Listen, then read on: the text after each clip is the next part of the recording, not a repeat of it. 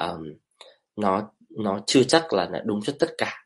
À, vì thế nên là các bạn à, hãy coi nó như là một cái lời khuyên đó. À, và nếu mà nó không đúng với các bạn thì nó cũng không sao cả vì là um, mỗi một cái case study mỗi một cái portfolio của các bạn thì đều khác nhau đúng không ạ? Chúng ta xem nó như là một cái reference thôi đó. À, bởi và, và bởi vì nó rất là practical tức là các bạn có thể dùng được luôn. Thế nên là mình cũng uh, uh, cũng kỳ vọng rằng là nếu mà nó work được với các bạn thì chúng ta có thể ờ, chia sẻ thêm với mọi người. Và ở cái khía cạnh nào mà các bạn cảm thấy rằng là nó có thể mở rộng thêm ở trong cái portfolio các bạn thì các bạn cũng ờ, chia sẻ thêm để mọi người cùng biết ha. Đó thì ờ, đấy là cái lưu ý đầu tiên. À, cái thứ hai là như lúc nãy Hà cũng nói đó là mình không có thời gian để đi hết qua tất cả các portfolio. À, vì thế nên là à, mình đã đã, đã đã đã lấy một cái slide à, để tổng hợp lại và sau đó là gì? Mình sẽ đi vào một số cái ừ, cái cái cái portfolio à, để chỉ ra cái phần đó thì mọi người có thể là học và cùng sửa. Đó. Um, ở đây thì mình có rất là nhiều bạn. Thế nên là um, ví dụ như là nếu mà các bạn nào mà ví dụ như làm UX research hay là làm những cái phần khác mà cũng cần phải build portfolio á, thì các bạn cũng có thể dùng được. À, không nhất thiết là nó phải là những cái dự án về design. Um, rồi ok thì đấy là một số cái à, cái cái cái lưu ý. Um, giới thiệu qua một chút thì ờ, ừ, có một số bạn ở đây thì đã biết uh, mơ và và mình rồi. Đó ở một số bạn thì chưa thì uh, bọn mình là một cái uh, trung tâm khá là mới ở trên uh, thị trường ha. À, bọn mình không có nhiều cái um, um, quảng bá nên là có thể là nhiều bạn uh, sẽ không biết. Uh, uh, thì uh, nếu mà sau buổi này mà các bạn uh, uh, tò mò xem bọn mình là ai thì các bạn có thể uh, vào cái trang web là merdesign.com à, và hoặc là search đến merdesign trên Facebook để mà tìm hiểu thêm về mơ. À, bọn mình bắt đầu cái chương trình đào tạo về UI UX ở Việt Nam cách đây à, một năm. Đó. Và mục tiêu của mình đó là à, làm sao để đào tạo ra được những cái nguồn nhân lực mà nó có chất lượng à, có cái à, có cái tầm nhìn. Và um, các bạn có thể trang bị được những cái kiến thức cơ bản trên cái hành trình uh, chuyển đổi đó à, trên cái hành trình tham gia vào hành trình chuyển đổi số à, xây dựng cái sản phẩm số. Đó thì bọn mình tập trung nhiều vào những cái vấn đề mà các bạn à, à, mới cần. Đó ngoài ra thì bọn mình cũng có những cái chương trình để giúp các bạn có thể trở thành những cái cái vị trí và vai trò gọi là senior hơn ở trong tổ chức. Đó ở các khóa học của mình thì à, chủ yếu là online. À, còn à, về à, bản thân mình thì hiện giờ thì mình đang công tác và làm việc ở ở Anh. Đó uh, lĩnh vực mà mình làm việc đó là giảng dạy về uh, uh, digital interaction design. Uh, và trước đó thì trước khi mà mình sang đây thì mình đã có kinh nghiệm làm ở một số cái công ty ở Việt Nam uh, chủ yếu là về tổ, các tổ chức về tài chính như là Techcombank, VPBank hay là um, FPT đó công nghệ và tài chính. Đó um, trong cái việc mà review và và và làm với cả portfolio cũng như là những cái profile thì uh, mình là một cái người khá là là là là active ở trong cái cái, cái, cái cộng đồng um, UI UX trên trên trên trên trên thế giới. Um, mình mang UX à, uh, IDA về Việt Nam và bọn mình cũng start rất là nhiều các hoạt động để uh, giúp cho các bạn uh, mới. Đó um, có thể là build cái career của mình.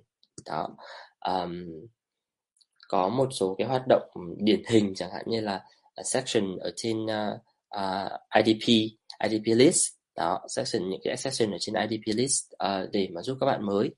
Uh, thì uh, tí nữa thì mình cũng sẽ gửi cho các bạn cái link đấy nếu mà các bạn nào mà uh, đang cũng gặp khó khăn về uh, cái việc là xây dựng cái profile hoặc là các bạn có khó khăn ở trong cái con đường uh, uh, gọi là sự nghiệp mà các bạn có câu hỏi á thì các bạn có thể vào uh, cái nền tảng đấy uh, để mà các bạn uh, uh, tìm cho mình cái người, người mentor phù hợp. Uh, cái nền tảng đấy thì nó hoàn toàn free và um, các bạn có thể nói chuyện với bất kỳ cái bạn designer nào ở trên thế giới. Uh, um, nó có một cái ờ, nhược điểm là nó bằng tiếng Anh thế nên là uh, cái việc giao tiếp thì các bạn sẽ phải sử dụng tiếng Anh. Còn lại thì nó rất là uh, có giá trị. À, cho những cái cái cái ngắn hạn. Ví dụ như là nếu các bạn cần lời khuyên về sự nghiệp này hay là các bạn cần à, cái um, lời khuyên cho CV portfolio của mình branding nói chung đó. Thì đấy là sơ qua về về về về mình đó. Có một số bạn ở đây thì đã đã là học viên của của mơ à, một số bạn cũng rất là là năng năng nổ và nhiệt tình trong các hoạt động của cộng đồng. Đấy mình rất là rất là vui khi mà uh, mọi người có mặt uh, ở đây uh, để mà chia sẻ cùng. Um, ok rồi. Đó thì um, đấy là một số cái thông tin ờ, cơ bản. Còn bây giờ bây giờ thì chúng ta sẽ vào vấn đề chính nhé đó là uh, mục tiêu của buổi ngày hôm nay review portfolio. Uh, nó sẽ có hai phần. Đầu tiên là mình sẽ uh, chia sẻ với bạn các uh, tip và trick và sau đó là chúng ta sẽ uh, phần thứ hai là chúng ta sẽ đi qua uh, những cái uh, portfolio. Và um, ở đây thì mình đã nhìn thấy các các hồ sơ các bạn gửi và mình thấy rằng là cái um, cái hồ sơ mà cái chủ đề mà mình nói ngày hôm nay ấy, thì đâu đó là nó rất là gần với những cái mà các bạn đang làm đó vì thế nên là mình nghĩ rằng mình hy vọng rằng là uh, nếu mà nó nó nó nó work thì các bạn có thể uh, cho mình biết uh, và nếu mà nó chỗ chỗ nào mà các bạn còn uh, chưa hiểu thì các bạn uh, um, cứ cứ cứ thoải mái chia sẻ uh, để mà chúng ta có thể là thảo luận và giải đáp thêm được không ạ? Ok rồi, à, mọi người có nhìn thấy màn hình của mình không? Ok, ok, ok. Um, cái butter này mà nó mới với một số bạn á thì um, ở bên này chúng ta có cái cái cái icon này. Đó. À, mình uh, mình react để cho cái người nói cảm thấy uh, kiểu dạng như là được cổ vũ ấy. Đấy như này này. Đấy. Um, kiểu uh, mình không chốt đơn hàng gì ở đây nhưng mà kiểu mình live stream để mà mình uh, tương tác với mọi người ấy, thì đấy mọi người có thể react ở đây. Um, có một cả một cái một số cái cũng rất là fun fun ở cái cái nền tảng này như là âm thanh này đó. Đó. Một số bạn đã rất là quen thuộc rồi một số bạn thì thì, thì mới thì mình sẽ giới thiệu qua các bạn như vậy. Um, ok rồi back trở lại cái um, cái cái cái cái um, slide của chúng ta thì uh, đây là cái slide của bạn là Lisa Fisher bạn ấy là một người designer ở Google và mình add thêm những cái content của những cái bạn khác ở ở Meta vào. Meta chính là tiền thân là là Facebook vào. Đó thì um, ở hai cái công ty này thì uh, được coi là những cái công ty đầu ngành về uh, tổ chức design. Đó um, ở Google và Meta thì họ invest rất là nhiều cho uh, product design hay là UI UX design. À, đó um, họ đầu tư rất là nhiều cho design. À, vì thế nên là um, những cái cái cái standard của họ thì khá là cao. Thì mình um, mình mình mình refer nó bởi vì là sau này các bạn nếu mà khi mà chúng ta uh, đáp ứng được những cái chuẩn cao rồi thì um, những cái còn lại nó nó đơn giản hơn cho các bạn. Nếu các bạn apply vào những cái công ty mà không phải là Google và và, và Meta đúng không ạ? Um, có một số cái cái cái phần trong cái topic này à, đầu tiên là nó sẽ là cái thương hiệu cá nhân của các bạn. Sau đó là cái quy trình mà chúng ta làm. À, những cái cái UX của portfolio. Đấy à, chúng ta coi portfolio là một sản phẩm thì cái sản phẩm đấy nó cũng cần có cái um, trải nghiệm người dùng tốt. Đó à, tức là chúng ta cũng cần phải hiểu là thứ nhất là ai là người dùng cái portfolio của chúng ta ai là người xem cái portfolio của và cái đặc điểm của người xem đấy là gì. Đấy thì đấy chính là cái UX của portfolio.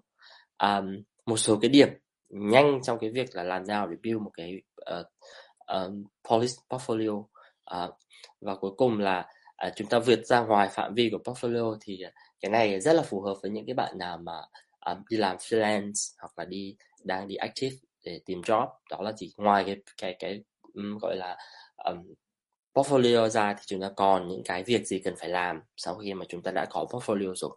Đấy thì đấy là cái nội dung của chúng ta à, rất là cụ thể và và nhanh thôi. Um, đầu tiên là personal brand ha thì um, cái um, cái cái cái cái thành phần đầu tiên của portfolio đó là cái trang trang trang welcome trang chào mừng ấy hay là cái trang chủ của các bạn ấy. Đó um, thì à, nó là cái um, cái cái cái um, ấn tượng đầu tiên của người ta khi gặp các bạn.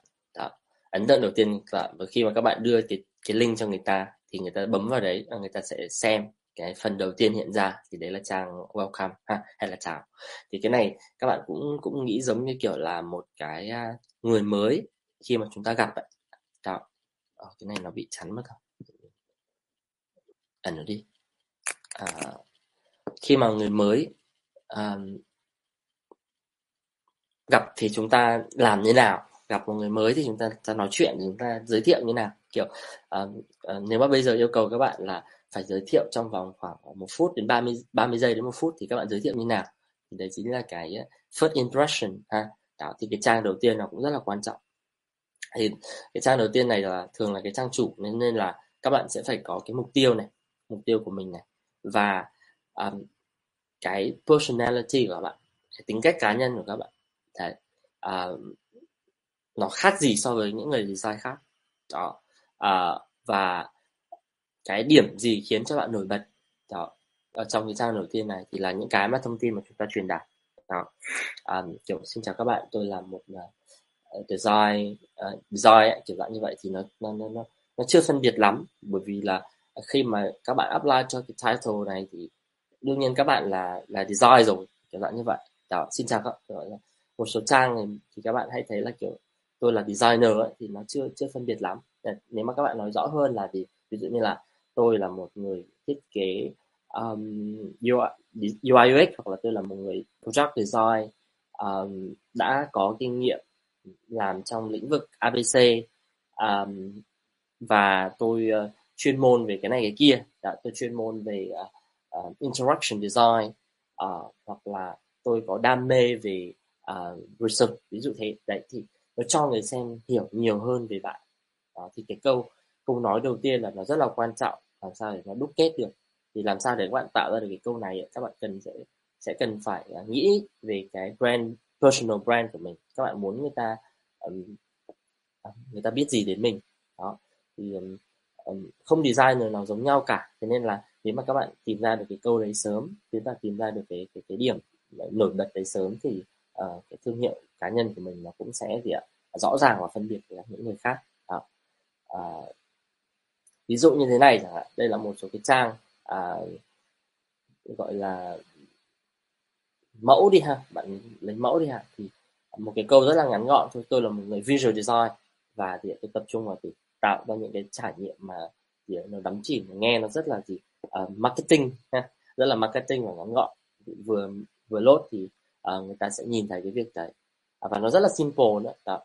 Um, bạn có thể xem việc của tôi hoặc là bạn có thể là gì ạ tìm hiểu thêm với tôi. Đó. Uh, view work này và about me này để có hai option. Chính đây là primary option mà bạn có thể xem. Sau đó là phía dưới là cái contact đấy. hay là như thế này. Đó. Um, Justin là một cái người lead design ở trong một cái công ty startup.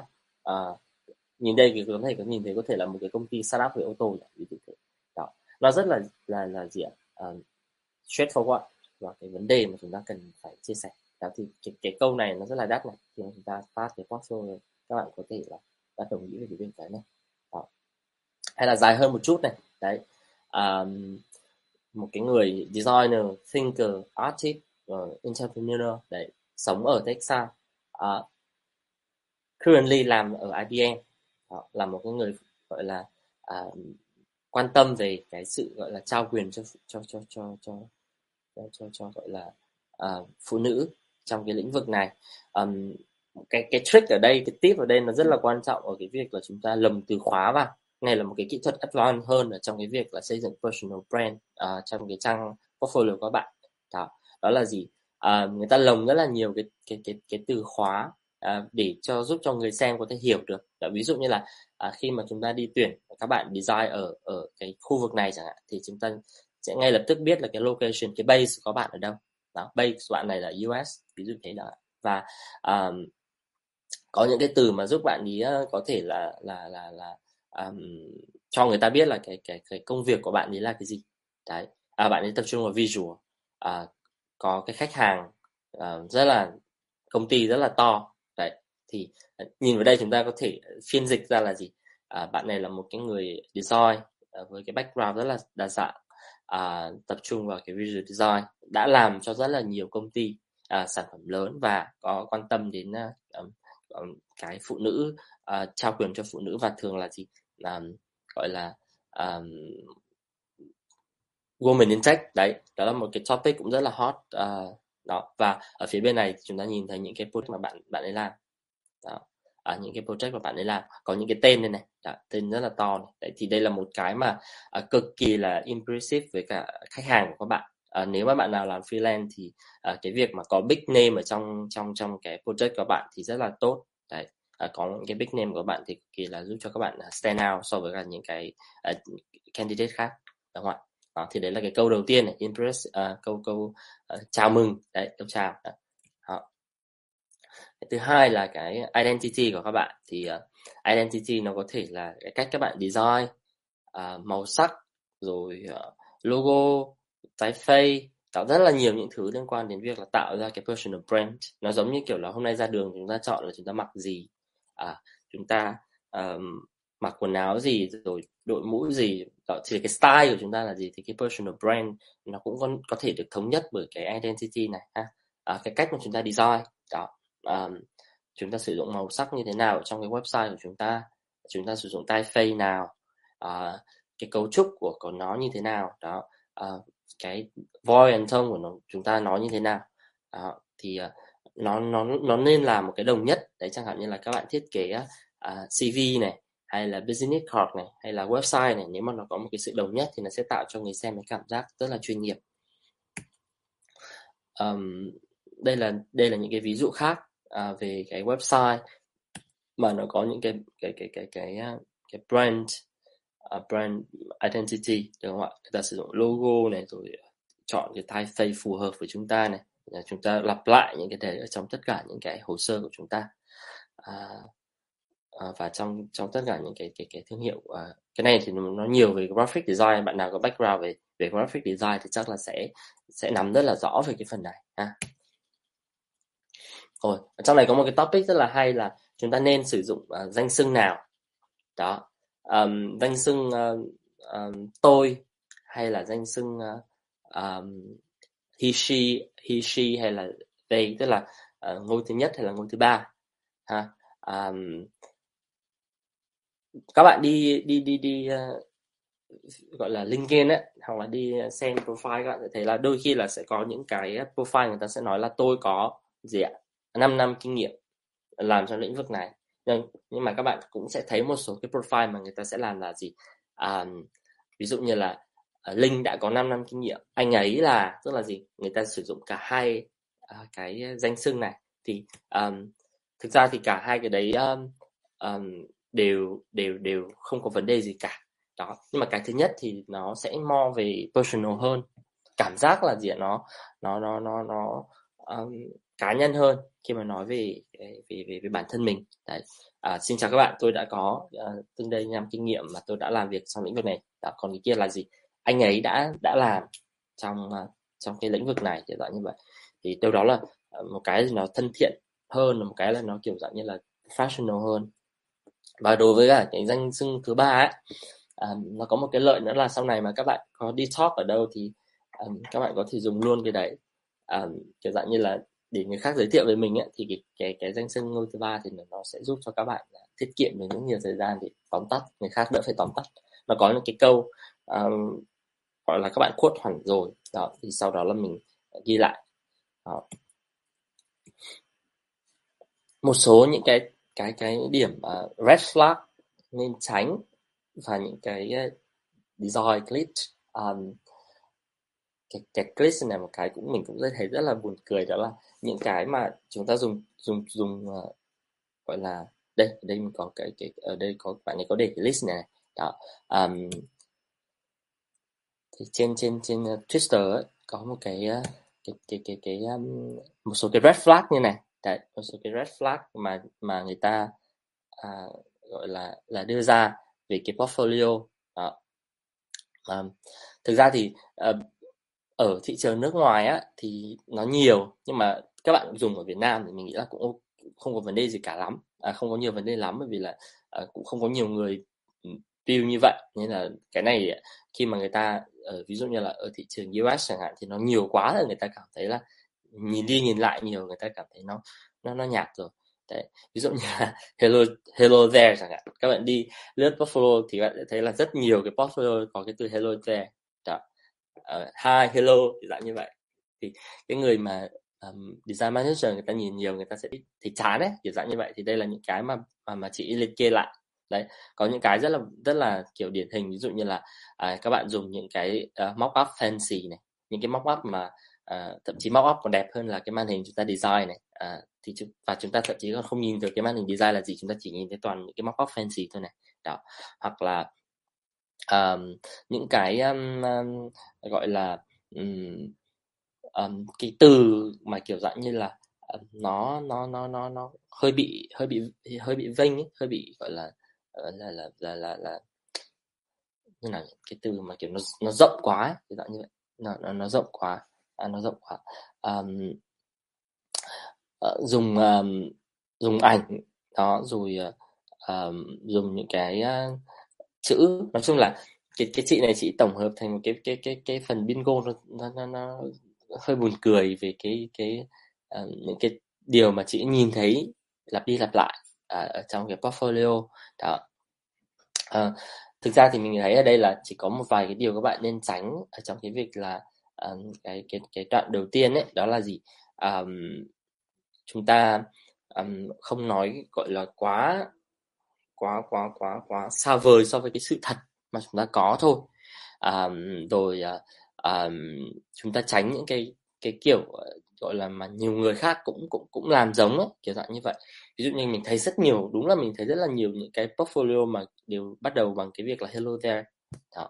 hello there to đùng ở trên portfolio xong rồi phía dưới kiểu dạng như là um, chữ về giới thiệu xong rồi cái portfolio nào cũng như vậy giống hết nhau luôn. Rồi à, cái isometric screen mockup là dùng dùng rất nhiều mockup trong khi đó thì không quan tâm nhiều đến cái sản phẩm design của mình kiểu dạng như vậy. Um, cái này nhận được rất là nhiều cái uh, phản ứng uh, của mọi người. Um, thì đấy là về cái personal brand ha. Um, một số cái tip rất là là là là, là ngắn như vậy. Um, thứ hai đó là về cách mà mình present cái process của mình. Thì um, với học viên của của của mơ thì bọn mình nhắc đi nhắc lại đó là dù là các bạn học khóa nâng quả cơ bản hay nâng cao á, thì cái cốt lõi nhất của cái việc uh, presenting design và thuyết phục mọi người thì nó start với cả storytelling uh, kỹ năng kể chuyện ở đây. Nó thì trong cái việc mà chúng ta present cái công việc của chúng ta ấy, present cái design của chúng ta ấy, thì uh, làm cho nó có một cái cấu trúc để có thể kể được chuyện đúng không ạ? Thì ờ, uh, storytell uh, ờ, nó là cả một cái um, cái mảng mà các bạn sẽ phải rèn luyện nếu mà chúng ta chưa có thân thuộc. Đó. Ờ, não người não bộ của chúng ta ấy, não người thì rất là hứng thú với các câu chuyện.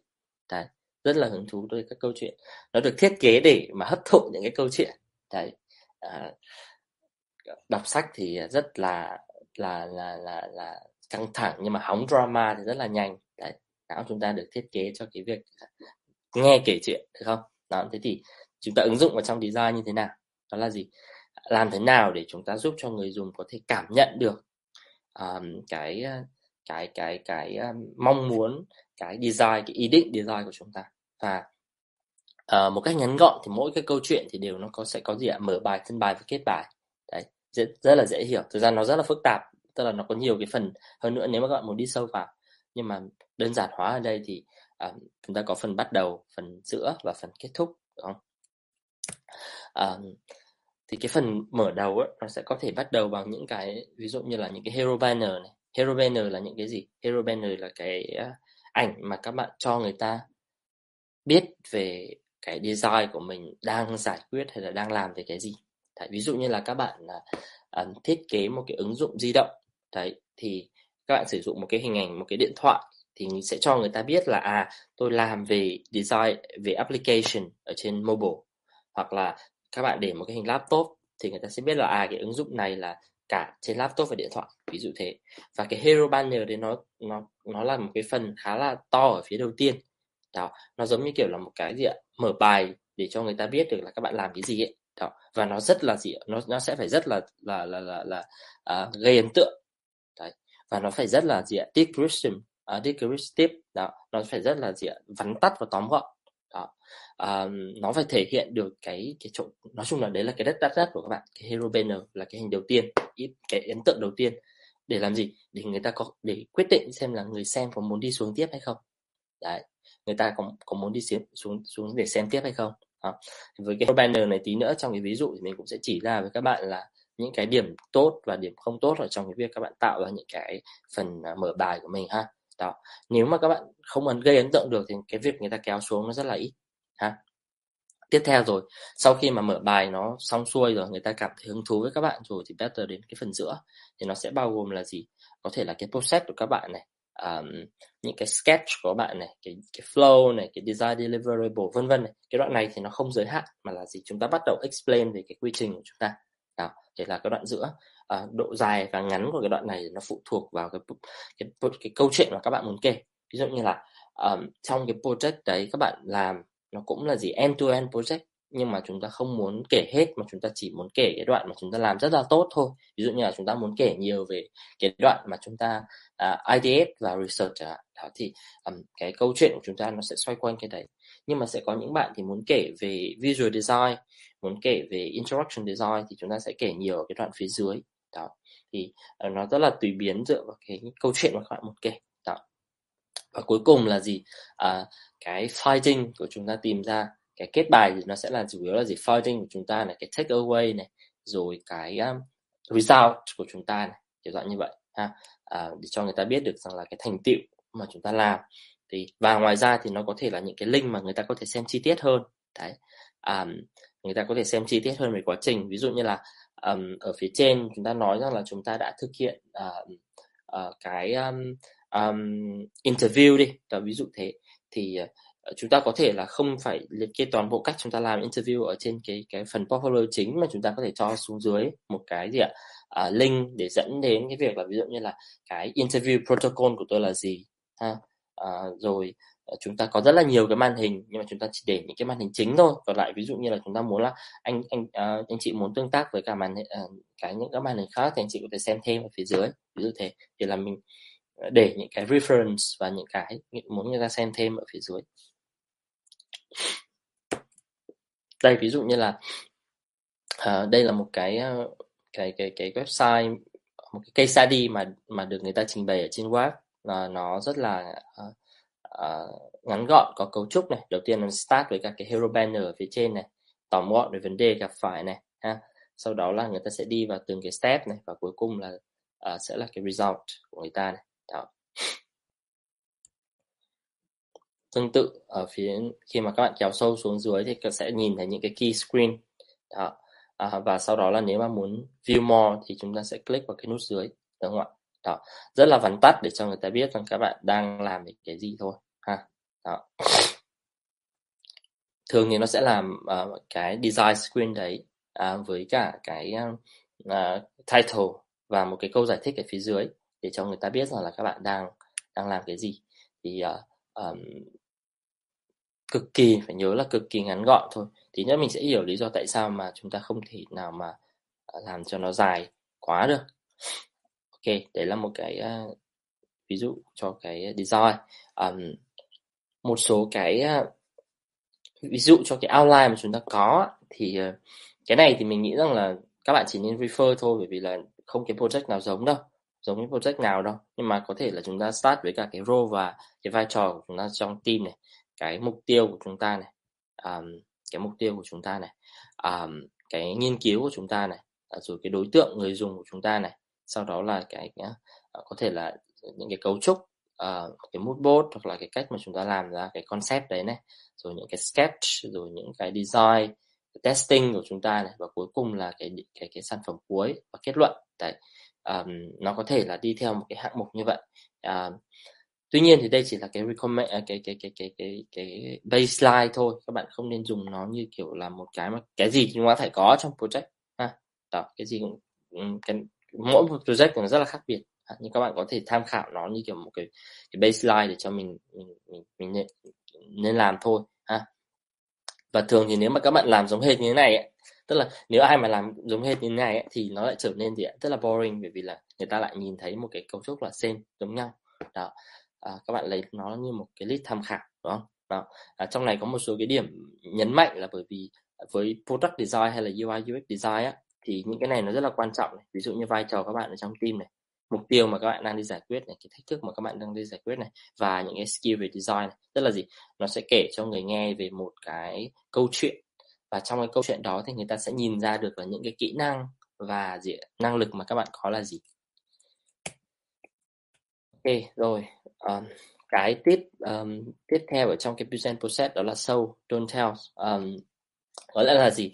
Um, khi mà các bạn uh, uh, gọi là diễn giải á, thì các bạn uh, dùng những cái từ hoặc là dùng những cái câu mà nó ngắn gọn uh, nó thân thiện nó kiểu dạng như là ngọt ngào. Uh, thân thiện và ngọt ngào để mà mô tả thôi. Đó chúng ta không nên giải thích quá là dài. Đây ví dụ như là uh, cái cái cái cái cái um, uh, cái này. Đó ví dụ như là khi mà chúng ta Ờ, giải thích quá nhiều ấy chúng ta viết quá nhiều chữ ở đấy bản thân những người đọc người ta cũng sẽ không đọc hết đâu người ta sẽ đọc rất là lướt thôi. Vì thế nên là gì hãy cố gắng là gì làm sao để review hết mức có thể nó đơn giản nhất. Đọc càng dài thì người ta lại càng gì ạ càng cảm thấy là là là khó và người ta sẽ bỏ qua. Nhưng mà nếu mà các bạn muốn tóm tắt nó được thì à, trong một vài câu thôi một hai câu thôi và người ta hiểu được là cái màn hình để để làm cái gì thôi. Đó.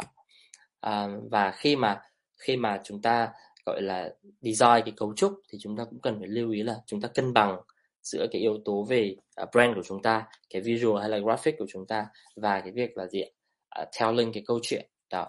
Uh, đừng đừng dùng nhiều text quá. Tức là các bạn cả cái portfolio của các bạn toàn toàn chữ thì nó trông rất nó rất là buồn. Đấy. À, nó rất là buồn. Đây mình sẽ ví dụ như là đây, um, cả cái layout của các bạn cứ trình bày theo kiểu là ok một đoạn văn xong đến một cái ảnh xong rồi đến đến đến một đoạn văn xong đến một ảnh thì nó cái cái cái ờ, cấu trúc của nó nó hơi bị tĩnh nó không được uh, được được uh, gọi là nhịp điệu hóa lắm. Ha? Nó không có cái tính nhịp điệu lắm. Và xem như này thì thì nó sẽ, sẽ rất là nhanh chóng bị distract và rất là, ờ, là buồn. À, thay vì đó thì chúng ta có thể sử dụng những cái uh, dạng layout mà nó biến đổi phong phú và sử dụng các loại media khác nhau. Ví dụ như là chúng ta start với cả gì cái hero này xong rồi chúng ta lại chi cái cấu trúc ra này đó chúng ta có cái um, những cái white space hay là negative space này những cái khoảng nghỉ khoảng ngắt nghỉ này để cho người ta có thể là uh, xem được này Đấy, sau đó là uh, sẽ đến những cái uh, dạng media khác ngoài hình ảnh ngoài cái màn hình ra thì có thể là video này ha có thể là images lại với những cái size khác nhau này Đó thì uh, với những cái cấu trúc mà đa dạng và phong phú như thế này á, thì nó sẽ làm cho món ăn của chúng ta nó được uh, uh, ngon hơn nó hấp dẫn hơn nó không bị nhàm chán. Đó, cái cấu trúc của nó. Đó, thì đấy là một cái lưu ý trong cái việc là presenting ha. Đây ví dụ như là à, các bạn đi qua một cái project các bạn lướt thì bạn nhìn thấy rằng là um, từng cái cái cái component người ta tạo ra thì nó rất là linh hoạt. Đấy um, có kết hợp giữa những cái interactive element có hero banner. Đấy bắt đầu bằng uh, những cái statement rất là ngắn gọn. Đó, xong rồi kết hợp với các hình ảnh. Đó, thì trong cái um, cái cái cái cái uh, cấu trúc của chúng ta cái câu chuyện của chúng ta nó cũng sẽ không bị uh, quá là tĩnh. Rồi đã uh, rồi những cái bài làm của các bạn này wireframe này đó uh, nó chia thành những cái cấu trúc khác nhau. Đó, nó rất là linh động đó, tương tự. Uh, những cái project uh, đây là portfolio của một bạn khác là thì nó kết hợp giữa chữ và cái hình thì người ta sẽ nhìn được. Về cơ bản là cái việc uh, việc việc uh, nhìn thì nó dễ hơn là việc đọc. Đấy về mặt uh, uh, nguyên lý um, uh, về, về về về nguyên lý cognitive thì cái việc đọc nó require nhiều effort hơn là việc nhìn. Đó, việc nhìn là rất là tự nhiên của việc của của của, của uh, chúng ta rồi. Nhưng mà việc đọc thì nó đòi hỏi tư duy. Đó chúng ta sẽ phải tư duy về ngôn ngữ chúng ta sẽ phải nhận dạng chữ và xử lý chữ ở trong đầu nó tốn nhiều thời gian hơn nhưng mà việc nhìn thì nó lại dễ hơn. Rồi um, nếu mà bạn không tạo được được nền tảng website thì các bạn có thể sử dụng những cái nền tảng uh, như thế này. Uh, Webflow này Wix này Squarespace này đó. Um, uh, một số cái portfolio mà hôm nay gửi về cho mình thì các bạn có có, có thậm chí các bạn làm ở trên Notion làm ở trên uh, uh, Figma làm ở trên website build trên website rất rất là tốt. Đó thì nếu mà các bạn không biết code thì cũng không sao cả ha. Đó ngày nay thì có những cái trang web mà nó giúp cho chúng ta có thể là build theo kiểu là drag and drop rồi rất là dễ thôi kéo thả. Ví dụ như chúng ta design như thế nào thì nó sẽ ra như vậy kiểu dạng như vậy. Thì ờ, à, các bạn có thể xem xét một số cái nền tảng này để để để mà cho vào website của mình. Đó. À, để xây dựng website của mình. Đó. Um,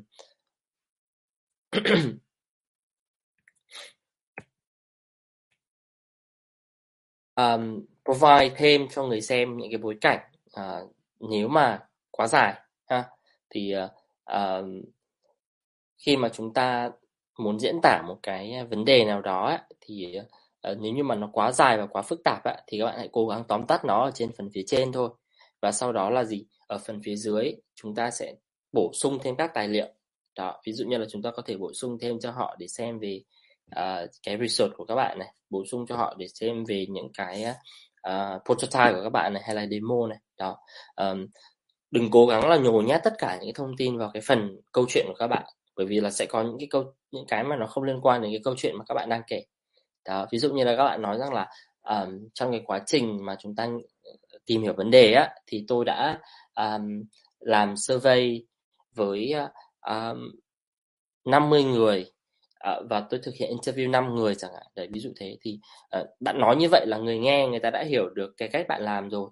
Đấy và nếu mà người ta muốn biết nhiều thêm về cái việc là cách các bạn làm như thế nào ạ thì các bạn có thể refer ở phía cuối. Đó là gì? Đây là cái cách mà tôi đã làm interview đây là cách mà tôi đã làm survey. Đó dành cho những người mà muốn đọc thêm.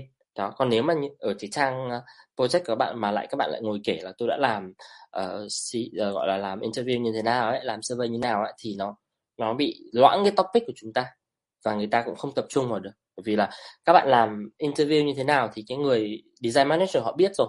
Bạn không phải kể với họ là tôi đã lên cái interview protocol này tôi đã lên question này hoặc là tôi đã submit question như thế nào này cái um, uh, gọi là frame um, cái um, cái cái frame cái framework của tôi dùng là gì này kiểu dạng như vậy. Thì uh, người ta người ta biết rồi người ta biết cách bạn làm như thế nào rồi. Đó thì ở cái việc đấy nó nó nó không cần thiết nữa với người ta. Đó, cho vào nó sẽ làm lãng câu chuyện vì thế nên là chúng ta để phía sau ha. Uh, cái này nó cũng relevant với một cái đó là um, cái design process ấy. Đó thì um, nếu như mà các bạn apply cho cái vị trí um, cái vị trí gọi là fresher và junior á thì trong portfolio bạn sẽ sẽ đề cập đến cái việc là cái quy trình làm design. Ví dụ như là um, chúng tôi áp dụng design thinking chúng tôi áp dụng uh, design uh, double dynamic process để vào trong trong thiết kế. Xong rồi các bạn vẽ lại cái biểu đồ đấy uh, double dynamic đấy. Uh, thì đối với bạn mới thì nó nó nó nó hiệu quả nhưng mà với những cái vị trí cao hơn ví dụ như apply cho mid hoặc là senior chẳng hạn. Um, thì cái người đọc CV ấy, người ta biết thừa cái process này nó như thế nào rồi. Nên cái việc viết lại cái việc đấy nó nó thừa thừa với người ta. Đó thì um, đối với cả cái cái vị trí mới thì chúng ta cần liệt kê rõ ra thôi chứ còn ở những cái vị trí cao hơn thì những cái design process đấy hoặc là những cái gì mà hiển nhiên ấy kiểu dạng như là um, design process áp dụng design uh, um, double dynamic hay design thinking ấy thì người ta biết thừa cái đấy là cái gì rồi. Nên là việc cho vào nó sẽ làm loãng cái topic đi. Đó thì chúng ta sẽ phải cân bằng cái việc đấy để cái câu chuyện của chúng ta kể nó ngắn gọn xúc tích và nó đúng vào cái vấn đề. À, rồi um, cái tip ở cho cái việc là chúng ta refer đó, đó là chúng ta sử dụng những cái button ha? Đó tức là gì? Để mà không cái topic của chúng ta không bị loãng thì chúng ta có thể thêm những cái button để người ta có thể nhìn thấy là chỗ đấy là chỗ mà anh có thể như kiểu là xem thêm. Đây à, ví dụ như là à, khi mà trình bày về về về project chẳng hạn đó Ờ, mình muốn trình bày về cái progress chẳng hạn thì mình có thể là chỉ để một cái button ở đây để cho người ta là ok nếu muốn xem thêm thì click ngay vào đây còn không thì cứ đi tiếp đi. Đó mọi người mọi người hiểu ý ở đoạn này không? Đó là gì? À, khi mà chúng ta có quá dài thì chúng ta hãy để cho những cái chỗ mà người ta có thể là view thêm. Đó và button là một cái mà có thể sử dụng để làm cái việc đấy. Đó. View prototype này view more này ha. Kiểu dạng như vậy. Rồi cái thứ ba là cái UX của portfolio đó thì ờ, nếu mà chúng ta coi portfolio chúng ta là một sản phẩm thì chúng ta cần phải biết là thì người nghe của chúng ta là ai? Người xem của chúng ta là ai? Thì ờ, đối với cả những cái bạn mà để apply job á, thì chúng ta phải hiểu được cái ờ, psychology của recruiter hay là design manager. Hai cái hai cái user chính của các bạn sẽ là recruiter và design manager hay là design lead. Đó đấy là hai cái đối tượng chính. Và um, cái đặc điểm đầu tiên của họ là họ không có thời gian. Đấy, họ không có thời gian bởi vì à, chúng ta cứ hình dung là một cái vị trí ở trong công ty và nếu mà công ty đấy là công ty như kiểu là uh, trả trả lương tốt rồi có một cái môi trường đãi ngộ tốt đó, chính sách đãi ngộ tốt và nói chung là là một cái nơi lý tưởng cho designer thì phải một mình bạn apply vào cái job đấy đúng không? Đó mà sẽ có rất nhiều người khác cũng tham gia apply vào. Thế nên là cái việc mà người ta phải duyệt um, hàng trăm hồ sơ mỗi ngày uh, khi mà người ta apply là chuyện bình thường. Thế nên là um, người ta không có thời gian. Đấy người ta không có thời gian để mà đọc từng cái chữ mà bạn viết trong portfolio. Đấy là điều mà các bạn uh, nhận ra càng sớm thì sẽ khiến cho các bạn tối ưu hóa cái portfolio của các bạn nhé đó và trong thực tế ấy, người ta chỉ dành vài giây thôi. Đó người ta chỉ dành có vài giây để mà à, tìm kiếm một cái portfolio thôi. Đó một số cái cơ chế của nó thì à, ví dụ như là sẽ có những người mà à, người ta có một cái tiêu chí nhất định và nếu mà các bạn qualify những cái tiêu chí đấy xong rồi người ta pass cho các bạn pass luôn người ta còn không đọc những cái phần còn lại cả hay là có những người thì lại người ta đi tìm những cái red flag. Nếu mà trong cái cái cái cái project của các bạn quá nhiều cái red flag mà người ta đánh đánh đánh ra người ta cũng sẽ đánh trượt. Đó ví dụ như là có những người uh, rất là hoàn mỹ chẳng hạn. Người ta nếu mà người ta nhìn thấy rằng là uh, cái portfolio các bạn căn chỉnh.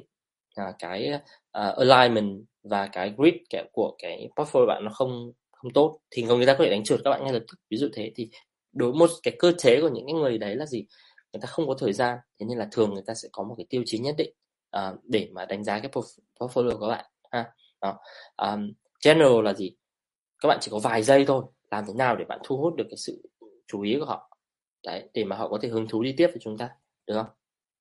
À, và khi design cũng vậy chúng ta sẽ phải design để mà người ta có thể là gì? Quan trọng nhất là gì? Có thể scan và skim được. Đó. Nếu như cái portfolio của chúng ta không thể scan được thì rất khó để người ta tiếp thụ thông tin vì người ta không biết là cái nội dung nó nó nói gì. Và scan là cái cách duy nhất để có thể tăng thời gian. À, à, gọi là tăng tốc cái thời gian duyệt CV à, duyệt portfolio của bạn. Đấy. Um, design manager cũng vậy. Ngày hàng ngày ngoài cái việc là người ta không chỉ ngồi đấy để mà đi tuyển người ha người ta còn làm rất là nhiều việc khác người ta còn phải lên plan rồi uh, làm những cái công việc hàng ngày của người ta nữa. Người ta không thể là ngồi cả ngày ở đấy để mà đi xem hồ sơ các bạn được. Thế nên là người ta chỉ có vài giây thôi. Vài giây thôi nhé mọi người không phải là vài phút đâu mà là vài giây. Nếu mà mọi người hứng thú mà kéo ra được cái thời gian của design manager nhìn vào portfolio của bạn một phút thôi hai phút thôi đấy là các bạn đã rất thành công rồi. Còn lại thì người ta lướt rất là nhanh. Đó. Thế nên là à, đừng bao giờ mặc định là người cái mà các bạn làm ra người ta sẽ hiểu. Đó cứ mặc định là người ta chả hiểu cái gì và người ta mới hoàn toàn làm thế nào để chúng ta viết được cái content đến mà nó người ta xem một phát là người ta hiểu luôn. Đấy, đấy là cái mà chúng ta cần phải lưu ý. Đó thì đây là một số cái tip để cho chúng ta có thể là uh, giúp cho họ có thể là gì ạ xem cái portfolio của bạn tốt hơn ha. Đầu tiên là chúng ta um, đánh cái category và đánh cái tag cho nó. Và thứ hai là chúng ta để ý đến cái um, page hay là cái visual hierarchy của mình. Và cuối cùng là số project mà chúng ta có. Đây là một cái câu hỏi mà mình cũng nhận được rất là thường xuyên đó là chúng ta cần phải có bao nhiêu project ha? Thì nữa mình sẽ giải đáp nó. Đầu tiên là cái um, cái category thì um, khi mà các bạn present portfolio á, thì các bạn nên để những cái cái cái cái cái, cái như kiểu là phân loại ấy, để cho người ta biết. Ví dụ như là cái project này thì tôi uh, có làm nhiều về visual design cái project kia tôi làm nhiều về UX research. Cái project này tôi làm nhiều về um, animation kiểu loại như vậy. Thì uh, trong cái hero banner và cái project các bạn phải show được cái việc đấy để giúp cho người ta biết được là cái mà người ta đang tìm kiếm là nó có phù hợp hay không.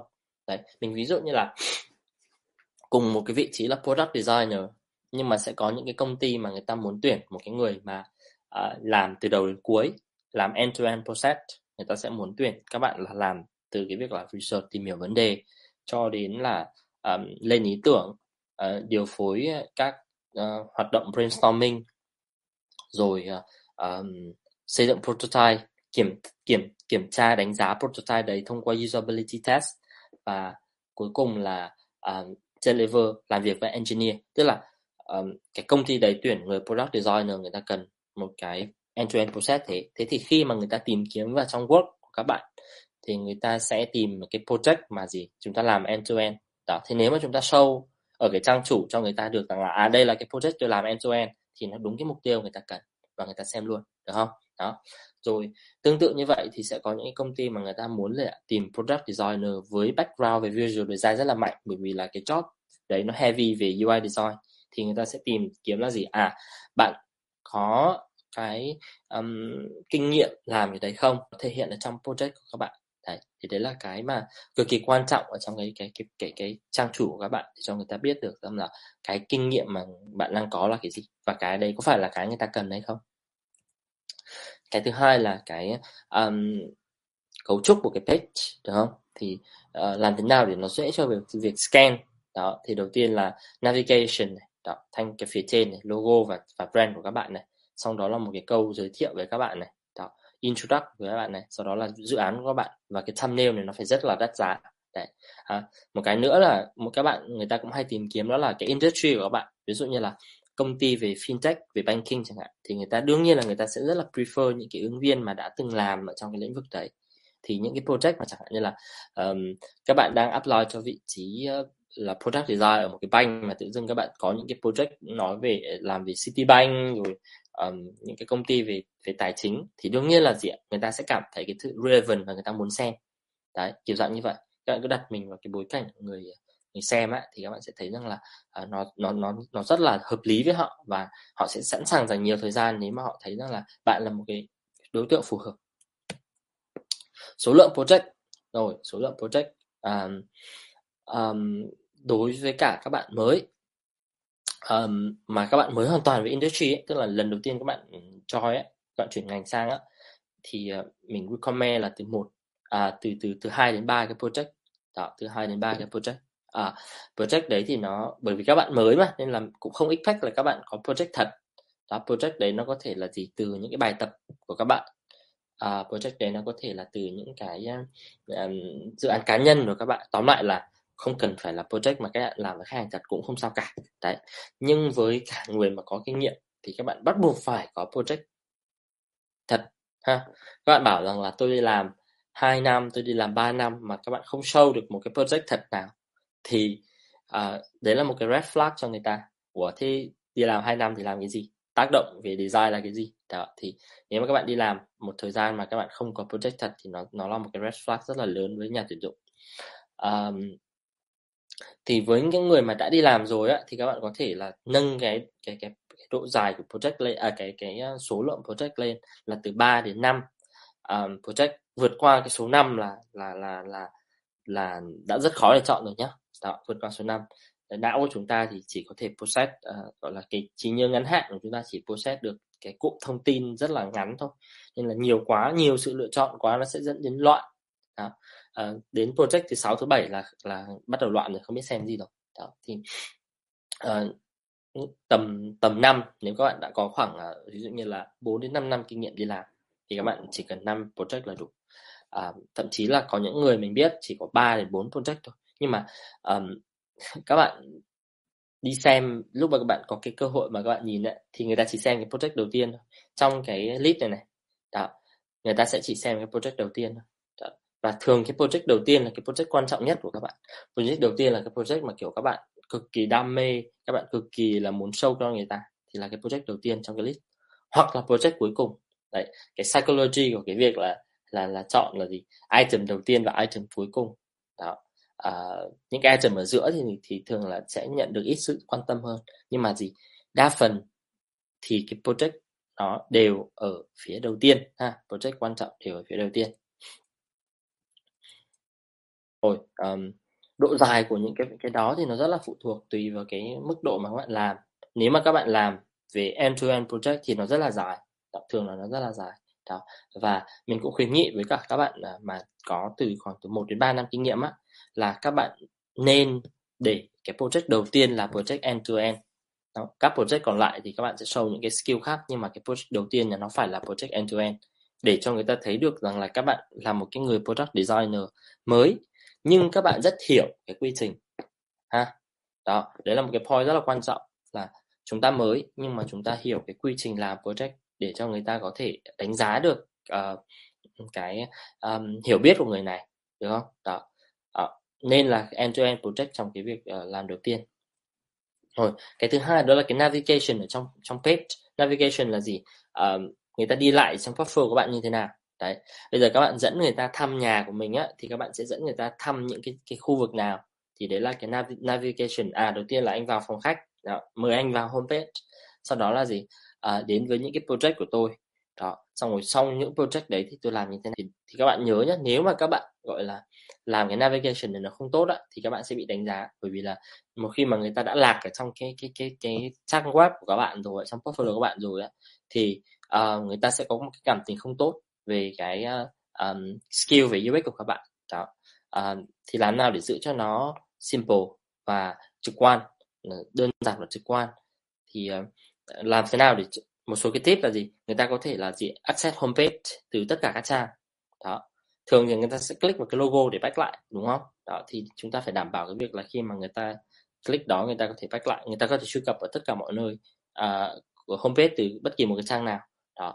Và sau khi mà đọc project thì người ta có thể xem được những cái project tiếp theo. Ở đây là một cái điểm cũng rất là hay này trong cái việc là khi mà người ta muốn xem thêm cái project của các bạn thì người ta không phải back lại trang chủ nữa mà người ta có thể xem ở phía dưới.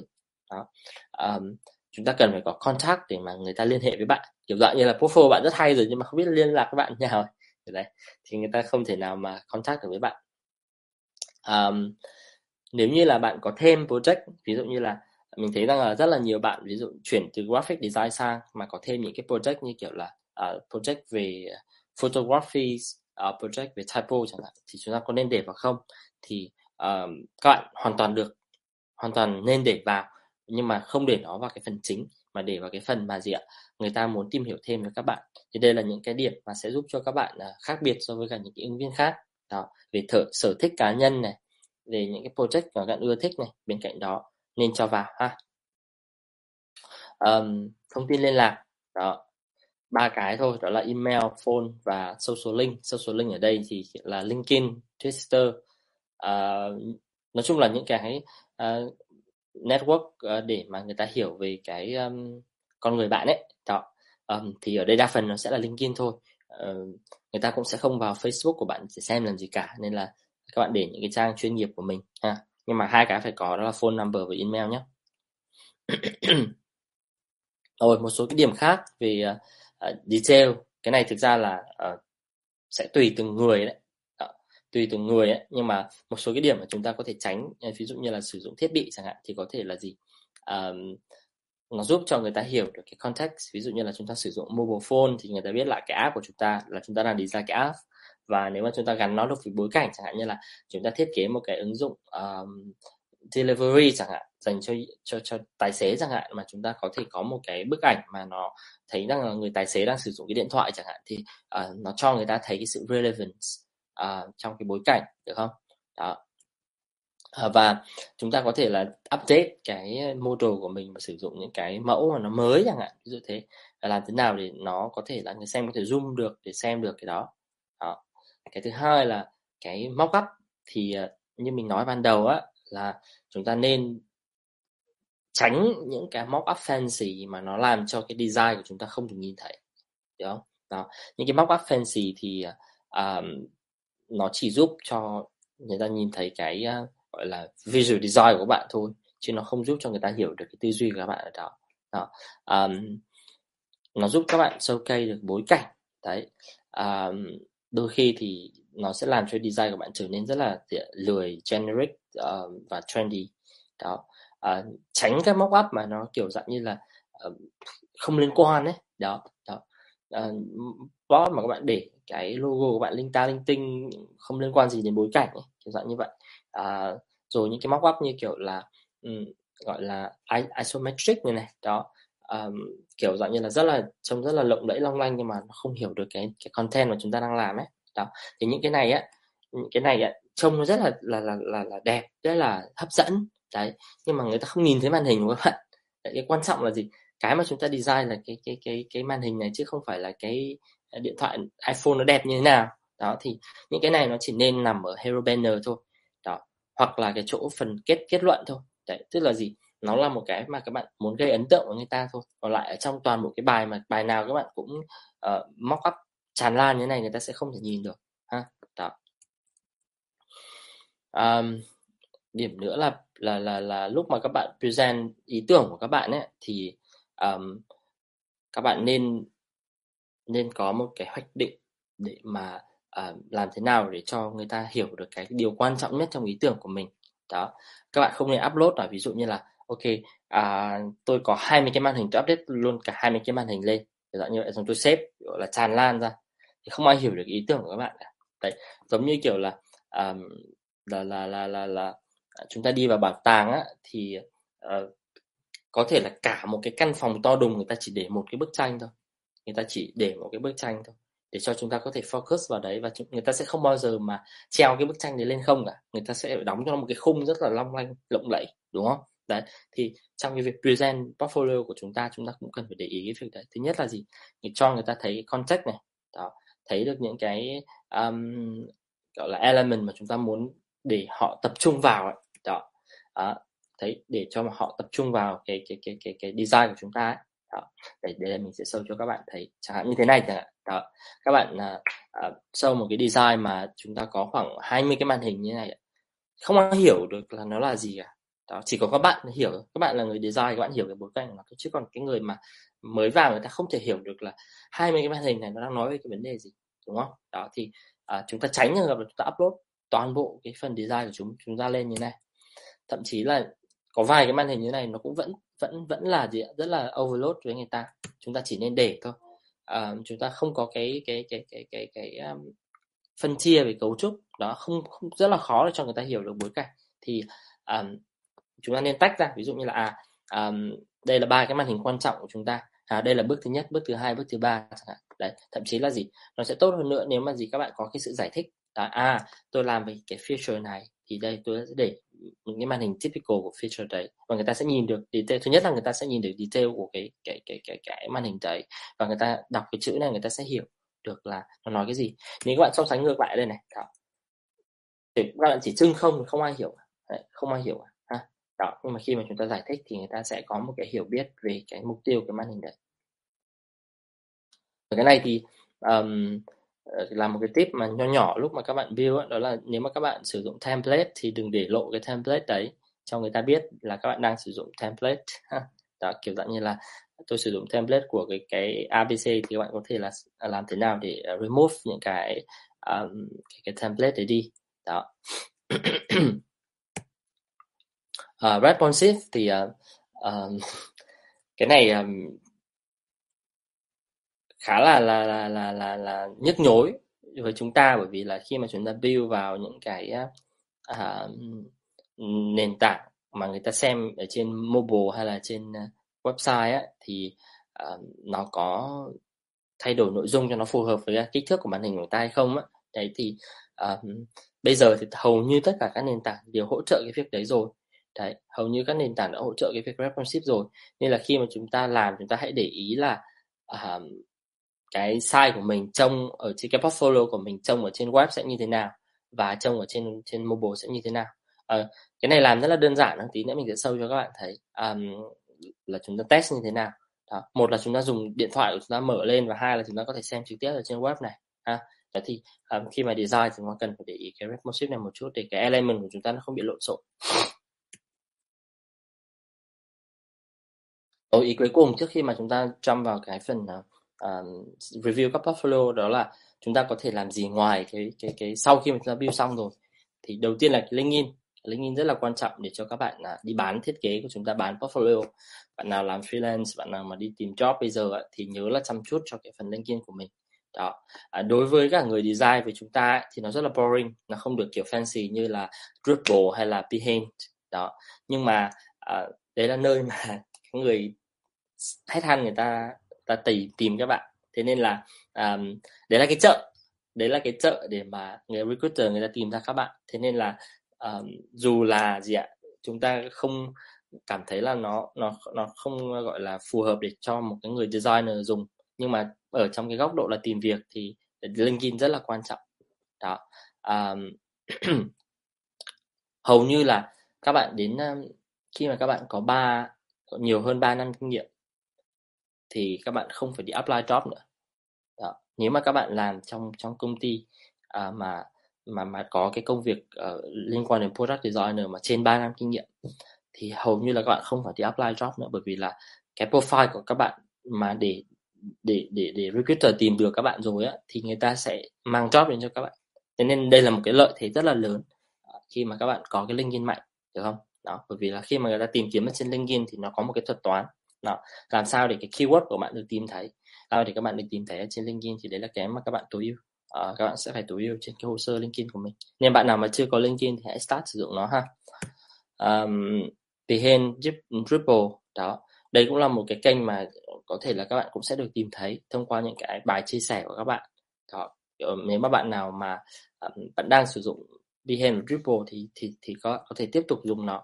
Đó à, dùng những cái short uh, up những cái short ngắn uh, để cho người ta thấy được cái skill của các bạn. Đó. Hoặc là đơn giản là gì ạ? Nó giống như một thói quen hàng ngày của chúng ta. Rồi um, social media thì có thể là gì? Uh, đối với designer thì Instagram có vẻ như là rất là nhiều người dùng hoặc là Medium là những cái bài viết ha.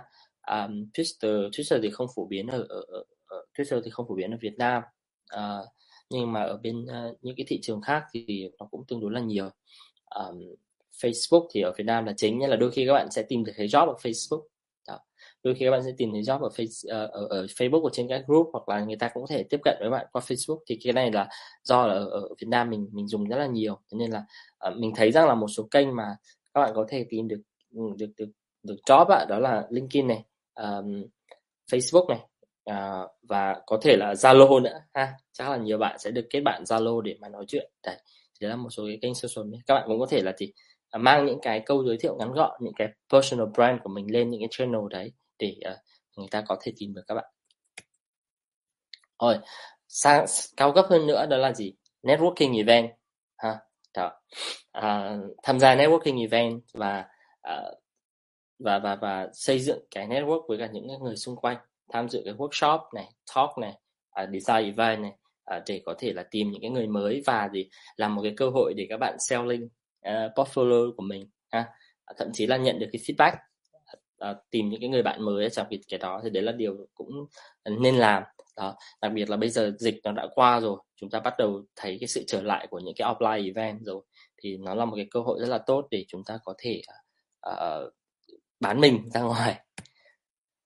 À, ok, ở đây là mình ở đây là những cái link mà các mà mà mà các bạn có thể tham khảo về những cái portfolio uh, rồi những cái resource thì cái này uh, chắc là sẽ nhờ Hà gửi cho các bạn. À, nhờ Hà gửi cho các bạn thì uh, để để chúng ta xem thêm uh, về những cái cách mà chúng ta build portfolio. Uh, hết rồi. Hết rồi. Uh, rất là cảm ơn các bạn đã ngồi gọi là lắng nghe. Uh, không ai bỏ ra. Đó uh, mà chỉ có thêm vào thôi. Vẫn kiên kiên trì ngồi đây đó. Um, trước khi mà chúng ta đi vào từng cái portfolio đó, thì mình sẽ dành khoảng tầm 5 phút để cho chúng ta hỏi đáp nhé để xem là có cái câu hỏi gì thêm không. Uh, thì uh, uh, các bạn uh, có thể bỏ mic ra để để hỏi hoặc là uh, là là là là là um, chia sẻ được không ạ? Uh, có bạn nào có câu hỏi gì không? Hoặc là có chia sẻ gì không? Uh, các bạn có thấy là nó nó hữu dụng cho mình không? Đối với những bạn mà đang cần đi xin việc ạ ok. Rồi, có bạn nào có câu hỏi gì không ạ?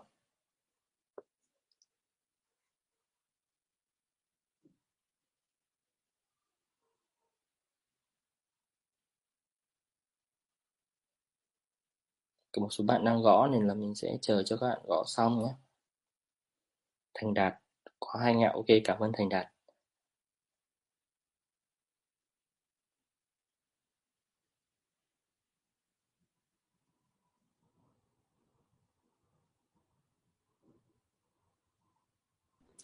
Ờ, alo anh ơi. Ừ ừ. Ok, uh, nghe được nghe được. Ờ, em em có một câu hỏi đó là trong cái trong cái lúc mà mình làm portfolio mà mình tìm một cái như là em làm newbie là kiểu mới hoàn toàn trong ngành luôn anh thì khi mà làm bọt ừ.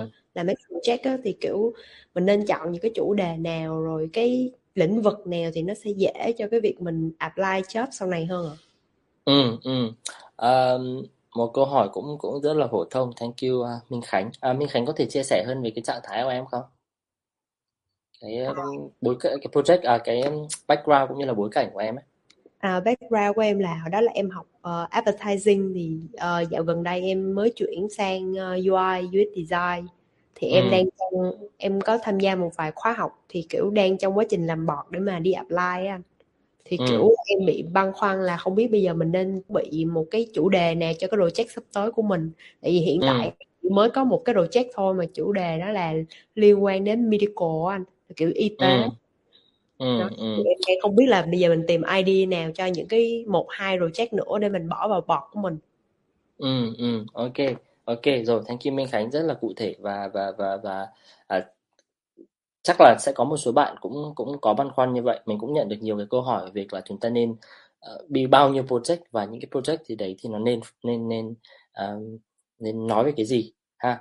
Thì um, um, một cái chiến lược nho nhỏ mà mà mà mình vẫn hay gợi ý cho các bạn ấy đó là uh, khi mà các bạn uh, học nó khi mà các bạn học uh, một cái project hoặc là làm một cái project mới đó uh, thì uh, bởi vì là project cho chúng cho do chúng ta tự chọn. Đấy thì mình có hai cái tiêu chí để mà lựa chọn cái project nào mình muốn làm. À, thứ nhất là à, tiêu chí thứ nhất là dựa vào cái lịch sử uh, của mình tức là cái background của mình. Chẳng hạn như là mình uh, mình là một sinh viên trái ngành nhưng mà mình là một sinh viên ví dụ như là từ lĩnh vực uh, lĩnh vực của bạn uh, bạn bạn Khánh vừa rồi là lĩnh vực quảng cáo ví dụ thế. Hoặc là các bạn có thể từ những cái lĩnh vực tài chính hay là đó thì các bạn có thể pick những cái project mà nó uh, phù hợp với background của các bạn thì lúc ấy nó sẽ cho các bạn nhiều cái kiến thức để mà chúng ta làm hay làm hơn. Đấy. Um, cái tip thứ hai đó là um, khi mà chúng ta lựa chọn project chúng ta có thể nghĩ xa hơn một xíu. Đó là mặc dù bây giờ chúng ta làm project nhưng mà sau này chúng ta muốn apply vào công ty nào. Đấy. À, cái này nó là một cái trick rất là hay đó là chẳng hạn như là sau này các bạn định apply vào một công ty về uh, về healthcare chẳng hạn uh, hay là về ờ, uh, insurtech chẳng hạn đó hoặc là về fintech chẳng hạn thì các bạn có thể build cái project của các bạn à, theo cái lĩnh vực đấy. Đó thì các bạn vừa học được à, cái mới về cái công ty đấy đó là chẳng hạn như là ok sắp sắp tới các bạn định apply vào um, vào Momo đi hay là vào Zalo hay là vào uh, những cái công ty mà mà mà có một cái nền tảng sản phẩm mà trong cái lĩnh vực ờ, đặc thù như vậy uh, hoặc là thậm chí là về y tế chẳng hạn. Đó thì hãy tìm những cái project mà nó nó giúp các bạn có thể làm cho uh, người ta hiểu rằng là cái kinh nghiệm của bạn relevant. Mặc dù là gì đấy chỉ là project thực hành của mình thôi nhưng mà khi mà mình làm project đấy thì trong cái portfolio người ta sẽ thấy là à cái bạn này bạn ấy mới nhưng mà bạn có những cái project mà ví dụ như là trong cái portfolio bạn có ba cái project mà có đến 2 đến ba cái project mà nó relevant với cả công ty đấy thì uh, cái khả năng các bạn được chọn cao hơn. Đấy thì đấy là một cái cái cái cái cái, cái tip nho nhỏ đó à, nó có một cái rủi ro là gì? Nếu mà các bạn apply vào công ty khác thì đương nhiên là à, nó sẽ không lợi thế. Nhưng mà nếu mà các bạn hình thành luôn được cái chiến lược của mình ngay từ đầu lúc mà mình chuẩn bị đi xin việc à trước khi mà mình đi làm project ấy, đó là gì? Sau khi mà tốt nghiệp mình có ý định là apply vào ba cái công ty này. Đó đây là ba cái công ty mà có cái môi trường design rất là tốt và mình hứng thú. Đó thì từ đó mình sẽ sẽ có được cái cái cái chiến lược để mình làm cái cái cái project. Đó um, khánh khánh khánh à, à bạn à, bạn nào nha bạn nào vừa nói nha có có bạn có hiểu cái cái cái cái cái, cái điểm à, anh dạ dạ. Em em em em, em hiểu rồi anh.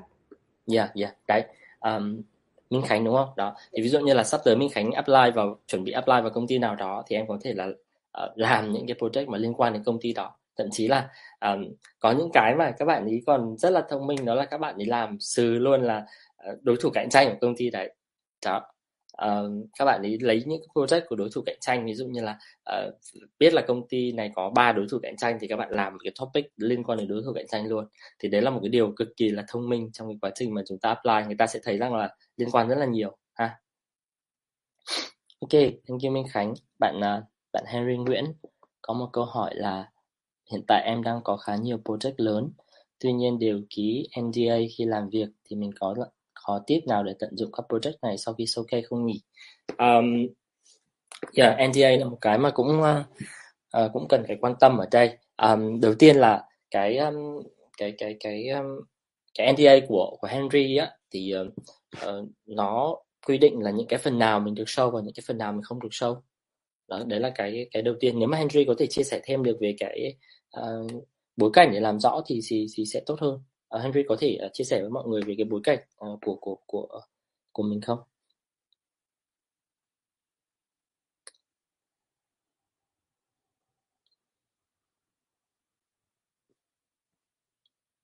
Hello Henry. Cái NDA cái NDA mà mình mình ký với khách hàng thì uh, uh, trong đó thì có những điều khoản nào mà mình được show và không được show? Uh, cái scope của cái cái NDA đấy là gì? Ok mới rất bạn.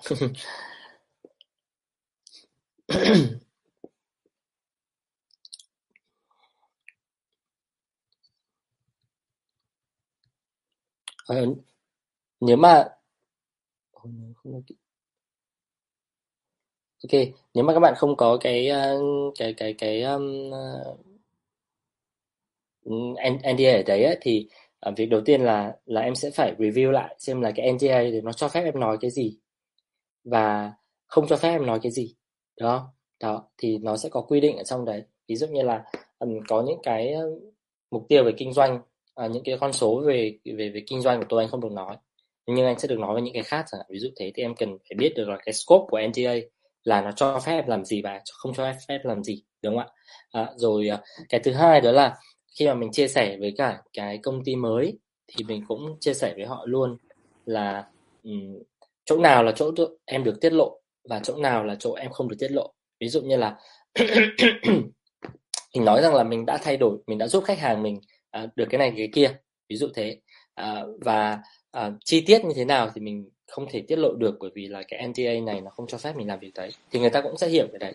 Đó, người ta sẽ hiểu cái đấy. Thì um, mình sẽ cần phải hiểu cái scope của NDA trước. Sau đó là à, với từng cái case của NDA thì mình sẽ xem là chỗ nào nó cho mình show thì mình sẽ show và chỗ nào không cho mình show thì mình sẽ sẽ sẽ không cần show. Đó. Um, có bạn nào đang đang đang được mic? Uh, Henry đang bật mic đúng không? Bởi vì là anh anh nghe được cái voice cái cái cái mic nhưng mà không thấy nói gì cả. Ờ dạ. Thì mất cái NDA này thì uh, lúc hồi mới vào làm thì uh, em đọc mất cái điều khoản mà phạt của các kiểu thôi chứ không có đọc kỹ ừ. là trong cái đó thì nó có quy định cái phần nào có được show hay không thường là mất cái đó ừ. là bên uh, trong trường hợp mà em muốn show cái gì đó thì em sẽ hỏi với lại manager là cái liệu em có cái này em có thể show được không còn ừ. thì khi đó manager họ sẽ đi liên hệ với khách hàng họ hỏi thì khách hàng ok đồng ý thì em mới được show còn như hiện ừ. tại thì ờ, mình một phần là mình nghỉ rồi anh kìa thành ra là mình cũng không có thể liên hệ với manager được và trong NDA ừ. thì em nhớ cũng không có ghi cái phần đó yeah. Dạ. ừ ừ ok um, hỏi hỏi uh, hỏi cũng là một cái tốt để mình tránh được cái cái cái cái điểm mà uh, gọi là bất đồng trong cái việc uh, giao tiếp thì đấy là anh nghĩ là một cái, cái cốt uh, cái cái um, một cách nữa anh cũng có thể gợi ý đó là nếu mà trong trường hợp mà em cảm thấy không chắc chắn ấy thì uh, uh, mình sẽ phân tầng cái cái cái portfolio đấy ra ví dụ như là có những cái nào là kiểu 100% là mình nghĩ rằng là sẽ không sao khi mà mình show ra.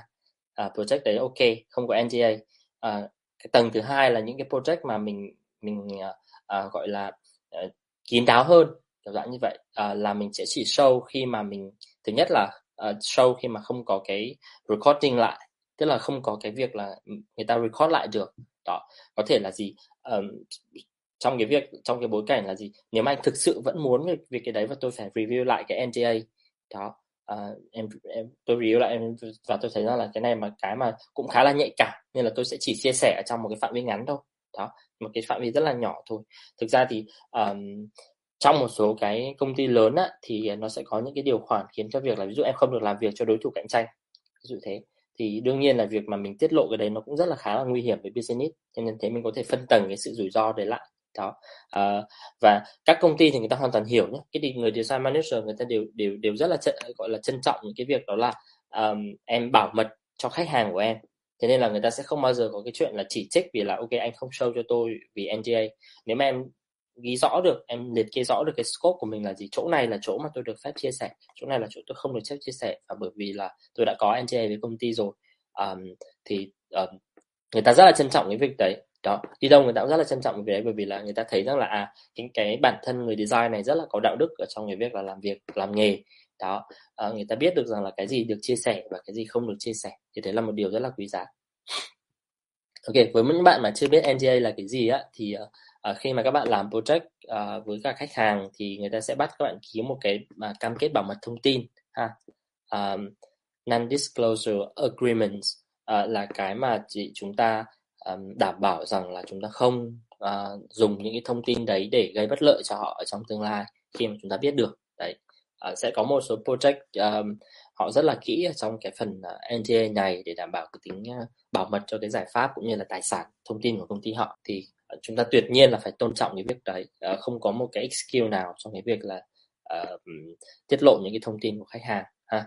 Đó thì um, với mỗi một cái project mà khách hàng uh, ký NDA với các bạn thì các bạn cần cần hiểu được cái uh, quy mô, uh, cái scope mà chúng ta được làm trong cái việc đấy để mà chúng ta có cái sự tôn trọng với các cái dữ liệu của khách hàng, tài sản của khách hàng. Ok, cảm ơn Henry đã đã, đã, đã raise một cái chủ đề cũng cũng rất là um, gọi là nhạy cảm ở trong ngành đó và cái cách mà chúng ta giải quyết. Ok, um, thứ hai câu hỏi thứ hai của câu hỏi tiếp theo của bạn đặt à, nó nó nó bạn Henry vẫn đang type thì um, có Henry có thêm câu hỏi gì nữa? Follow tiếp cái này hay là mình có thể là là, à, là chuyển câu hỏi? Dạ cho em hỏi thêm một xíu chỗ này thôi. Tức ừ. là um, cái một chắc em ký NDA thì có hai loại một loại là bảo mật cực kỳ rồi còn một loại thứ hai thì có những cái sản phẩm mà nó đã release trên thị trường rồi á. Thì ừ. uh, em có thể sử dụng lại những cái thứ mà họ release trên thị trường để bảo mật sau đây được không? Hay là mình vẫn yeah yeah. yeah ừ, anh nghĩ là được. Uh, nếu mà họ đã release rồi thì um, lúc đấy thì nó trở thành là cái việc uh, gọi là họ đã đã công báo ra công chúng rồi á. Thì uh, mình hoàn toàn có thể lấy những các set đấy để mà mà dùng được. Đó. Uh, nếu mà họ đã đã đã đã công công bố rồi thì thì thì lúc đấy chắc là nó sẽ đơn giản hơn. Ha em cảm ơn anh. Ừ, ừ ok. Um, câu hỏi của thành đạt hiện tại đang làm Em đang làm bên product cho một startup, em được đảm nhiệm từ đầu đến cuối. Từ brand entity cho nên công việc rất là ngợp. Vậy trong quá trình làm post cho lần sau, tức là sau này làm ở công ty khác thì có đưa hết vào không ạ? Vì em sẽ đưa hết vào project nó bị quá dài, liệu có không? Không. không? Um, ok, câu hỏi của Thành Đạt uh, cũng rất là cụ thể, đó là bạn ấy phải làm rất là nhiều cái công việc ở trong project và làm thế nào để mà uh, sâu cây được ở trong cái lần tiếp theo à, chưa gì đã tính đến nhảy việc rồi. À, đùa thôi đó là um, cái um, cái cái quay trở lại cái cái cái câu chuyện ban đầu của chúng ta ấy đó là um, em muốn cho người ta thấy cái gì? Em muốn cái kể câu chuyện gì cho người ta uh, về thành đạt ha? Đó ui, nghe rất là thành đạt. Em muốn người ta biết gì về thành đạt. Đó à, um, em muốn người ta biết là ví dụ như là tôi là một cái người mà làm rất nhiều việc đấy ở trong tổ chức. Tôi là một người rất đa di năng đấy là một câu chuyện đúng không? Đó cái đa di năng đấy được thể hiện ở chỗ này. Skill tôi phong phú đa dạng tôi làm được nhiều việc tôi làm được nhiều người đấy là một cái câu chuyện. Um, nhưng mà có thể là cái cái công ty tiếp theo của em người ta không cần người đa di năng người ta cần người chuyên môn chẳng hạn. Thì lúc đó cái cách kể chuyện của em lại khác đúng không? Lúc này mình không thể chuyện là tôi đa di năng được bởi vì lúc đấy nó sẽ hình thành một cái red flag là ông làm đa multitask thì nó sẽ không chuyên môn. Chẳng hạn sau này em apply vào một cái công ty mà cái cái role đấy nó chỉ focus vào um, vào vào vào làm việc với cả marketing chẳng hạn. Ô thì tự dưng là cái việc là làm brand identity của mình nó lại rất là relevant. Thì lúc đấy mình sẽ phải sâu rất là nhiều về cái phần là tôi đã phối hợp và làm việc với marketing như thế nào. Tôi đã đảm bảo cái brand identity và brand um, như thế nào. Đó thì uh, nó rất là là là tùy biến. Và cái câu chuyện mà em đang muốn kể là gì nó quan trọng hơn ha? Đó cái câu chuyện mà em kể. Đương nhiên là um, cho cả vào thì nó sẽ là một cái project rất là rất là to. Nhưng mà um, trong cái công ty tiếp theo của em họ đang cần gì ở em? Đấy thì đấy là cái mà em sẽ sẽ sẽ cần phải phải biết. Đó um, với với CV á đối với CV á uh, không liên quan đến portfolio trong cái phần bài để nắm nhưng mà mình có chia chia sẻ thêm với các bạn đó là với CV á là mỗi một công ty là các bạn có một cái CV riêng nha. Đó nếu mà các bạn muốn thực sự là mình là một cái candidate mạnh cho cái công ty đấy thì các bạn phải tùy biến cái CV của các bạn cho cái công ty đấy. Đó chứ không phải là chúng ta dùng một cái CV xong rồi chúng ta đi giải bừa bãi đâu. Mà nếu mà các bạn thực sự là đam mê và thật sự muốn vào công ty đấy em phải vào được công ty đấy á thì với mỗi một công ty các bạn phải design riêng cho nó đấy thì đấy là lúc mà cái câu chuyện của các bạn nó phải tùy biến cho công ty đấy ha. Um, cái cái cái câu trả lời này có có có phải là cái mà đạt đang đang đang đang muốn nghe không em? À, nó có giải quyết được cái vấn đề của em không? À, để mình chuyển sang tiếp câu khác. Hoặc là em có câu hỏi gì thêm ở follow up theo cái phần đấy không? Ừ ok. Thank you em. Um, ok mình mình có một câu hỏi của bạn cường nữa thôi xong rồi mình sẽ đi vào review portfolio nhé mình còn khoảng 30 phút nữa thôi nên là uh, mình sẽ review một số cái portfolio mà các bạn gửi uh, bạn Cường có câu hỏi là anh có nói về việc xem portfolio như là một product, recruiter lên như một user, em thắc mắc user need là gì ạ? Ờ, um, yeah, rất hay, cảm ơn bạn Cường. Câu hỏi um, cực kỳ hay là là recruiter tìm cái gì? Đấy, ở trong cái portfolio của các bạn thì uh, um, cái này um, cái này là cái mà công ty sẽ không nói với các bạn, được không ạ? Cái này là cái mà công ty sẽ không bao giờ nói với các bạn uh, là người ta đang muốn tìm cái gì ở trong cái portfolio của các bạn. Đấy nhưng mà ở phía nội bộ thì người ta sẽ luôn luôn có một cái hiểu ngầm với nhau là à, gọi là tôi cần tìm gì ở ứng viên đấy sẽ có những cái ví dụ mình ví dụ nhé chẳng hạn như là một số công ty product mà người ta đang ở giai đoạn là uh, người ta đã hình thành xong ý tưởng rồi. Người ta tức là người ta đã có cái phần uh, research và uh, tìm rồi. Và người ta cần một cái người mà để, để implement. Tức là người ta cần một cái người mà heavy skill về đấy. Uh, người ta đôi khi người ta sẽ hay nói với bạn là ví dụ như là à, các bạn sẽ phải làm uh, 70% UI và 30% UX chẳng hạn. Ví dụ thế. Đấy thì đấy là cái need của người ta đó thì khi mà người ta tìm kiếm cái portfolio người ta sẽ nhìn nhiều vào cái phần implementation của bạn. Người ta sẽ không nhìn vào cái phần à, phần phần phần phần phía trước nhiều. Người ta quan tâm nhiều về implementation của các bạn. Hoặc là có những cái công ty mà um, người ta phải tìm được những cái ứng viên mà có cái kinh nghiệm phù hợp với cái ngành đấy thì mới làm được. Đấy đó. Uh, còn nếu không có kinh nghiệm thì rất là khó để làm. Và người ta biết rằng là phải training rất là nhiều. Thế nên là trong portfolio á, thì thay vì việc là người ta tìm số lượng người ta lại tìm được là người ta phải tìm chính xác được xem là bạn có làm cái project nào mà nó na ná như công ty đang làm hay không. Đấy thì um, cái đó là cái mà mà mà người ta sẽ không nói cho các bạn. Và một cái gợi ý cho các bạn để mà các bạn xem ấy đó là chúng ta sẽ đọc cái JD thật là kỹ vào đúng không ạ? Phải đọc cái JD thật là kỹ vào để mà hiểu được cái nhu cầu của người ta. Đấy um, hiểu JD là như thế nào là các bạn phải hiểu được cái từ khóa của nó. À, mình sẽ ví dụ một cái à, một cái à, JD để cho các bạn thử tìm nhé đó. Ví dụ như là bây giờ mình sẽ vào cái mục ừ, job này mình sẽ pick ngẫu nhiên một cái job ra để mà mình uh, mình tìm cái cái JD cho các bạn. À các bạn vẫn đang nhìn thấy màn hình của mình đúng không? Mình vẫn đang share màn hình đúng không các bạn? À, ok. Rồi thank you các bạn à, ví dụ như là mình tìm một cái vị trí là UX designer đi. Đó, UX designer đi. Đó bấm động ngẫu nhiên ở đây nhé xem người ta viết cái gì nhá, được không? Đó. À, khi mà chúng ta đọc cái JD này này đấy chúng ta cần phải nghiên cứu cực kỳ kỹ xem là nó nói về cái gì.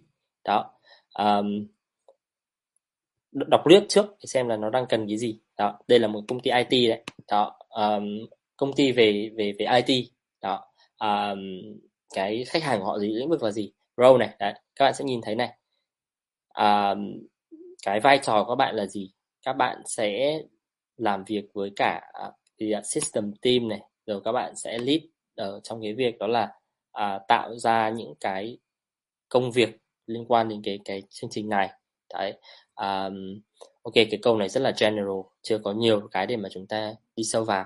Đó nhưng mà đoạn dưới này nó bắt đầu có này. Đấy uh, you will undertake này. Bạn sẽ thực hiện những cái việc là gì? Uh, review những cái ứng viên của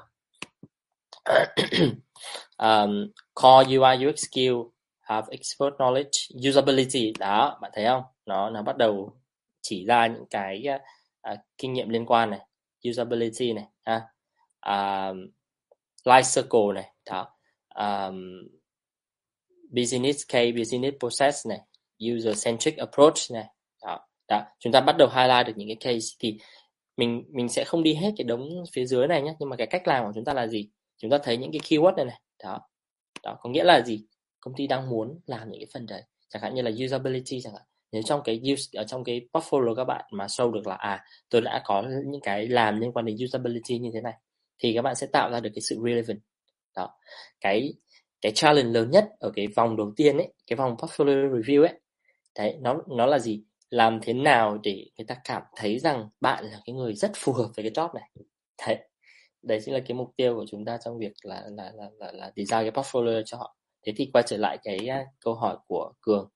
Uh, cảm ơn anh em cũng thấy câu hỏi của em hay ạ. Ok. Um, user need. Đó user need thì uh, à bạn chu cũng có chia sẻ đây này. À, JD thì đấy một cái mà rõ nhất là các bạn dùng cái JD ở đây để các bạn đối chiếu được không? Cách thứ hai mà mình nghĩ rằng là nó sẽ cho các bạn nhiều insight hơn đó là networking của chúng ta. Bạn tìm những cái người mà đang làm ở công ty này này đó bạn lên LinkedIn bạn đi tìm những cái người mà đang làm ở công ty ờ, ờ, uh, CU CHUVB này này đó. Um, LinkedIn nó nó rất là là hay ở đây này. Khi mà các bạn apply job bạn sẽ nhìn thấy là có bao nhiêu người đang làm việc ở đây này. Đó chẳng hạn như là uh, Google đi mình thấy là uh, có 147 cái người mà mình connect đang làm ở Google. Thì mình chui vào đây này mình xem là có những ai mà mình có thể reach out được để mình hỏi thêm. Đó. Các bạn inbox uh, để mà hỏi thì nó lại có một cái nghệ thuật khác cái đấy nó lại là một cái bài học khác nữa. Nhưng mà gì? Cái cách thứ hai để các bạn hiểu xem là công ty đang muốn gì ấy đó là gì? Nói chuyện với những người này. Đó để hỏi xem là cái trạng thái của cái công việc team design ở đấy như thế nào. Các bạn sẽ có được cái bối cảnh đúng không? Thì đấy là cái tip thứ hai đó là gì? Đi hỏi người khác. Đó.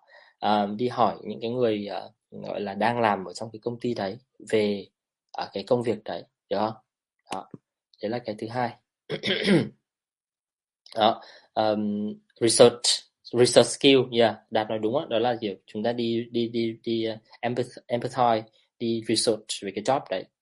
Đó. Um, các bạn um, khi mà các bạn mà đã cực kỳ là yêu mến cái công ty đấy rồi ấy, và các bạn nghĩ rằng là mình phải vào được cái công ty đấy mình nên vào cái công ty đấy ấy, thì các bạn phải dành nhiều effort cho nó.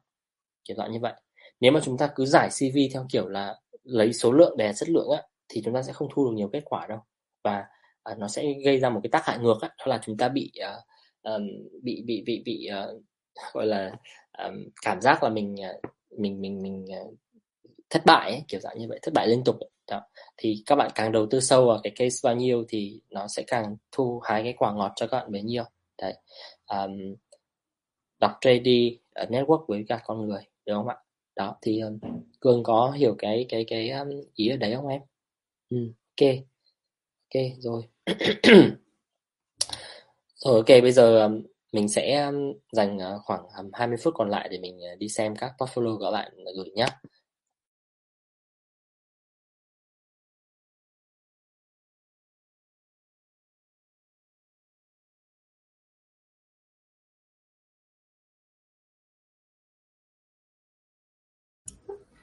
Ồ, mọi người chờ tí nha, chắc là mạng bên anh Linh có vấn đề nên anh Linh vừa bị out ra. Anh Linh đây rồi.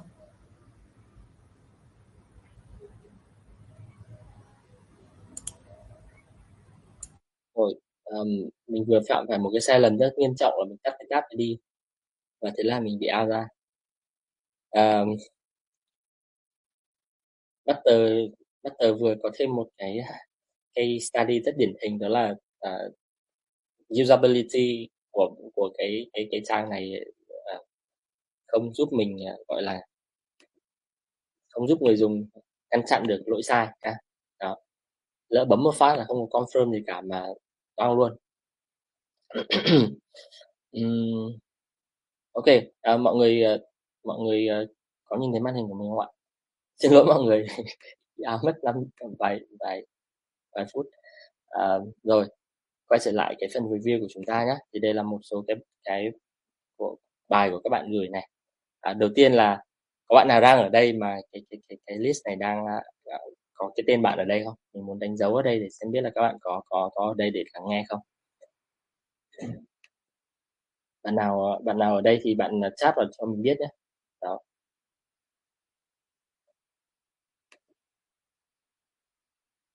ok tắt này đi này. Ờ. Ok có bạn là linh bùi này.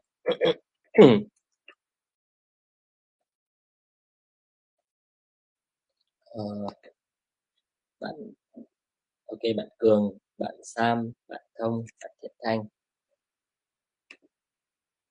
Ok um, thì mình sẽ ưu tiên mở cái đấy trước để cho cho mọi người có cái um, cái cái cái cái um, cơ hội để để để, để show. Um, mình có có nghe qua được những cái phần này của mọi người á thì uh, đầu tiên là rất là cảm ơn các bạn đã đã submit nó để là lấy, lấy à, để để các bạn khác cũng nhìn được được chưa? Uh, mình sẽ để cái link này để cho các bạn à, mình sẽ share link này để cho các bạn khác cũng sẽ xem được đó. Um, Hà sẽ share link này cho các bạn để các bạn khác cũng xem được uh, cái portfolio của các bạn nhé. Đó rất là cảm ơn các bạn đã submit. Um, thì ở đây mình thấy rằng là đầu tiên là cái nền tảng mà chúng ta sử dụng này thì uh, có một số bạn dùng uh, dùng dùng uh, Google Drive có một số bạn dùng Behance có một số bạn dùng website riêng có một số bạn dùng Notion thì cái nền tảng rất là đa dạng và phong phú được không? Thì có một cái lưu ý cho các bạn thôi đó là ví dụ như là trường hợp uh, trường hợp bạn Hưng này bạn Hưng hôm nay lại không tham dự này. Đó là nếu các bạn chỉ gửi một cái file driver như thế này cho cho cho người ta thì nó hơi thiếu chuyên nghiệp. À, đó mình phải kích vào đây này xong rồi mình lại phải phải kích vào từng cái sâu này nó, nó mất thời gian rồi này. thì là um, cái đoạn mà gửi gửi, gửi chỗ này thì các bạn nên explain rõ ra là chẳng hạn như là cái này là cái gì? Đó cái này là cái gì cho người ta? Các bạn nếu mà các bạn gửi một cái folder này không thì người ta lại mất thêm một cái bước nữa để người ta click như vậy là đã đã đã gọi là một cái um, cái cái cái, cái um, thêm công sức cho người ta rồi. Ok rồi à, chúng ta có rất là nhiều bài trên Behance thế nên là mình sẽ chữa một cái phần uh, của một của cái trường hợp của Behance thôi nhé trước nhé xong rồi um, cái phần khác thì mình sẽ refer đến cho các bạn. Ví dụ như là bạn uh, Minh Sơn này bạn uh, Đình Cường này uh, bạn uh, uh, bạn bạn, bạn uh, Phương Ly này đó, bạn uh, uh, Thiện Thanh này đó thì các bạn đều làm ở trên trên trên Behance à, đặc điểm của Behance là nó là một cái công cụ miễn phí được chưa? À, nó là một cái công cụ miễn phí và à, các bạn có thể là gọi là là tạo cái tài khoản và và và chơi ở trên này một cách là free. Đấy nhưng mà có một cái nhược điểm của Behance đó là um, nó không có cái tính tùy biến cao giống như là cái nền tảng website cá nhân của các bạn và những cái nền tảng khác.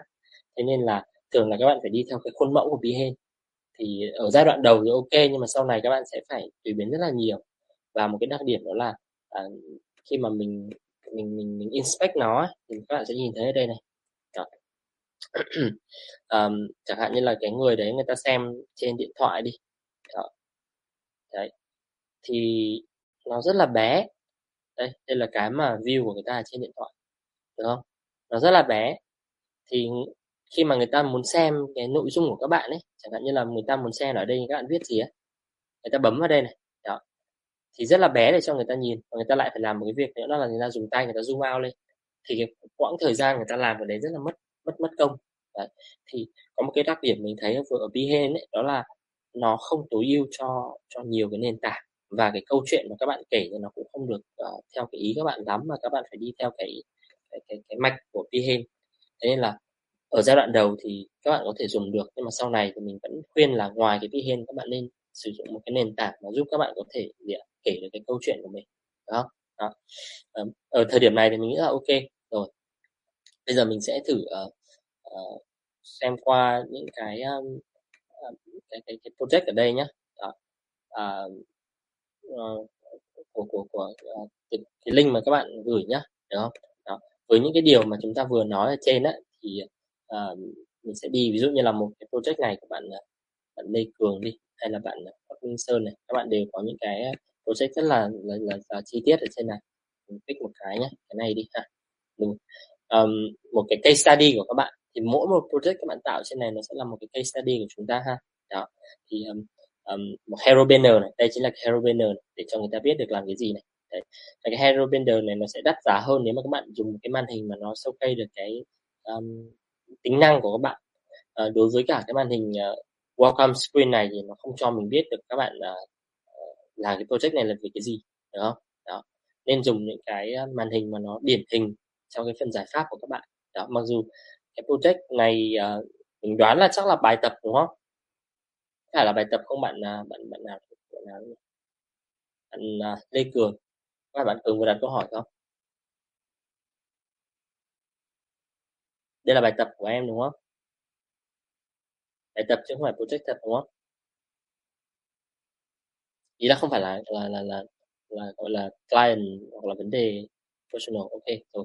Đó thì uh, um, cần phải một cái màn hình mà nó mô tả được cái cái cái, cái, cái gọi là uh, project của mình về cái phần đó. Rồi uh, tóm tắt project overview rất là tốt. Uh, scanning được này vấn đề mà mình đang giải quyết là gì này um, tuy nhiên thì bởi vì là cá nhân nên đây là cái đoạn open statement này của bạn nó không rõ ràng lắm ha.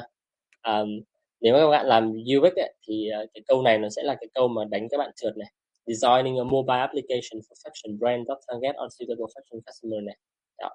Um, khi mà mình nói về UX và mình nói là cái product mình làm á, thì mình cần phải uh, rephrase cái câu này một chút đó designing a mobile application for fashion. Thứ nhất là mobile tôi nhìn đây tôi cũng biết là mobile rồi. Đấy, nên là cái câu này nó thừa đó nhìn đây tôi nhìn cả cái phần scan này tôi biết thừa đây là mobile rồi nên là cái này nó thừa mobile application là thừa.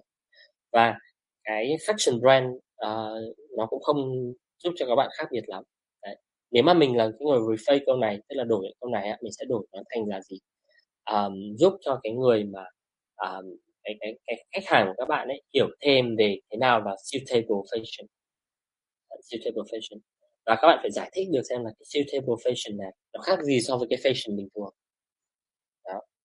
Mình biết là chắc là các bạn đã nghiên cứu rồi đúng không? Ví dụ như là um, cái cái cái vấn đề ở đây là cái người dùng hiện tại người dùng đại chúng của chúng ta uh, không biết là suitable fashion là cái gì.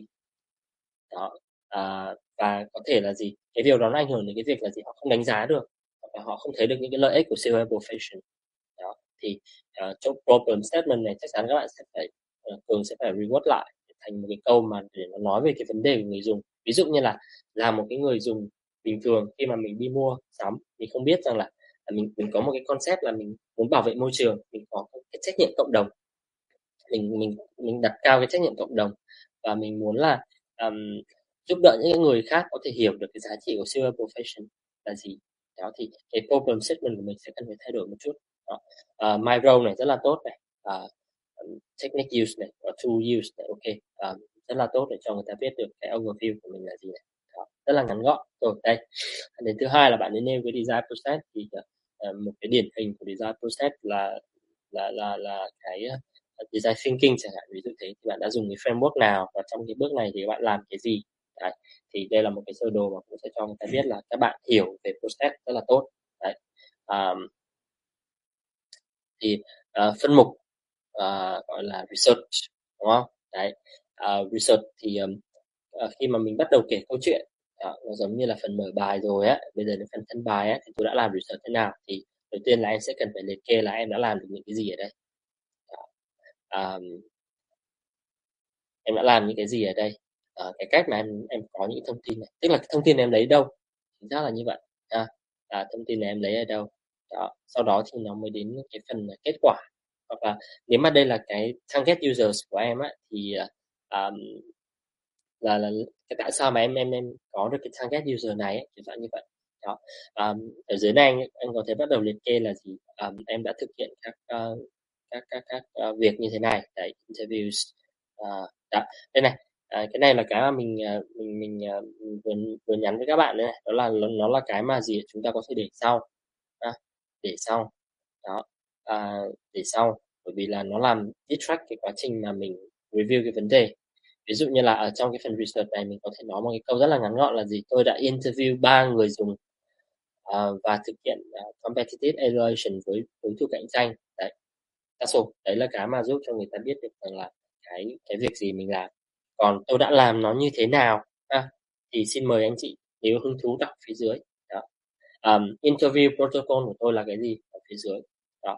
À, những cái này nó sẽ làm distract người xem này bởi vì người ta dành thời gian vào người ta không thu được insight mà em cần có.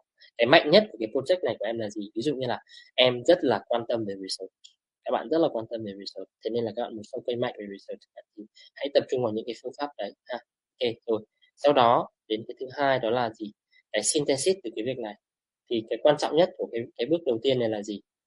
À, sau khi research đó đâu là cái insight thì ở đây mà nó chưa hỗ trợ lắm trong cái việc là là là là là là, là, là stand out cái này. Đây là cái mà mình cần này mình cần stand out này ha đó. À, tôi đã làm interview tôi đã làm competitive analyst tôi đã review data tôi đã làm bla bla tôi đã làm cái đấy rồi. Đây là insight mà tôi thu được 6 cái insight này em cần phải highlight những cái phần này ra bởi vì người ta đọc rất là nhanh thôi người ta scan rất là nhanh người ta không có đi từ chữ như thế này được. Nên là uh, mình cần phải stand out cái phần output của phần research này ra. Sau đó thì từ cái insight thì tôi forming thành cái problem như thế nào cái này là một cái distract này không cần thiết này bởi vì là nó chỉ là cái phần ờ, phần phần phần phần uh, tích uh, legal của mình uh, một cái cái legal, uh, ờ, legacy của mình thôi này. Đó, nó hơi bị distract đó. Um, rồi tôi tôi đã biểu thị cái story map của nó như thế nào này sử dụng các sơ đồ khác nhau để làm này. Đó. Um, um, sau đó là tôi đã tiến hành uh, xây dựng cái cấu trúc uh, thông tin của cái app này. Đó. Ờ, sau đó tôi lên ý tưởng cho cái app này. Uh, tôi lên cái à, high fidelity này tôi đã lên như thế nào này. Đó. Uh, và uh, tôi design này. Đấy, uh, có vẻ như đây là một cái end to end project ha.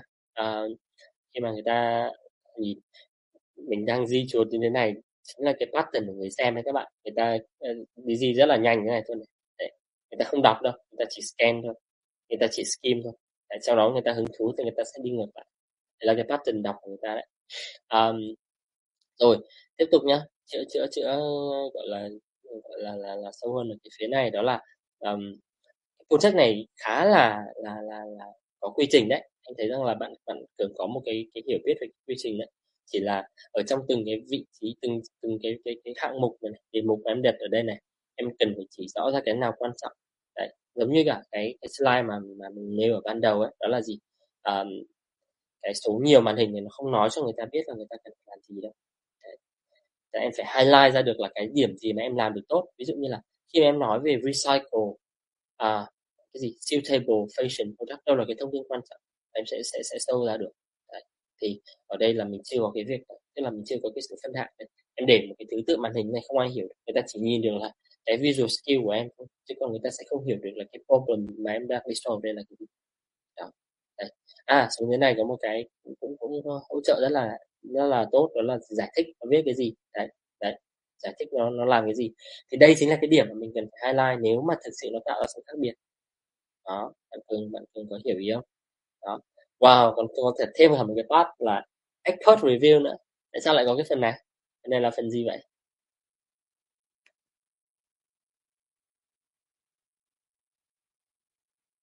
Nói anh nghe em nói nè phần này ừ ừ. Dạ anh nghe em nói đúng không? Ừ, ừ, ừ. à thì là expert review này là em sẽ lên trên cái ADP mà nói á. Em có interview với hai người thì uh, hai bạn này làm Ờ, uh, UX analysis thì bạn feedback cho cả UI của em. Oh, good, good. Uh, rất tốt. Được rồi. Um, đây là mục làm cho bạn khác biệt. Đây là một cái mục mà sẽ làm cho bạn cường khác biệt so với cả portfolio khác. Và um, nhà tuyển dụng người ta sẽ notice cái phần này. Đó. Thì chỗ này lại là một lần nữa kể câu chuyện ha. Đó, kể câu chuyện. Um, kể cái câu chuyện của em ra là gì? Um, tôi đã lắng nghe cái ý kiến từ chuyên gia à, đây là hai cái chuyên gia của tôi họ đã feedback và nó giúp tôi cải thiện thiết kế như thế nào. Đấy là một cái điểm rất là tốt. Và bởi vì em có review của chuyên gia thì nên là anh kỳ vọng cái phần à, phía dưới này nó sẽ là cái big improvement của em. À, nhờ cái việc đó thì em đã cải thiện được cái gì. Đó. À, đây là một điểm giúp các bạn khác biệt đấy. Đó. một điểm bạn bạn cường rất là thông minh khi mà bạn bạn mang cái phần này uh, đi nhờ người khác review. Đó uh, giúp các bạn khác biệt. Thì em phải phải viết lại cái câu chuyện này một chút ha. Đó. Rồi tóm lại là ấy, cái phần ờ, uh, behave của các bạn ở trong cái phần project này uh, đối chiếu với những cái gì mà hôm nay mình chia sẻ thì mình thấy rằng là um, phần phía trên chúng ta làm rất là tốt khi mà cho người ta thấy cái overview uh, và người ta có thể scan rất là nhanh được. Tuy nhiên thì um, ở phía dưới nó cần phải uh, có một cái cấu trúc nó uh, dễ hiểu hơn với người dùng ha. Đây là tất cả những cái gì mà mình làm được nhưng mà cái mà mình kể thì nó rất là khác đó bạn cường bạn cường có có có hiểu cái cái cái cái ý ở đây không? Đó là um, um, um, mình kể rất là khác. Có thể là cả uh, trong đống 40 màn hình này mình chỉ có vài cái màn hình mà mình thể hiện được cái điểm đặc sắc nhất của mình thôi thì đấy là lúc mà mình sẽ kể. Đấy bởi vì là người ta sẽ không bao giờ dành 10 phút hay là 15 phút để đọc cái portfolio này của các bạn mà chỉ để là vài giây thôi. Đó vài giây thôi nhé tính bằng vài giây thôi. Và trong tuyển dụng nó có một cái vòng là vòng portfolio review nữa lúc này là cái lúc mà người ta sẽ đi chi tiết vào. Ha. thường là cái phòng portfolio review nó sẽ là vòng thứ ba. Đó quy trình phỏng vấn của chúng ta sẽ là uh, scanning CV và portfolio. Sau đó là các bạn sẽ nói chuyện với cả HR là là cái người uh, gọi là để check những cái background rồi check về logistics của chúng ta. Sau khi mà chúng ta pass về HR thì về cơ bản là HR thì là cái vòng mà uh, là, là là hầu như là các bạn sẽ pass rồi. Nếu mà các bạn không có vấn đề về giao tiếp rồi vấn đề về uh, logistics. Sau đó thì cái vòng đầu tiên vòng quan trọng bởi vì quan trọng là các bạn làm việc với cái design manager. Đó thì cái người design manager người ta sẽ hỏi lại cái kinh nghiệm của bạn. Và sau sau khi mà uh, design manager pass rồi thì các bạn sẽ nói đến cái vòng portfolio review là vòng này. Thì đến cái vòng portfolio review là lúc mà người ta mới quan tâm đến cái detail của cái portfolio của các bạn ha. Đó mới quan tâm. Thì lúc đấy là lúc mà các bạn sẽ bắt đầu phải liệt kê chi tiết. Còn ở đây thì các bạn hãy highlight những cái phần mà chúng ta làm tốt. Đấy highlight những phần mà chúng ta làm tốt. À, và chỉ tập trung vào chỗ đó thôi. Đó chỉ tập trung vào chỗ đó thôi uh, sâu cả một cái đống dài như thế này thì người ta sẽ không hiểu được là em em làm cái gì ha ok rồi um, mình uh, hơi bị hơi bị mất thời gian ở đây một chút rồi nhưng mà hy vọng là các bạn làm ở trên Behance các bạn hiểu được cái cấu trúc của chúng ta nhé được không ạ đó à, đây là portfolio của bạn Cường thì tí nữa mình sẽ gửi cho các bạn để các bạn xem thêm đó. À, với cái phần uh, còn lại thì uh, mình nghĩ là cũng cũng các bạn cũng sẽ sẽ sẽ sẽ dựa vào đấy để refer cho nó giống và nếu mà các bạn có câu hỏi gì thêm thì các bạn có thể À, thể đặt uh, gọi là à, thêm nhé uh, bây giờ đến lượt uh, cái um, nền tảng khác à, đó là website cá nhân. À, thì đây là website của bạn à, bạn bạn Linh Bùi này. Đó à, mọi người có thời gian ở lại không? À, nếu mà có thời gian thì chúng ta à, ngồi lại một chút nhé mình hơi bị quá giờ một chút rồi. Hơi bị quá giờ một chút rồi. À, thì um, chắc là mình khoảng 15 phút nữa mình sẽ cố là trong khoảng 15 phút nữa ha rồi um, cái nền tảng thứ hai mà mà các bạn build ở đây là trên uh, website bạn Linh Bùi có đây không? Có đúng không? Uh, ok rồi. Um, bạn nên build ở trên website cá nhân có tên miền riêng rất là chuyên nghiệp. Mình cũng rất là recommend mọi người khi mà mọi người có thể build một cái uh, website có tên miền riêng uh, và có thương hiệu cá nhân như thế này cực kỳ là chuyên nghiệp và sẽ sẽ sẽ, sẽ gây ấn tượng với cả nhà, nhà tuyển dụng. Rồi. Um, cái trang đầu tiên mọi người nhớ không trang welcome ấy thì đây bạn ấy cũng có một cái câu rất là ngắn gọn rất là tốt này đó à, và cái uh, portfolio các dự án bạn liệt kê uh, cái thumbnail cũng rất là dễ xem đó à bạn ấy đang làm project ở trên uh, ứng dụng uh, uh, gọi là uh, website ở dưới này là bạn ấy đang làm ở trên uh, mobile đúng không? Đấy thì là rất là rõ ràng. Đó rất là dễ để scan. Và những cái cái dòng rất là nhanh để người ta biết được đấy uh, à, enhance job search experience. Đó à, uh, add personal management features rồi design landing page. Really good. Đấy rất là tốt. À, thì uh, đánh giá các bạn nhìn thấy cái trang à, đầu tiên của bạn thì, thì thì giống như những gì mà hôm nay chúng ta đã tìm hiểu đúng không? Các bạn có thể xem cái portfolio của bạn Linh là một trong những cái trang rất là tốt về uh, cái cái homepage đầu tiên là gì? Tôi là ai? Rất là ngắn gọn. Và đây là những cái công việc của tôi. Ba cái case study vừa đủ để chúng ta chọn. Rồi bây giờ um, nhà tuyển dụng. Ethermanage uh, ờ, cái người design cái người mà xem cây ấy, người ta sẽ kích vào cái này đầu tiên của các bạn này. Đó người ta sẽ kích vào người ta có thể xem ở dưới này nhưng mà người ta sẽ xem cái cây đầu tiên của các bạn. Nhưng các bạn phải đảm bảo là cái cây đầu tiên chúng ta cho họ xem là cái đắt nhất cây uh, ờ, tốt nhất tự hào nhất của các bạn không? Rồi bây giờ chúng ta sẽ đi vào cái cây study này nhé đó hero banner này. Đó để cho mình biết là chuyện gì xảy ra này. Ở đây bạn Linh còn dùng cả video nữa. Thì nó nó rất là tiết kiệm thời gian của người xem. Đó à, người ta sẽ nhìn thấy là à, có những cái gì ở trên cái màn hình này. Cực kỳ tốt nhé đó à, có thể thử portfolio của tôi luôn. Đấy một cái link refer. Ủa? À, nếu mà nếu mà thử như thế này thì hơi nguy hiểm này. À, linh sẽ cần phải để ý cái này một chút này. Đó um, cái xu hướng người ta là sẽ là như thế này này. Đó. Cái xu hướng là người ta sẽ mở một cái tab khác ra để người ta xem nếu người ta muốn đấy thế nên là à, đoạn này cần phải để ý một chút là à, khi mà bấm vào đấy ấy, thì nó nó nó đẩy ra cái page khác. Đừng đẩy xuống cái page dưới nếu không thì nó sẽ làm mất cái nhịp. Bạn linh hiểu không? Tức là à, nếu mà bấm vào đây ấy, mà chạy xuống dưới á, là người ta mất bị mất một cái nhịp xem của người ta.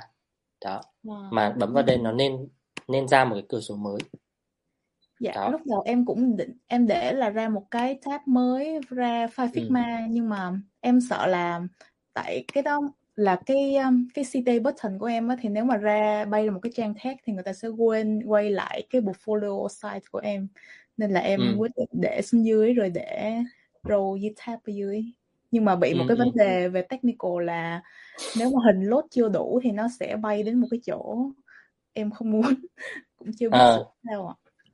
Đó um, người ta sẽ mở cái tab mới nhưng mà người ta sẽ không đi ra luôn đâu mà người ta sẽ sẽ sẽ sẽ, sẽ để đấy cơ. Đó người ta muốn thực sự thử ấy.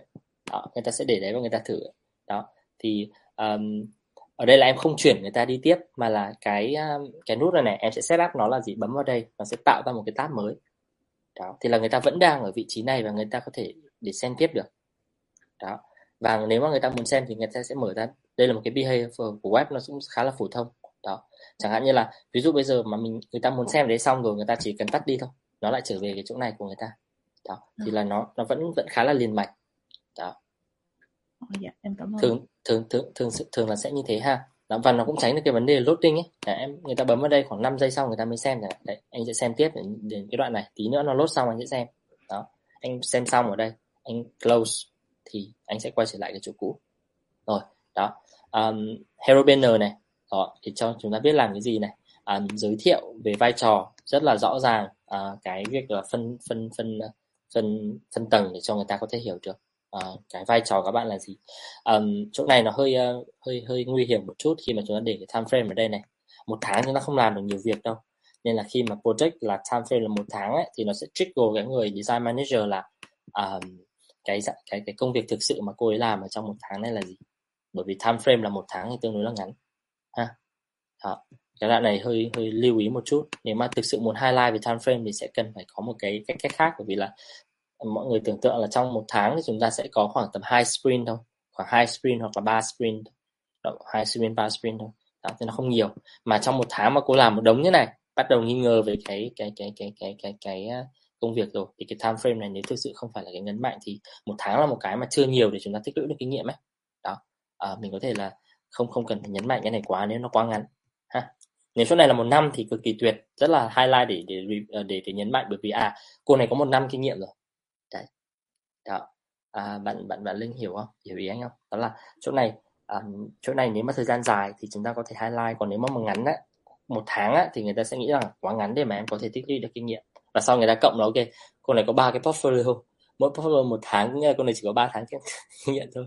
À vâng. Ừ yeah. ok. Ừ. Um, cái nào là cái mà thực sự mình muốn kể thì mình sẽ sẽ đưa ra. Ok rất là tốt có cái role này rồi. In discovery này um, cái problem mình nhìn thấy ở ngoài kia là cái, cái search experience và đây là gì? Uh, attract more user and uh, and, and, and, and convert the visitor. Um, đây là project em làm thật hay là cũng là project cá nhân? Làm thật ạ. Ok. Nhưng mà chưa có launch. Chưa launch. Ok chưa launch. Um, um, thế thì cái vấn đề chính là gì? Là trải là cải thiện cái search experience hay là uh, attract users and con- convert visitor ờ, thực ra cái chính là convert uh, convert visitor into applicants ạ. Ừ, ừ. cái ok thế thì nó cũng cũng có nhưng mà không không phải là first priority. Ok thế thì sẽ cần phải trên chỗ này một chút đó là gì? Cái primary goal của mình đó là à, cái vấn đề challenge chính ở đây là convert a visitor ha? À, convert visitor uh, mà mà mình giải quyết. Ờ, và nó chưa launch đúng không chưa Dạ. chưa launch ra thị trường. Ok rồi và đấy lại là một cái cái cái thách thức nữa. Tại vì dự án thật mà mà mà chưa thấy hiệu quả thì nó cũng sẽ tạo ra một cái question cho cái người nghe là thế thì uh, cái hiệu quả uh, design ở chỗ nào? Đó. ok nhưng mà mình sẽ thảo luận về cái đấy đấy sau. Đó nhưng mà có một cái câu ngắn gọn này để mô tả về vấn đề này rất là tốt này được không ạ? À, phân nhỏ cái thông tin ra này. Rồi problem là họ có gì ạ? Khó khăn khi mà uh, ứng dụng cái đó. Và um, Ừ, bạn ấy liệt kê luôn solution ở đây. Thì thực ra là bạn ấy ờ, đã làm những cái gì ở, ở trong cái việc này? Đó là chúng ta đã cải thiện cái search bar này rồi um, enhance usability này. Thực ra cái đoạn này người ta scan rất là nhanh thôi người ta sẽ không không không đọc được cái phần đấy đâu. À, à, tuy nhiên thì nó rất là coherent với cả cái phần trên là gì? À, những cái vấn đề mà chúng ta ta, ta làm ra. Đó thì uh, um, ở đây đoạn này anh nghĩ rằng là sẽ sẽ tốt nếu mà em có một cái câu ngắn gọn để nói về việc là em đã làm usability như thế nào? Đấy, chỗ này nhá. Diving into. Ví dụ như là tôi test nó với cả 5 users uh, và đây là những vấn đề mà tôi tổng hợp được. Đó chỗ này thì nên mô tả một xíu về cái việc là em đã làm.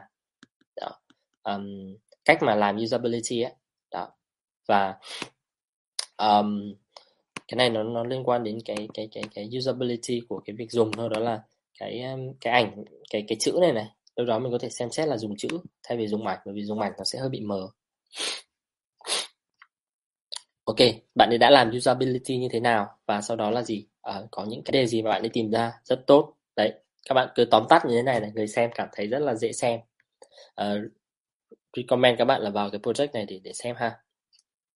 Ồ oh, đây là cái mà người ta rất thích này. Đấy tôi đã phỏng vấn 7 user uh, thu nạp được 80 cứ có số này là người ta sẽ sẽ sẽ sẽ sẽ scan rất là nhanh này các bạn. Đó. các bạn dùng số để để để, để uh, tìm ra. Đấy rất là dễ để cho có thể thể xem. Đó. Um, cái này quá bé để nhìn này. Không không nhìn được. Đó. nếu em muốn highlight về cái interaction design em nên chọn một cái cách biểu thị khác. Đó như thế này thì người ta không nhìn được cái giải pháp của em. Cái việc người ta làm sẽ là phải zoom ra hoặc là người ta sẽ bỏ. Và người ta sẽ không hiểu ý ở chỗ này. Đó. thì usability ở chỗ này là cái cái hình ảnh của mình nhé đó. Nó cần phải dễ nhìn hơn nó phải phải phải dễ nhìn được. Ba cái sự lựa chọn này nó khác nhau như thế nào? Đó. Em biểu thị được ba cái sự lựa chọn này khác nhau. Chỗ này mình có thể lựa chọn những cái phương pháp minh họa dữ liệu khác để mà mình thấy rõ được ý tưởng của mình và tại sao mình có cái việc đấy. Uh, kết quả của cái này là gì? Major change ok uh, sự thay đổi của nó là gì? Uh, tôi đã làm được này. Đấy nó cũng giống như cái này này. Đấy, các bạn nhìn thấy là khi mà chúng ta có thêm video thì cái hình ảnh của chúng ta nó rất là phong phú này uh, um, cái cái cái nhìn của người ta này đó search bar này um, rồi bạn đi thay đổi về cái flow này đó. Um, before after là một cái rất là dễ để cho người ta so sánh này đó. Trước đây nó là như thế này sau đây nó là như thế này đó. Um, nó sẽ có lợi hơn nữa nếu mà em chỉ được ra là cái version trước ở đây nó ở trước ở phía trên này em đã đã đã chỉ ra là version đấy nó có những vấn đề gì rồi nhưng mà khi mà em compare design á em có thể là compare rõ hơn để người ta biết rằng là em đã thay đổi được cái gì ở đây bởi vì người ta scan cái hình này chính à. Đó, người ta hầu như là scan hình này chính mà. Nhìn qua đây thì anh cũng chưa thấy được là cái sự thay đổi nhiều là cái gì ấy. Đó. Mặc dù mình mặc dù mình biết mình làm giờ mình biết là mình mình thay đổi cái gì rồi nhưng mà um, mình muốn cho người ta thấy rằng à ví dụ như là cái sự thay đổi của tôi nó tác động một cái việc là đây chẳng hạn như là ờ, uh, ở đây mình nêu ra được là năm vấn đề đúng không? Thứ nhất là cái khả năng discovery nó thấp. Thứ hai là cái navigation của nó không ổn. Thứ ba là um, những cái um, gọi là um, gọi là chống cái lỗi cái này có phải là chống lỗi không? I couldn't double check my resume for some à, giảm thiểu cái lỗi của người xem à, của người dùng à, rồi information đó thì um, ở cái đoạn before after này em sâu được là à cái phần design này em đã giải quyết được vấn đề nào của nó thì nó sẽ rõ hơn ha. À tôi đã giải quyết về vấn đề uh, um, um, efficiency. Đó tôi đã giải quyết về vấn đề uh, uh, prevent error như thế nào đó thì nó nó sâu ra được cái đấy thì nó sẽ dễ hơn cho người xem để người ta hình dung là cái design của em nó cải thiện như thế nào. Rồi uh, phía dưới này bạn ấy bắt đầu liệt kê những cái phần mà bạn làm được um, và chưa có kết quả. Hơi tiếc một chút cho cái này là chưa có kết quả. Uh, có cái cách nào để em lấy được cái result của cái project này không? Um, em nghĩ là em có làm user testing thì có kiểu qualitative data kiểu feedback chứ quantitative data thì em không có. Ok um, em để cái feedback đây ở chỗ nào? Không không em em chưa bỏ trong này. Tại vì em cũng chưa okay. biết sâu như thế nào. Ok, um, nếu mà em có một cái câu cuối là gì tôi đã mang cái này đi và năm user sau đó là kiểu 5 trên 5 người đều rất là ưa thích rồi họ có những cái code là nó dễ dùng rồi họ cả amazing rồi kiểu dạng như vậy. Tức là um, em cho người ta thấy cái kết quả. Đấy thì um, nó sẽ thuyết phục hơn rất là nhiều ha. Um, đoạn này khi mà mình đến lesson learn luôn thì nó cũng hay. Nhưng mà ở phía trên em em state cái problem là đây em state cái problem là tôi đã thì convert visitor into application. Nhưng mà phía dưới mình kết luận là tôi tôi uh, chưa có kết quả thì nghe nó hơi hơi cụt lại như vậy. Đó ừ. mà business thì họ rất là thích số họ rất là thích uh, những cái tác động mà em tạo ra được. Thế nên là cái đoạn này mình sẽ cần phải chỉnh lại một chút. À, nếu có nếu mình có được hoặc không á thì mình có thể làm một cái trick đó là gì? Nếu tôi được đo lường thì tôi sẽ đo lường những cái gì? Được không tức là um, sản phẩm này tôi chưa lon ra thị trường và tôi chưa có kết quả. Nhưng nếu mà tôi lon ra thị trường thì đây là cách mà tôi đo lường. Tôi sẽ sử dụng những cái metric này. À tôi có thể sử dụng những cái metric ví dụ như là uh, conversion rate hoặc là tôi có thể sử dụng funnel model để mà tôi đo lường được từng cái bước đấy. Nếu có cơ hội đấy. Thì để người ta biết rằng là à cô này mặc dù cái sản phẩm đấy chưa lon ra thị trường nhưng mà cô ấy có một cái chiến lược và cô hiểu cách mà cô ấy đo lường cái sản phẩm thì thì thì um, nó cũng là một cái mà có thể showcase cho người ta được là cái um, hiểu biết của mình về cái metric mà để mình đạt được cái mục tiêu á ha yeah.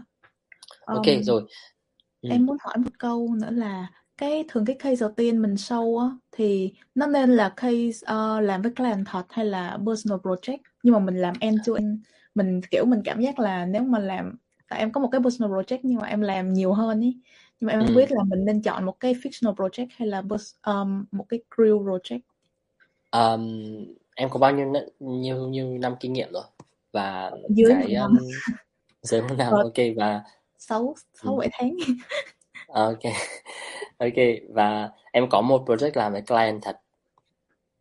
À, và một project là end to end. Dạ. nhưng không phải là uh, nhưng nhưng không có kết quả. Cái nào là cái nào trong cái này là project với với client và cái nào là end to end? Um, có hai cái với client với có hai cái là em tự làm. Ừ. nhưng mà làm với client tại vì em đang làm web design nên là em chỉ làm thiên về về visual design là chính. Ok ok.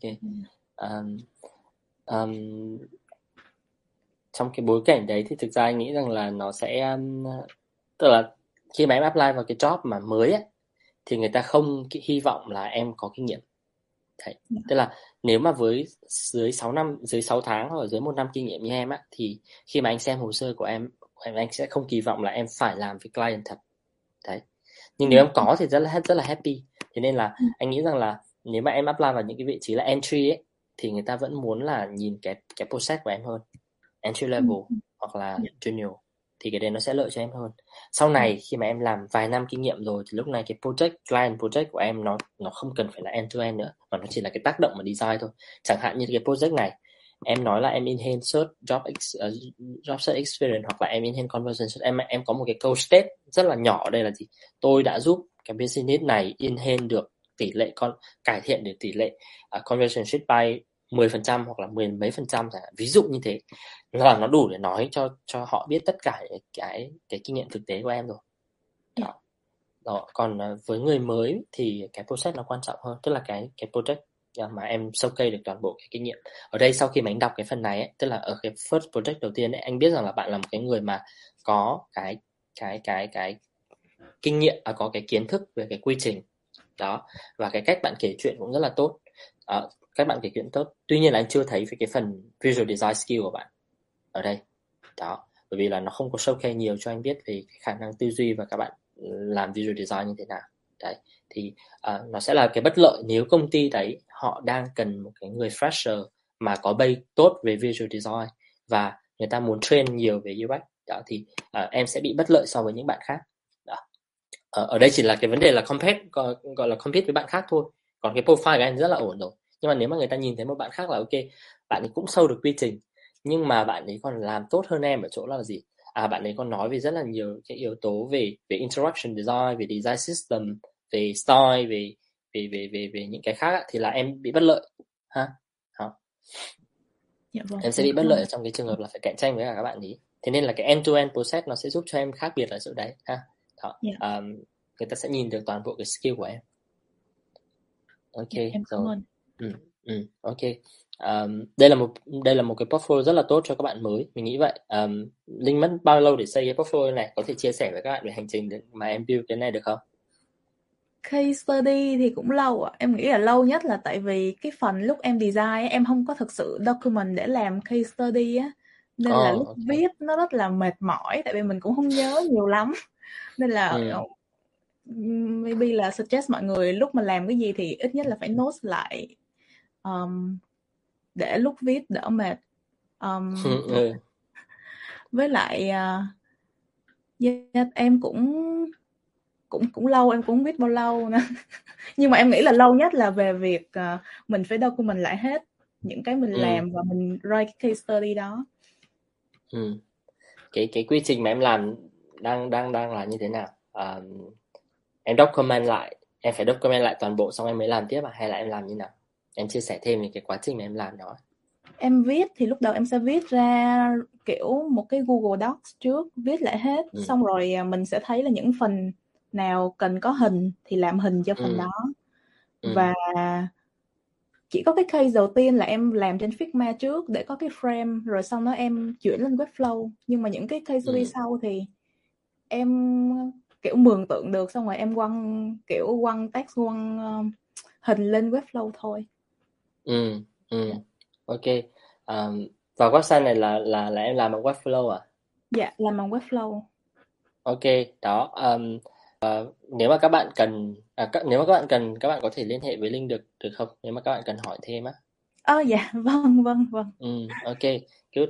Um, các bạn có thể vào cái link mà mà mà mà bạn Hà vừa gửi ở phía trên nhé. Và nếu mà chúng ta cần connect với Linh để mà hiểu thêm về cái phần này thì các bạn có thể hỏi thêm về Linh à, về về cái kinh nghiệm của Linh. À, ờ, cái bài học mà mà mà bạn vừa nói á, nó cũng là một cái điểm mà mà cực kỳ nhức nhối trong trong công việc của chúng ta đó là khi mà chúng ta làm thì chúng ta không có document lại dẫn đến cái việc là chúng ta sẽ bị lười khi doc, uh, khi mà documenting những cái, cái những cái project để mà chúng ta làm những case study thì um, bạn Linh vừa có nói bài học cho chúng ta đó là các bạn làm project nào xong thì các bạn cố gắng là gì ạ lấy lại hết cái phần mà mình có được. Có thể là gì ạ nó là raw material cũng được. Sau này các bạn sẽ dễ để tìm lại hơn là cái việc là làm xong project chúng ta để đấy và đi làm project khác. À, nó sẽ rất là khó khăn trong hoạt tổng hợp sau này và nó sẽ bị rơi rớt nữa. Đó. thì một cái kinh nghiệm cũng rất là quý giá. Ok cảm ơn bạn Linh. À, một cái portfolio rất là tỉ mỉ à, có có có có chiến lược và đầu tư rất là nhiều. Thì mình kỳ vọng là các bạn à, nếu mà đang chuẩn bị view á các bạn có thể lấy đây là một cái bài học cho mình để mà chúng ta view và connect với các bạn link ở à, trên trên trên à, trên um, trên um, um, website thông tin ha. Rồi bây giờ mình sẽ xem một số cái nền tảng khác. Ví dụ như ở đây có bạn uh, có bạn xem có bạn nào join nữa không? À, bạn nào? Bản thân này cũng dùng website này. Đó bạn thân cũng dùng website này cũng rất là tốt này. Uh, bạn uh, bạn bạn uh, Sam có dùng Figma. Đó um, Sam có đây không em? Ok uh, phương tiện là uh, rất là thân thiện với designer. Đó um, rất là là là thân thiện uh, với chúng ta. Thực ra cái Figma nó cũng giống một cái website đấy nó chỉ có cái là à, nếu mà nó nặng quá thì nó hơi giật thôi. Đó um, cũng cũng rất là là thú vị ha. Đấy à, chúng ta xem cái phần là portfolio của bạn bạn bạn, uh, bạn lý. Đó à, bạn lý là một học viên cực kỳ xuất sắc và tâm huyết của mơ. Đó rất là tự hào về những cái thành tựu mà bạn ấy đạt được nhờ cái sự cố gắng của bạn ấy. À, trên trên Figma để mình bật cho to lên để chúng ta có thể nhìn được nhé Ờ, à, à bật to sợ nó nó nó giật lắm. À, nó lại treo nữa thì mệt. À, trang chủ đấy à, ngắn gọn và và và và chia sẻ à, thiết kế giao diện này nghiên cứu này. À, ok đó à, về những cái mà các bạn muốn biết về về về các bạn thì các bạn sẽ giới thiệu ha. Đó. Um, có kinh nghiệm đấy rất là rõ ràng về cái industry. Đó thì cái phần uh, giới thiệu này mình nghĩ rằng là nó cũng cũng đủ để cho người ta biết được bạn ấy là ai rồi. Đó ở phía dưới này là cái case study của các bạn ý. Và đây này cái tag này chính là cái cái này, này giúp cho người ta biết được là làm cái gì này. Đó bạn đã có trên đây cái case study này. Đó đó. Um, trong này thì mình có một cái um, cái cái rất là hay với cả ờ, một cái bias trong cái quá trình mà làm ờ, trong trong quá trình mà duyệt á thì có một cái bias là vì um, cái cái yếu tố thẩm mỹ ấy. nếu mà cái cái cái um, portfolio của các bạn ấy mà nó trông nó rất là gọi là thẩm mỹ ấy, thì um, người ta sẽ có một cái thiện cảm là ok bạn bạn sẽ làm tốt. Đấy, đấy là một cái bias khi mà người ta nhìn thấy. À, có hẳn một cái tên cho cái bias đấy mình không nhớ cái tên của cái cái bias đấy là gì nhưng mà khi mà người ta nhìn thấy cái đẹp người ta nhìn thấy cái đấy nó nó nó, nó thẩm mỹ người ta sẽ nghĩ rằng là cái này nó chất lượng. Đấy có một cái sự liên liên kết giữa cái việc đấy um, thì nếu mà các bạn có chăm chú vào cái phần visual design cho mình ấy, thì nó cũng rất là tốt. Thì ở đây mình thấy rằng là cái portfolio này cực kỳ là là là chăm chú về cái cái cái cái um, uh, visual design này và nó tạo một cái thiện cảm rất là lớn cho người xem.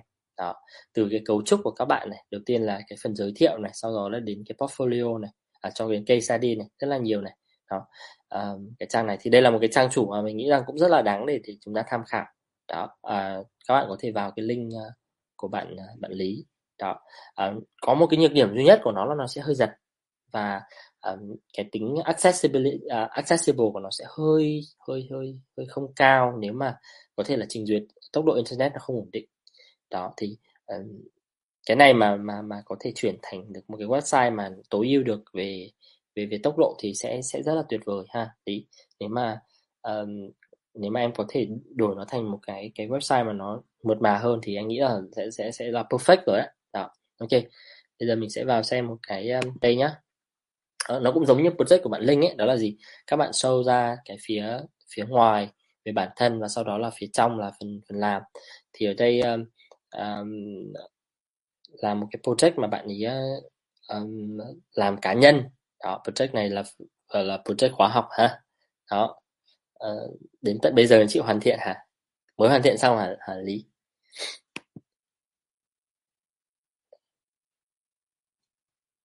Có phải mới hoàn thiện không? Học xong đến ờ, đến mấy tháng rồi bây giờ mới mới hoàn thiện xong hả? Rồi um, có phần uh, phần hero banner này. Thực ra cái phần hero banner này nó cần phải phải phải phải chỉ ra rõ hơn là em đang làm cái ứng dụng gì nữa này. Đó. Um, như thế này thì người ta sẽ sẽ sẽ hơi khó để hình dung này. Nhưng mà phía dưới nếu em giải thích là đây là một cái ứng dụng gì đó. À, rồi à, đóng góp của tôi này. À, đây là version tiếng Việt nữa trời ơi. À, nào viết được portfolio tiếng Việt là mình rất là khâm phục ấy. Tại vì nhiều khi mình có những cái từ mà mình không thể dịch nổi sang tiếng Việt để mà mình tìm cái từ nó hợp lý ấy. Đó. À, viết được tiếng Việt nữa thì thì thì quá là quá là đỉnh. À, nghiên cứu này đưa ra giải pháp này tạo wireframe này prototype này đánh giá và đưa ra key metric này rất là rõ ràng này. Đó um, quy trình thiết kế gồm những cái gì này? Đó um, có những cái bước nào bạn làm này? Đấy và từng cái bước thì bạn liệt kê ra này mô tả mục tiêu này um, người dùng này. Đó chỗ này nếu mà giá như mà có những cái phương pháp minh họa dữ liệu nó nó nó trực quan hơn á thì người ta sẽ nhìn thấy được um, um, scan nhanh được ha? Cái đoạn phân tích và hiểu vấn đề này này. Đó đó. Chỗ này thì uh, nghiên cứu người dùng cũng tương tự như cả cái phần của bạn linh ấy đó là um, em có thể những cái protocol này xuống dưới. Đó em có thể nói rất là ngắn gọn là gì tôi đã phỏng vấn bao nhiêu người và đây, đây là những cái điểm mà tôi rút ra được từ cái chân dung đấy. Đó thì chúng ta gì ạ? Minh minh minh ờ, gọi là um, visualize cái dữ liệu của chúng ta như thế này để cho người ta biết được. Đấy đây là hai cái đối tượng mà tôi tìm ra. Đó à, à, tôi tìm ra từ cái việc đó là tôi phỏng vấn tôi nghiên cứu tôi uh, uh, survey. Đấy thì đây là hai cái đối tượng mà tôi rút ra. Thì nó rất là là make sense nó rất là kiểu dạng như là correlation từ trên xuống dưới. Đó. Uh, phân tích đối thủ cạnh tranh cũng như vậy. Đó. Um, uh, tôi đã phân tích những cái cái đối thủ nào ở trên thị trường và đây là những cái điểm mà tôi đã rút ra uh, của họ uh, từ cái bài của họ uh, từ cái tính năng từ cái cái cái phần uh, nghiên cứu của tôi uh, kết luận của tôi. Đó. Đoạn này giá như mà mình mình tại again là nếu mà mình có thể có những cái phương pháp à, à, để tổ chức dữ liệu nó hợp lý thì chữ nó không bị dài. Đó. À, chỗ này chữ nó vẫn hơi bị dài đấy ạ. Đó là um, sẽ cần phải làm thế nào để nó trọng tâm hơn những cái mà em em tìm kiếm được hoặc là giúp cho người ta scan tốt hơn đấy đó. Đó. Người ta có thể scan tốt hơn. Rồi từ cái cỡ từ cái um, từ cái vấn đề đấy thì mình dẫn đến cái việc đó là mình tìm ra những cái cơ hội và giải pháp. Đó cơ hội và giải pháp uh, như thế nào? Đó, vấn đề này rồi chúng ta có cơ hội này. Thì rất là liền mạch ha rất là liền mạch. Đó. Um, cuối cùng là đề xuất cái cái cái cái design uh, cái size map rồi uh, wireframe. Đó wireframe. Um, cái lên wireframe như thế nào? Đó. Thì các bạn uh, giải thích nó nhưng mà đoạn này có thể giải thích nhanh bằng bằng những cái phần thông tin wireframe này uh, đó hạn như là những cái chi tiết nhỏ nhỏ như thế này mà các bạn liệt kê ra được thì cũng rất là tốt này. Nhưng mà uh, chỗ chỗ wireframe này có thể là gì? Mình mình dùng một cái cách biểu thị mà nó có thể cho người ta nhìn thấy cái vấn đề nhanh hơn đấy đó rồi nó đang hơi nó cũng khá là nhiều nhiều chữ. Nhưng mà cái đoạn trực quan này anh nghĩ là nó cũng rất là dễ hiểu này. Đó à, cái cái chỗ điểm tốt là chúng ta chỉ có một vài cái màn hình thôi. Um, không không nên để quá nhiều màn hình tại vì là như thế thì nó cũng sẽ loạn người ta sẽ không nhìn thấy cái luồng của mình được mình chỉ highlight những cái tốt thôi. Đấy. thì ở đây à, cái điểm à, điểm điểm hay của chúng ta là gì? À, các bạn thì đã có một số cái tính năng tiêu biểu. Đó một số cái tính năng tiêu biểu. Đó. À, một số cái tính năng tiêu biểu và bạn giải thích cho từng cái tính năng đấy cái tác dụng của nó. Thì đoạn này um, nếu mà em rút gọn được cái câu nó giống như kiểu là cái phần portfolio lúc nãy mà anh giới thiệu cho các bạn ấy đó là gì? Um, thống kê và theo dõi cảm xúc. Uh, một cái dòng rất là ngắn gọn thôi và để cho người ta nhìn thấy ở trong cái phần giao diện của mình. Đó ok rồi. Tiếp tục là ở phía dưới là phần uh, um, metric metric mà chúng ta dùng. Thì đây là một cái project cá nhân đúng không? Đấy. À, khi mà chúng ta không có đo lường được trong thực tế thì chúng ta hãy gì ạ? Plan cho nó. Nếu tôi được làm thực tế thì đây là cách mà tôi đo lường. Đó. Và cuối cùng là bài học rút ra trong dự án. Đó. Um, xem dự án tiếp theo của mình nhé. Ok đây là một cái rất là rất là cảm xúc này. Đó à, thay vì việc tôi phải bắt lại thì tôi có thể bấm vào đây để tôi xem. Nhưng mà sẽ tuyệt vời hơn nữa nếu em có cái thumbnail ở đây.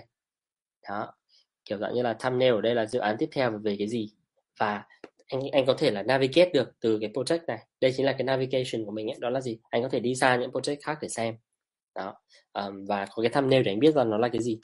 Đó bấm vào cái dự án tiếp theo. À dự án tiếp theo của mình là một dự án về về game. Đó về game gì đó bla bla ở đây. À, hoặc là về uh, phần mềm về uh, uh, đó. Thì um, um, nó sẽ sẽ sẽ tốt hơn cho người ta để người ta review được. Đó. À, và mình có những cái um, brand đây mình có những cái brand ở đây. Đó. À, Viettel này rồi đó, đó những cái brand ở đây rất là tốt. Đó. À, để cho người ta biết rằng là mình có cái, cái line lớn. Rồi. Đó thì um, cái case của bạn Lý ấy, nó là một cái um, cũng cũng ờ, cái cái cái trang chủ này là một cái mà cũng, cũng rất là đáng để là để, để tham khảo này. Đó ở trong cái case study của của đầu tiên của mình thì mình chỉ cần chú ý là um, mình cân bằng giữa lượng text và lượng uh, lượng, lượng hình ảnh mà mình có để mà giải quyết cái uh, để mà gì, giao tiếp cái concept của mình tốt hơn. Ok um, ok um, rồi em có câu hỏi gì không lý? À, các bạn có thể xem qua cái phần à, này của bạn nhé à, của của của bạn lý nhé ở trên uh, Figma nhé uh, ờ, cái website khác của bạn bạn à, bạn thông.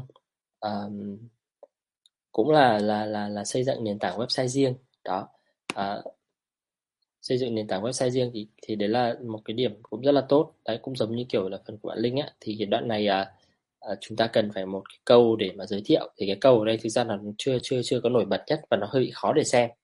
Đó mặc dù là nó nói về về về về à, về về về cá nhân bạn nhưng mà cái phần uh, design của nó đang mắc tương đối là một số lỗi cơ bản. Ví dụ như là um, cái typo của chúng ta nó đang đang đang đang đang uh, bị rối với nhau. Vậy mình không đọc được cái cái content. Cái này là cái mà chắc là thông sẽ phải xem lại này.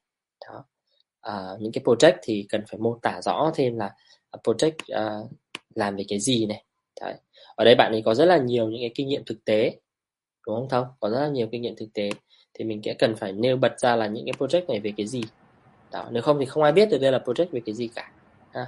Đó không ai biết là là project của mình về cái gì cả. À đây là client của mình chứ đúng không? Client của mình. À, đó là à, một số cái project mà em em có deploy ra nhưng mà em sẽ ừ. không, giống như là em sẽ không đưa những cái sản phẩm đó giống như là đưa những cái uh, cái project nó lên đó. Em chỉ đưa một ừ. vài những cái project mà em em sẽ build lên trên case study ok ok. Thế thì đấy phải phải thứ tự lại là cái nào quan trọng và cái nào không quan trọng. Như thế này là em đã chiếm đất khoảng tầm 3 giây của người ta xem rồi. Cái việc là là là là là, là nhiều rồi. Nếu em muốn rằng là ok um, chỉ ra rằng em đã có rất là nhiều project làm việc á thì anh recommend là chỉ cần một câu thôi. Đó là tôi đã làm việc với uh, ở đây là bao nhiêu? Một hai ba bốn năm sáu bảy. Tôi đã làm việc với bao nhiêu? 8 khách hàng và 10 khách hàng ở trong các lĩnh vực là e-commerce, sport, production, management. Tức là tôi đã làm với rất nhiều khách hàng ở các lĩnh vực khác nhau. Cụ thể là số hóa nó ra. Đấy thế là hết. Là đủ. Là đủ để nói cho toàn bộ cái câu này. Đó. Là gì? Thể hiện được là cái số lượng project tôi làm rất là nhiều và cái khách hàng của tôi rất là đa dạng. Đó. Đó. Đấy là một cái cái cái cái điểm mạnh của mình. Thì mình có thể là tóm tắt nó lại sau đó là mình sẽ đi vào từng cái cái cây chính. Đó thì cái đoạn này uh, uh, cần phần cần cần cần thay đổi nó một xíu ha. Bởi vì là uh, nhìn vào đây thì mình cũng không có nhiều cái cái khái niệm là ok cái công ty này là cái gì cả. Hiện ta cũng không biết là cái công ty này là cái gì cả. Đó. nhưng mà nếu mà mình liệt kê ở đây là gì? Đây ở đây có một cái câu rồi này mình chỉ đổi lại cái câu này cho nó đắt một chút thôi. Ví dụ như là uh, em đã có uh, 5 năm làm việc ở trong cái lĩnh vực UI UX này và em đã làm việc với ờ, ờ, uh, 8 khách hàng trong và ngoài nước ở trong cái lĩnh vực rất là đa dạng và phong phú như là e-commerce, POS, product management, hotel resources, đấy, that's all. Và sau đó là cái phần này nó có thể là gì? Thu nhỏ nó lại thành một cái ảnh à, mà nó có nhiều cái logo cạnh nhau. Đó thế là xong. Thế mình đã, đã đã tiết kiệm được rất là nhiều cái khoảng không trong cái việc là uh, đầu tiên. Bởi vì là đây là cái cái cái việc đầu tiên người ta lốt này. Đầu tiên người ta lốt người ta thấy là một chữ rất là dài và nó lồng kiểu dạng như là khó để nhìn á. Đấy đó, rất là khó để người ta nhận ra. Thì mình sẽ đổi nó một xíu. Rồi tiếp theo đến phần là project của mình. Um, um, có những cái project nào thì ở đây có những cái thumbnail nó, nó chỉ ra là mình làm cái project đấy rồi. Uh, charities a charity project or help to students solve problem transfer đó đây the project solving transform. Rất là tốt. Uh, và muốn xem chi tiết thì bấm vào đấy. Um, important company. Um, improve cái authentic professionalism à, um, cái um, giao diện của nó đó um, của của của của company. Rồi um,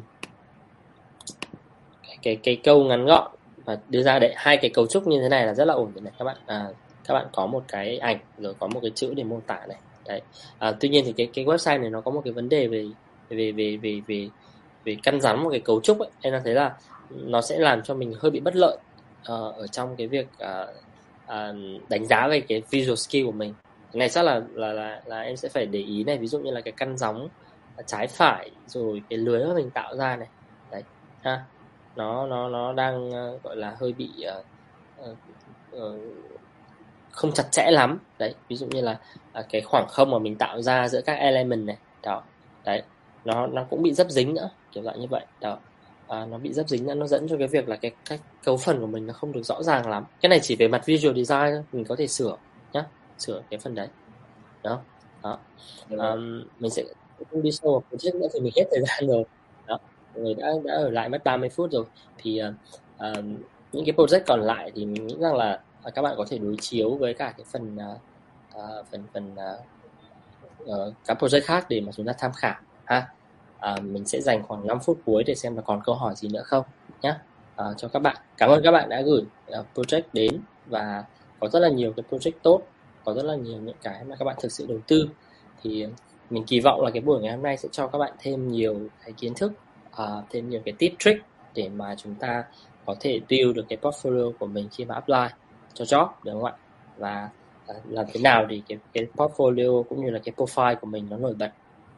Thì uh, um, trong vòng 5 phút cuối này thì các bạn còn câu hỏi gì không?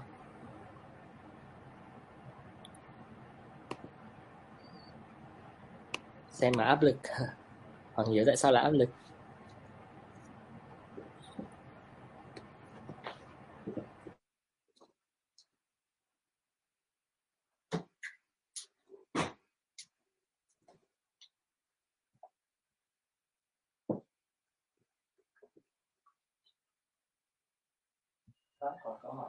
Hello. À, em muốn mở mic để nói cảm ơn anh Linh thôi. à, ok Ừ, anh cũng đang bị đau viêm họng gì đó nhưng mà anh vẫn cố gắng xem hết portfolio. Thì là em em nhìn portfolio thôi mà em đã thấy còn cái tiếp lát nó rất là đau rồi. Cũng ngồi gì anh. Ờ, thì em muốn cảm ơn anh nhiều về cả buổi uh, portfolio review hôm nay thôi. Yeah. yeah cảm ơn em yeah yeah cảm ơn em rất là cảm ơn em à, bạn nào nhỉ Dạ em Cường. à, ok thank you cường à, Chúc yeah. anh sớm khỏi bệnh nữa. ok thank you em thank you em cảm ơn các bạn um, yeah. um, mình mình rất là kỳ vọng là Ờ, những cái bạn mà muốn làm tốt ấy, mà các bạn à, muốn làm tốt hơn nữa đấy kiểu dạng như vậy các bạn rất là chăm chăm chút cho cái hồ sơ của mình thì các bạn sẽ thành công. Đấy, các bạn sẽ thành công được. Thì ờ, với những cái tip trước nho nhỏ như này sẽ giúp các bạn à, build được cái profile của mình tốt hơn. Ok rồi. Thế ha thế thì ờ, còn câu hỏi nào nữa không? Một câu hỏi cuối cùng nếu mà không còn câu hỏi gì nữa thì mình sẽ sẽ sẽ uh, kết thúc cái buổi ngày hôm nay.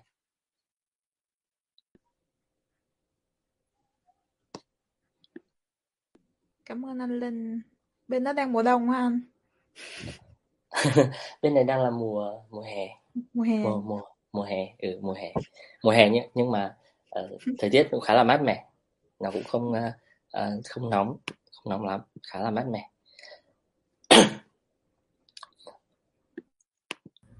Ờ, anh ơi có một câu hỏi của bạn Ju ở trong comment á. À,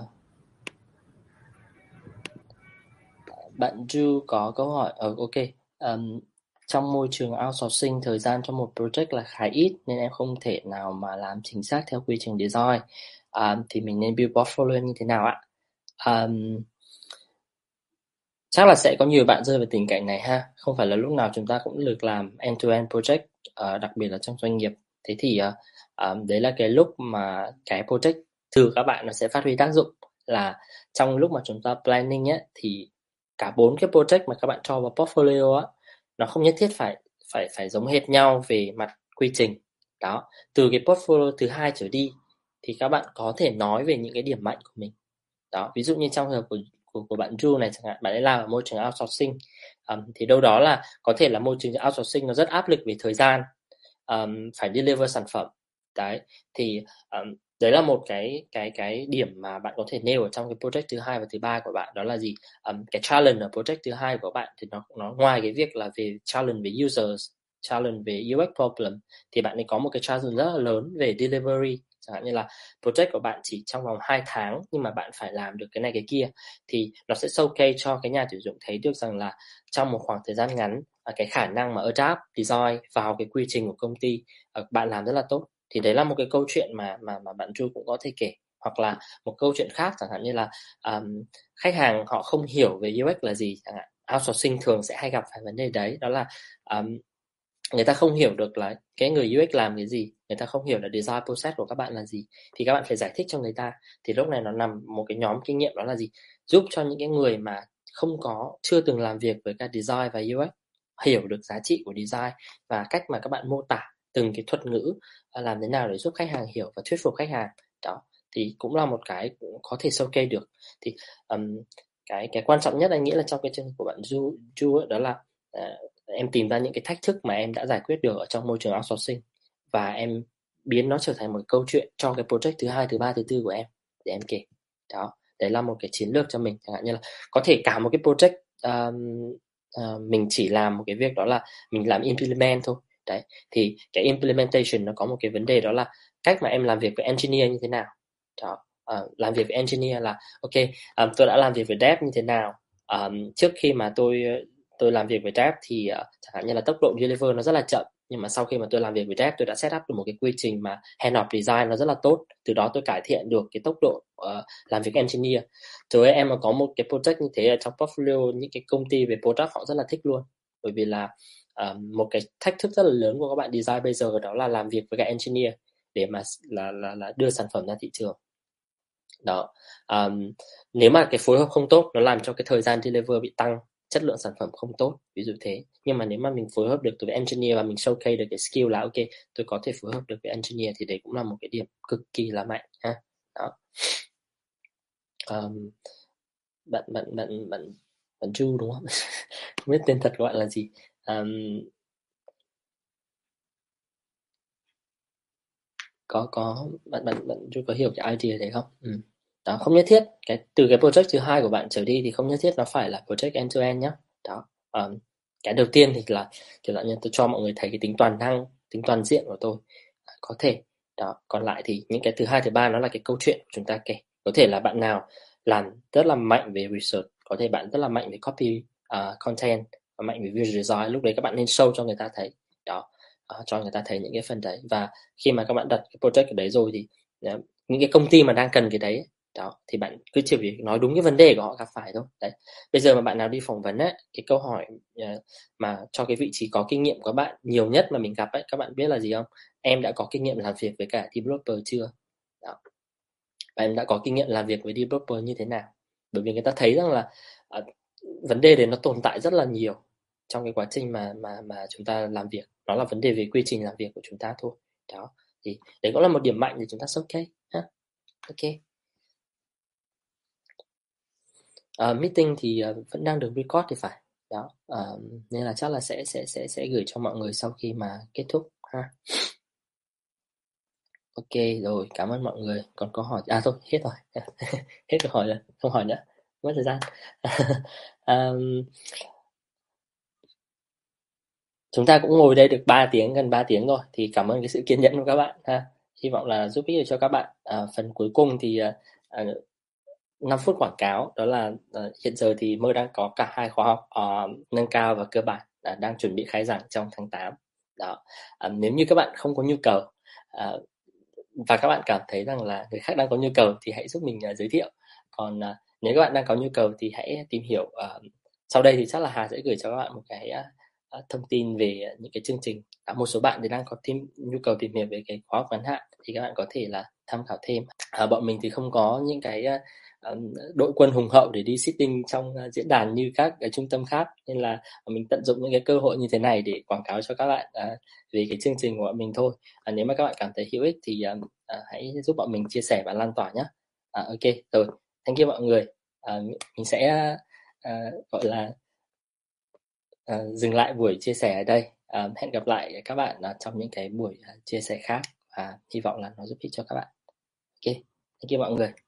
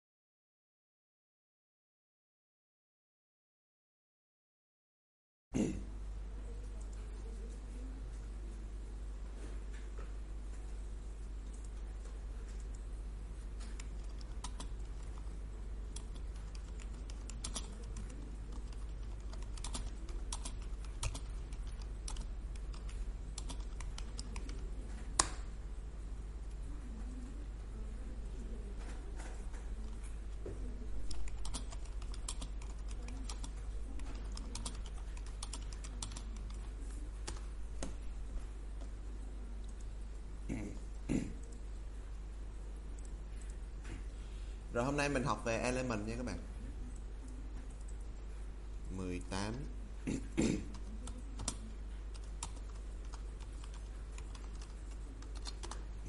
element.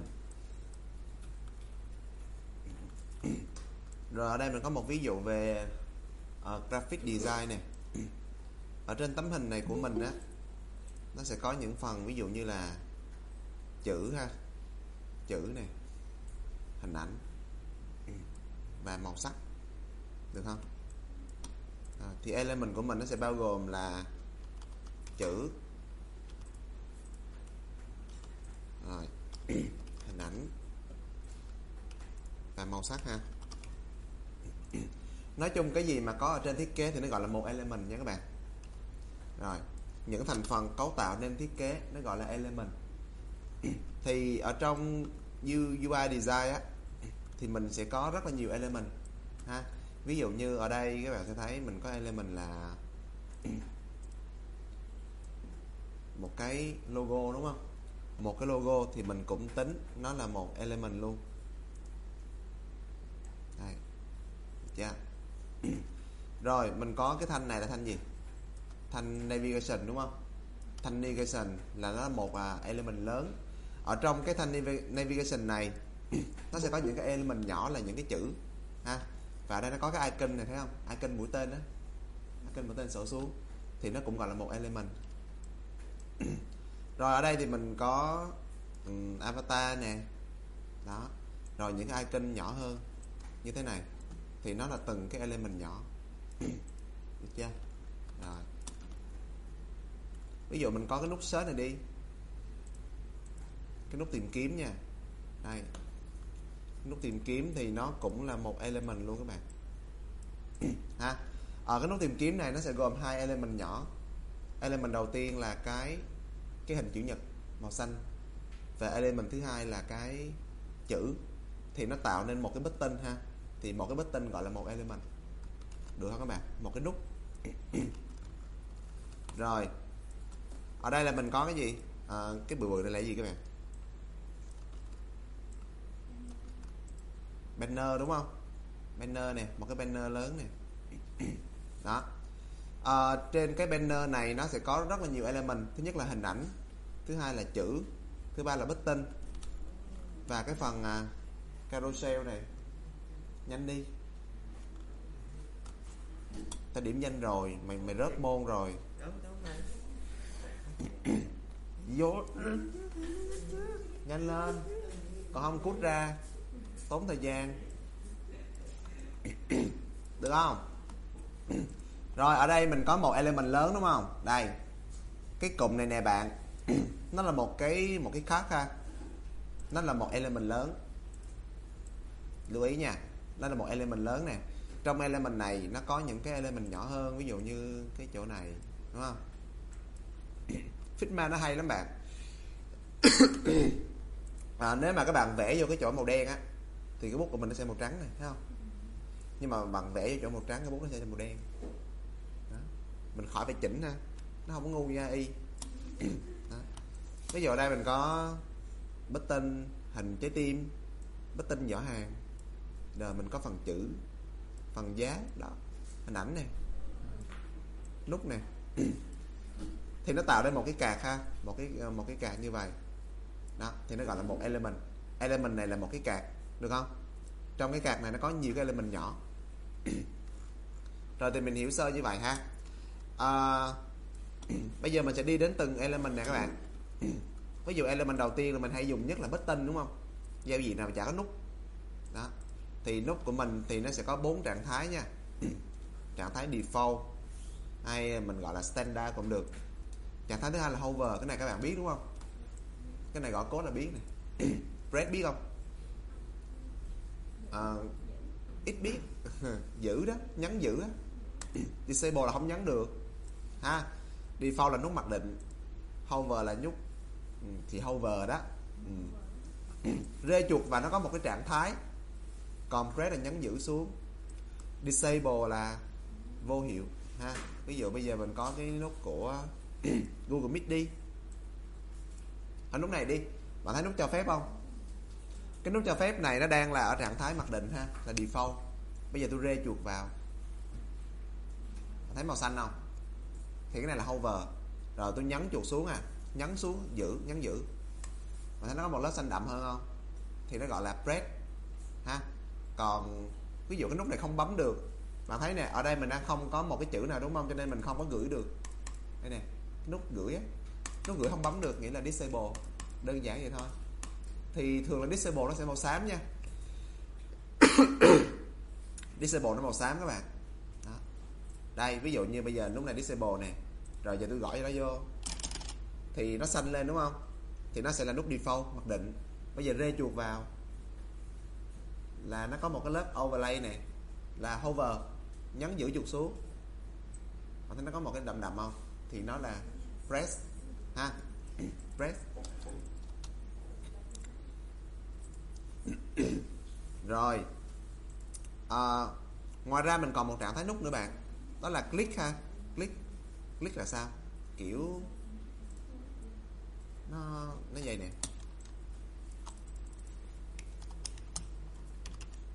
Mình còn một trạng thái click ha nhưng mà trạng thái này giờ người ta ít dùng rồi các bạn. À, ví dụ như mình có một cái một nút về đi. Chờ xíu nha tôi làm cho bạn coi rồi à, tự nhiên quên ngang rồi trời.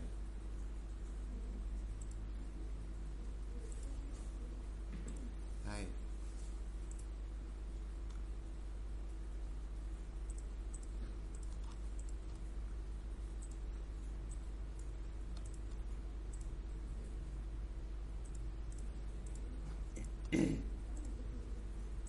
clip này hơi khó kiếm nên, nên tôi tự làm nha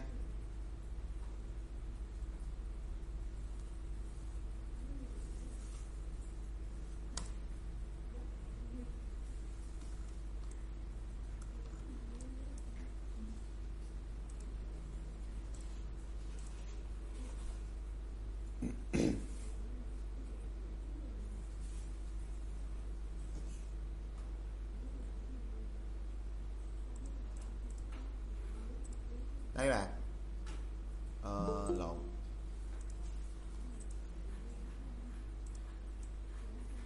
đây nút click là nút vậy nè? Kiểu là khi mà bạn bấm vô á nó đổi trạng thái luôn á hiểu không? Bấm nè. Bấm vô. Hiểu vấn đề không? Click nghĩa là mình bấm rồi cái nó đổi luôn nó không thể nó không trở về cái cũ nữa. Ha thì nó gọi là click ok. Cái này thường dùng cho mấy cái giống như là uh, giống như cái việc bạn cái việc bạn chọn câu hỏi trong đề thi bột tổ á hiểu không? Các bạn chọn cái đó đó luôn á. Gọi là click ha.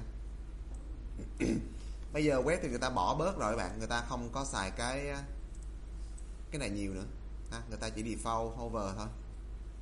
Còn disable là tùy trường hợp. Ví dụ như là mình đăng nhập cái gì đó đúng không? Mình không nhập tài khoản thì mình không có à, bấm đăng nhập được vậy đó. À, không nhập tài khoản không nhập mật khẩu thì cái nút đăng nhập nó sẽ không có bấm được thì nó gọi là disable. Thì à, nút thì nó có rất nhiều dạng ha. Ví dụ như à, dạng bo nhọn này. Cái này gọi là bo nhọn nha.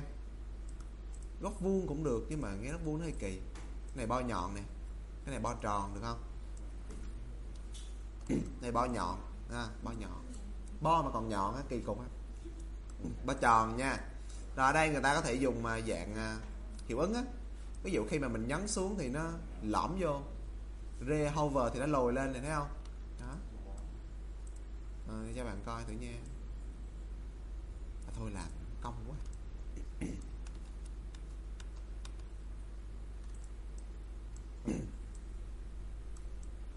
Rồi dạng border này bạn. Ờ, à, Porto nó hỏi thì mình đừng có kêu nó là stroke nha mà nó gọi là border. Được không? Một cái khung xung quanh. Nó dạng border nè. Border tròn nè dạng này chỉ có icon. Dạng này vừa có icon vừa có chữ luôn. Dạng này chỉ có chữ. Dạng này là có cái ký hiệu này giống trên iPhone á. Ai xài iPhone thì sẽ biết cái này. À, trên Android ít lắm. Cái này thường dùng cho nút gì các bạn? Nút trở lại đúng không? Nút trở lại á. Nút bắt á. Bấm lùi lại. À, Previous đó, thì đó là những cái dạng nút mình hay gặp ha. Đây nữa nè switch button hay còn gọi là toggle button nó là dạng nút công tắc. Nút công tắc ha. À, công tắc phổ biến bây giờ bạn thấy thấy iPhone là cái dạng tròn như vậy. Còn nói chung rất là nhiều kiểu switch button nè. Nhưng mà bạn nên lọc nha. Ví dụ bây giờ có những cái nó, nó quê mùa quá. Ví dụ như cái này. Cái kiểu hiệu ứng 3D này nó không còn thịnh hành đâu. Biết không? Kiểu bây giờ nó là gì bạn? Flat design á. Giờ thiết kế phẳng này là ok hơn. Còn cái dạng 3D này thì hết dùng rồi. Hay nó lỗi thời á. Hồi xưa xài điện thoại có ai hay xài hay cài thêm không? The me đó. Vẫn vậy hả? Đó, sến sến gì đó. Không, nhưng mà cái đó flash design nhìn nó vẫn đỡ. Bạn bạn chọn cái hình illustration nhìn nó vẫn ok, hiểu không? Đó, còn mấy cái dạng mà nó cụ thể hóa cái chi tiết như vậy thì giờ hết dùng rồi nha. Giống như cái đời mà iPhone iPhone 3 đó. Biết iPhone 3 không?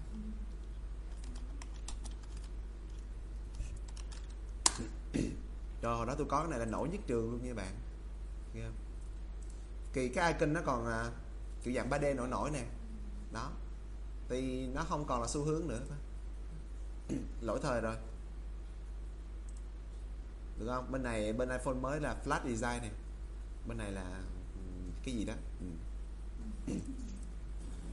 Dạ. Yeah. Rồi cho nên mình cũng phải chịu khó Mình à, dùng cái mà xu hướng ok hơn ha. Rồi cái element ở đây là element à, button đúng không? Những cái nút này nút. Rồi nút dạng công tắc này ở đây mình có input các bạn. Input. Input là cái nhập liệu á. Ừ. Input form ở trên HTML CSS các bạn biết đúng không? Thì mình có drop down. Drop down nghĩa là sổ xuống nhiều từ chọn đúng không? Sổ xuống nhiều từ chọn. Input là nhập vô thôi. Thì nó có nhiều dạng lắm. À, dạng bình thường nè. Rồi dạng này là gì? Cái này là chưa nhập gì đúng không? Cái này là mình đang nhập nè thì bạn thấy cái viền nó đậm hơn không? Cái này chưa nhập thì cái viền nó xám. Cái này là đang nhập thì cái viền nó sẽ đậm. Mà nó có chữ này cái này là dạng nhập uh, ký hiệu uh, ẩn ha. Rồi cái này là nhập ngày tháng nó có hai cái sẹt thấy không? Nó hình hơi mờ chịu khó nha. Rồi cái này là lỗi. Đó. Mình làm input mình làm nhiều lắm. Rồi cái này là gì? Không điền được không nhập được. Cái này là gì? Disable á. Bạn thấy ở trên này là chữ này nó cũng đậm đúng không? Chữ đậm nè. Nhưng mà cái phần màu này nó xám thì mình vẫn nhập được tại vì cái chữ này nó đậm. Còn đây bạn thấy cái chữ nó nhạt luôn. Cái chữ nó màu xám luôn. Rồi cái khung à, input này nó cũng xám luôn. Thì cái phần này là phần không nhập được. Tưởng tượng ra không các bạn? Ha, tưởng tượng. Cái màu sắc nó hiển thị trạng thái ha. Rồi test box thường dùng cho những cái trường hợp ví dụ như là à, gửi câu hỏi gửi câu hỏi cho trang web này hỏi đáp á. Hoặc là review ví dụ bạn mua đồ ăn trên app mà bạn thấy nó không ngon thì bạn có thể review đánh giá ở đây. Được chưa? Đó. để lại lời nhắn rồi đó. Rồi. Ở đây bạn nhìn nè. Trạng thái này là chưa nhập đúng không? Chưa làm gì hết. Cái này là gì? Hover đúng không? Rê chuột vô đậm lên nè. Đó. Cái này là gì? Mình bấm vô rồi. Đúng không tôi thêm cái chữ này cho các bạn nè. Play holder nhớ cái này không? Nhớ cái vụ này không? HTML CSS đó có gõ này không? Có. Placeholder là một cái chữ màu xám. Ví dụ như uh, gì uh, nhập email của bạn ở đây hiểu không? Kiểu kiểu vậy đó. Nó gọi là placeholder ha. Ủa nhớ này không vậy? Biết có biết tới không? Ờ. À. ừ. Rồi. Cái này là được nhập rồi nè được không?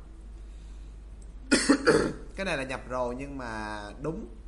Cái này nhập rồi nhưng mà cần chết lại. Cái này nhập rồi nhưng mà sai. Rồi cái dạng này là với icon thôi chứ không có gì chơi trơn á. À, có thêm icon thôi. Đây drop down ha. Drop down này là bình thường nè default nè. Hover nè được không? Bấm vô rồi nè. Đó. Ở đây người ta cũng liệt kê cho mình nè. Ví dụ như default nè hover nè đang được chọn và không chọn được. Ha mai mốt mình làm mình làm kỹ như vậy luôn nha. Vắng. Ủa đi trẻ là vắng thôi. Thôi không có thương lượng được. Rồi. Cái này là gì ta? Tự nhiên quên ngang vậy. Ờ, à, à cái này là chưa chọn đúng không? Cái này là chưa chọn gì nè? Còn này là kiểu nó có cái mình chọn rồi á. À, ví dụ vậy.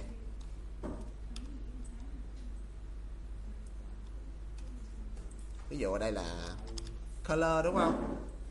Là color nè. Đó. Xong rồi mình sổ xuống. Thì cái này nó sẽ là red.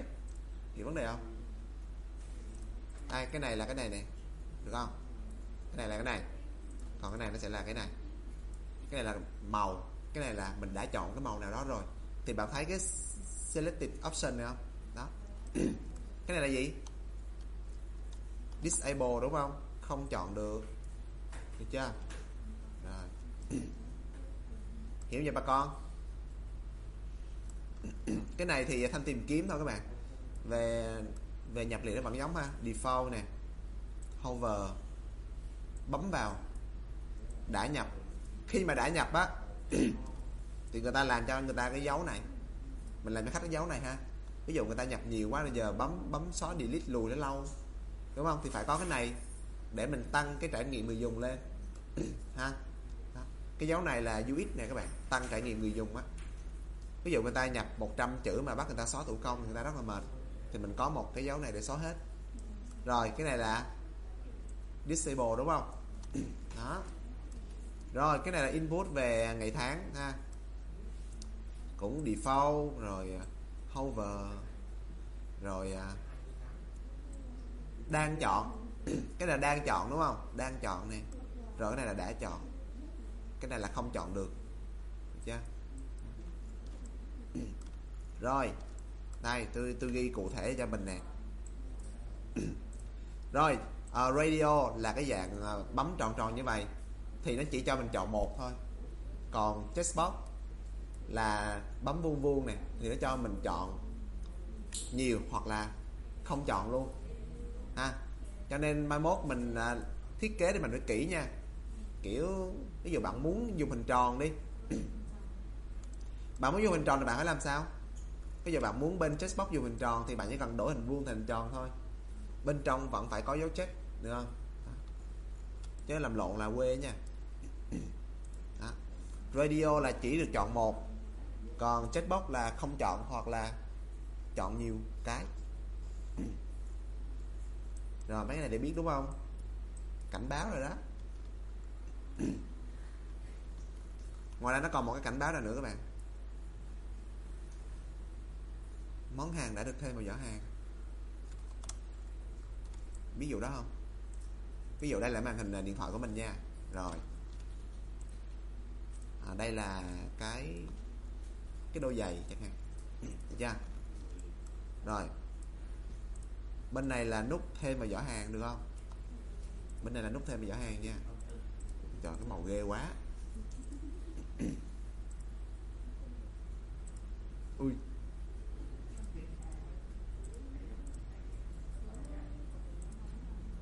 Ừ. Đây là cái món hàng đúng không? Đây là nút thêm vào giỏ hàng nè rồi bây giờ bạn bấm vào nút này. Đó. Thì ở trên màn ở dưới đáy màn hình á họ trên trên ờ, trên màn hình á nó sẽ có một cái thông báo. Hiểu không? Kiểu nó nó trượt từ trên trượt xuống. Món hàng của bạn đã được thêm.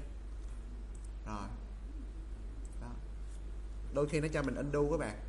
Kiểu mình xóa khỏi giỏ hàng á. Thì cái này nó xuất hiện khoảng chừng là hai giây. Notification á kiểu kiểu vậy. Ha, giống noti á kiểu mình là chọn đúng không? Theo giả hàng cái đó trở này xuống một chút. Không có gì thì nó mất đi. Đúng không? Kiểu kiểu vậy.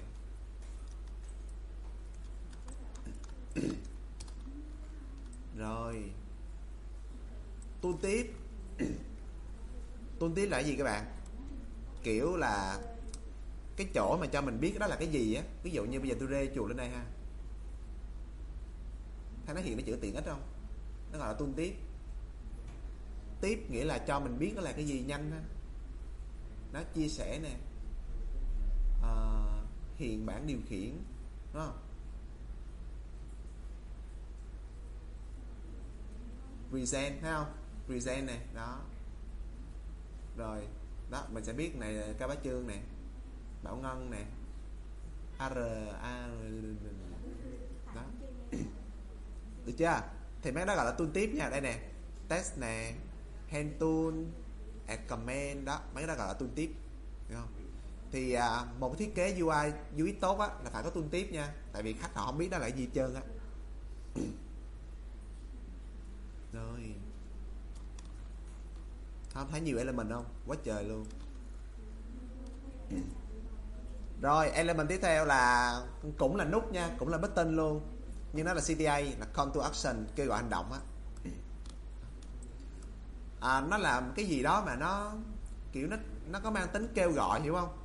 Ví dụ như à, mua với lại mua ngay đi thì bạn thấy cái UX nào tốt hơn? Mua ngay đi đúng không? Hoặc đăng ký ngay. Còn cụ thể là gì? Đăng ký ngay để được miễn phí 7 ngày. Thì cái nút cái nút mà ghi cụ thể mà ghi hấp dẫn vậy nó gọi là CTA kêu gọi hành động đúng không?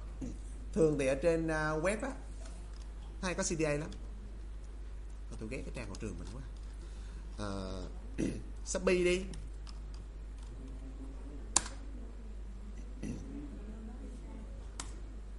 Rồi Shopee nè. Mà thấy có CTA không? Mua ngay nè thấy không? Thấy CTA không?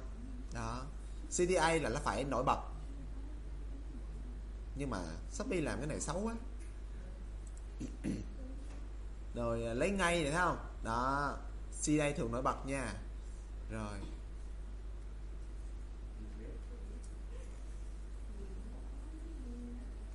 Hết rồi tới đây không có CTA nữa.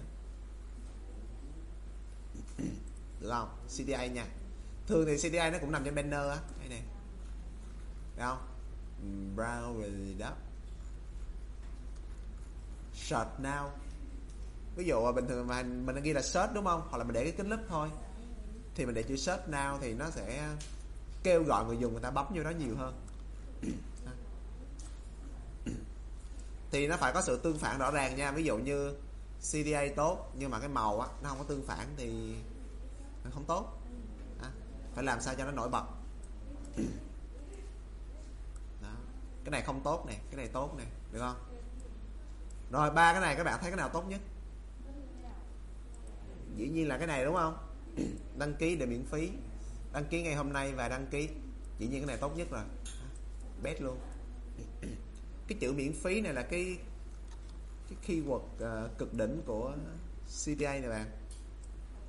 Rồi ngoài ra mình còn những cái dạng mà nó lỗi thời như vậy thì mình không nên dùng. Vậy ta đánh đánh dạy bên đứa kẹo sao nó ăn khung đấy. À, thông họng à, cảm ơn. Có thuốc độc không? 5 ngàn hả? Mắc nghẹn nghe 5 ngàn thấy mắc nghẹn luôn rồi thì đây là những cái content là CDA nha. À, read more nè buy now watch now book now gì đó lên more. Nhưng mà những cái kiểu thiết kế này nó lỗi thời rồi đừng có xài nha. Cái kiểu mà nổi nổi 3D mà radiant sến sến này nè. Không thấy nó sến hả? Vậy là sến đó nếu mà không thấy nó sến á nếu mà không thấy nó sến thì nên thấy nó sến đi. Để né nó ra hiểu không?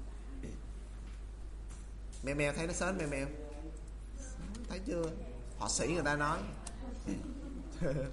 Rồi cái dạng nút tiếp theo là picker. Picker là chọn chọn một hiểu không? Picker nghĩa là chọn một. Thì thường xuất hiện trong những cái giống như là bút khách sạn nè đúng không? À, app bệnh viện là bút bác sĩ nè bút phòng khám nè. Đó. chỉ chọn một thôi. Rồi hoặc là những cái về mình mua sắm nè các bạn đâu thể nào vừa chọn một cái điện thoại này, vừa chọn một cái điện thoại này, đúng không? Thì nó bắt buộc mình phải pick một cái. Ở đây là mình chỉ chọn đúng dung lượng là hai, một trăm hai tám thôi. Hiểu vấn đề không? Chỉ chọn một nha, gọi là picker button, được không? Chỉ chọn một. Đó. Ví dụ ở dung lượng này mình chọn một, màu là mình chọn một. Có ai chọn được cái iphone vừa vàng vừa bạc không? Không, dĩ nhiên là không rồi đó rồi, ngoài ra picker button còn dùng trong những cái app về chỉnh ảnh này ví dụ bạn chọn filter, đúng không? Filter. Là bạn muốn chỉnh xong là bạn phải lưu lại cho bạn chỉnh thêm một lớp nữa. Chứ nó không cho bạn chọn một lần hai filter. Hoặc là có cái app đó mà tôi không biết. Ha. là nó picker nha. Hoặc là mình đi mua giày á, mua giày, mua dép á, thì mình chỉ chọn một màu thôi. Thì đó là picker, được không? Picker picker là cái gì hả?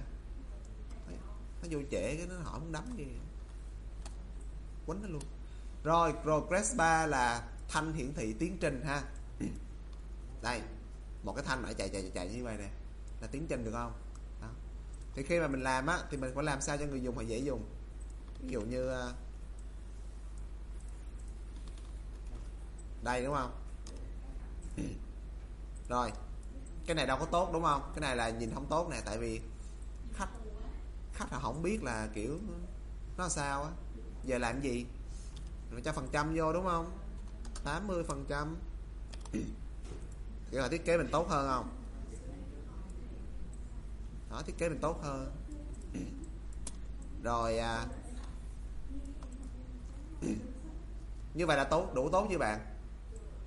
Chưa là mình thêm gì nữa? Thêm gì cho người ta cảm thấy an tâm hơn. Đang tải. Lỡ nó 80 nhưng mà nó không tải thì sao? Các bạn sẽ ngồi chờ cho vô vọng đúng không? Cho nên là các bạn tải á, nó hay có chữ gì? Downloading đúng không? Đó. Hiểu không? Ừ. đó. Còn tốt nữa thì đang tải uh, còn 3 giây chẳng hạn. Được chưa? Thì uh, rõ ràng cái UX này tốt hơn hai cái UX này. Cái bữa đầu chỉ các bạn cách cách học nhớ không? Lên trên à, Pinterest xong search cái gì? Best good UX ghê. Cảm ơn giỏi trời. Rồi à, cái dạng à, cái kiểu tiếp theo là kiểu step nè kiểu từng bước từng bước á từng bước từng bước cũng được, nhưng mà tôi không thích kiểu này. Nói chung vẫn phải chờ, hiểu không? Thì kiểu nào cũng phải chờ thôi. Rồi. Rồi, cái này này làm gì đây? Để mình à, biết thêm nhiều cái kiểu progress bar nhưng mà nó sớm lắm, đừng có xài nha, ghê quá. Em nên thấy nó xấu đi. Ừ. không đẹp. Đẹp chỗ nào? Đúng rồi, tại nó xanh lá đó. Mình phải xa lánh nó, hiểu không? Xấu quá. Cái kiểu này là không còn dùng nữa nè. Cái này là kiểu cái đời à, cái đời Samsung mà. Samsung Galaxy 2 đó.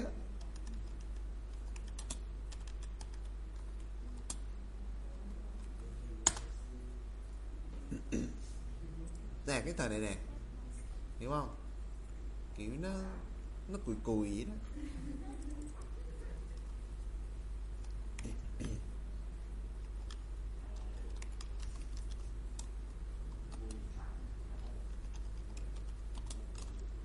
Nè cái điện thoại đầu tiên tôi xài này bạn. Ghê không?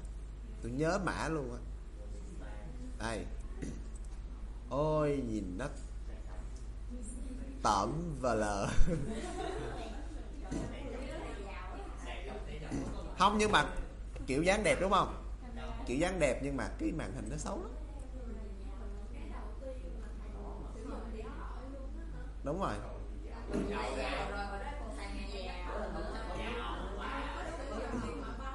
Mười năm trước. À cái cái smartphone đầu tiên. Còn cái điện thoại bấm đầu tiên là cái ờ, cái này nè.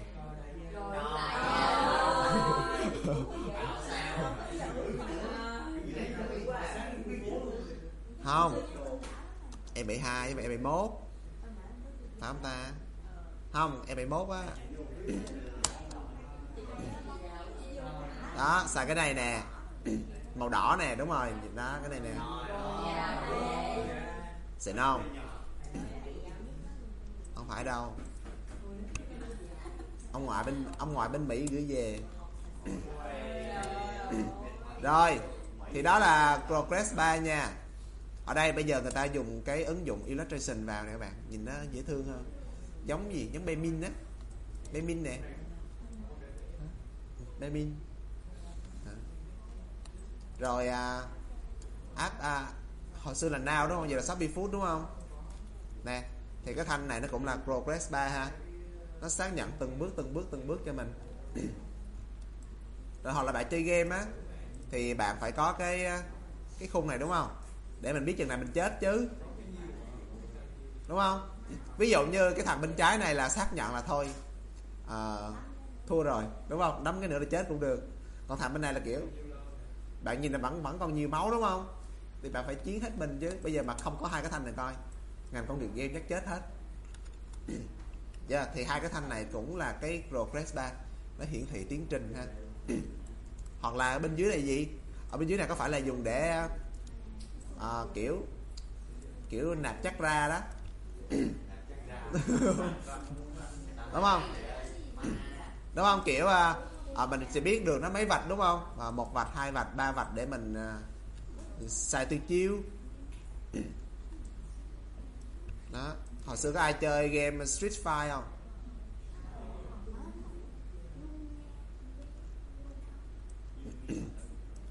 Rồi. Nè ở đây nè có một ví dụ tào lao nè. Không tôi tôi thấy nó tào lao thôi. Nhưng mà cái người làm cái này là họ là không thấy tào lao uh, tôi vẫn thích cái thời gian hơn là cái phần trăm thời gian mình đã yên tâm hơn đúng không? Rõ ràng phần thích phần trăm hơn hả? Ừ.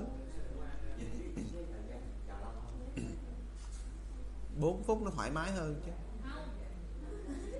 Không ok. Rồi ờ, uh, UX design là gì? Là nghiên cứu trải nghiệm người dùng. Mỗi người sẽ có một trải nghiệm khác nhau. Ok nhưng mà người ta nghiên cứu ví dụ 100 người thì trong đó 80 người có trải nghiệm chung thì người ta lấy mẫu số chung hiểu không? Gọi là kiểu không có lý thuyết uh, tuyệt đối đó bạn ơi. Hiểu không? Rồi cạc. Cạc là một cái khung chứa nhiều cái element khác đúng không? Ví dụ như ở đây nó chứa hình ảnh chữ rồi gì đó tùm lum này nút nè đúng không? Đây là một cái cạc nha một cái cạc này nó chứa nhiều cái khác. À, ở trên đây ví dụ ở đây mình có một cái card đúng không? Thì nó có hình ảnh nè. À, chương trình giảm giá tên sản phẩm giá bán và số lượng đã bán. Đây là một cái card đúng không một cái card lớn. Ở trong code mình ghi là một cái deep một cái deep lớn á. Một cái deep lớn chứa nhiều cái deep nhỏ đó. Là một cái card. Hoặc là trong Google Meet nha các bạn. Ha thì nó cũng sẽ có một cái khung như vậy. Một cái khung như vậy. Trong khung này nó có nút cancel này nút bật tính năng cho mọi người nhắn tin. Tên mọi người. Rồi thanh chat. Đó thì một cái khung này cũng gọi là một cái card đúng không? Hoặc là cái hình cái tên. Cái nút micro này cũng là một cái card nói chung là một khung chứa nhiều phần tử gọi là một cái card được không? À, khung chứa nhiều element khác. Ví dụ như kiểu này kiểu này. Đó, kiểu này nhiều lớn bạn. Bạn phải coi nhiều, bạn mới biết được à, nhiều cái dạng của nó nha. Nó cứ lên trên à, Pinterest á, mình search, đúng không? Mình search cái element là nó ra.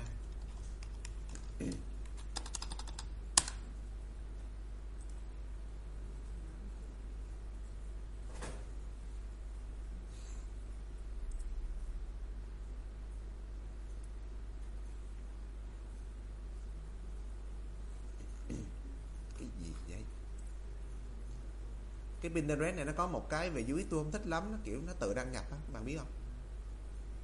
Ví dụ mình đang có một cái Gmail ở trong máy đúng không? Khi mà mình truy cập vào Pinterest á nó tự đăng nhập luôn. Cái đó tôi không thích. À, ví dụ bạn bạn muốn học cái nào đó thì bạn phải search ha. Ví dụ như uh, toggle button design bạn phải search như vậy nè để bạn coi nó có những cái dạng nào hiểu không? Đó chứ tôi là tôi không thể liệt kê hết cho bạn được ha. Tôi cho từ khóa để các bạn lên các bạn tìm thêm. Ví dụ như ờ, ở đây nhìn có cái này nhìn vui cái này à, giới tính đúng không? Giới tính này đó nhìn cô teo không? Coi làm sao có ý tưởng được đúng không? Hoặc là kiểu ờ, chế độ ban ngày ban đêm á ban ngày nó sẽ có hình mặt trời, ban đêm nó sẽ có hình mặt trăng, trượt qua trượt lại. Nhìn nó cũng vui. À đây nè, đó, thấy không? Đó.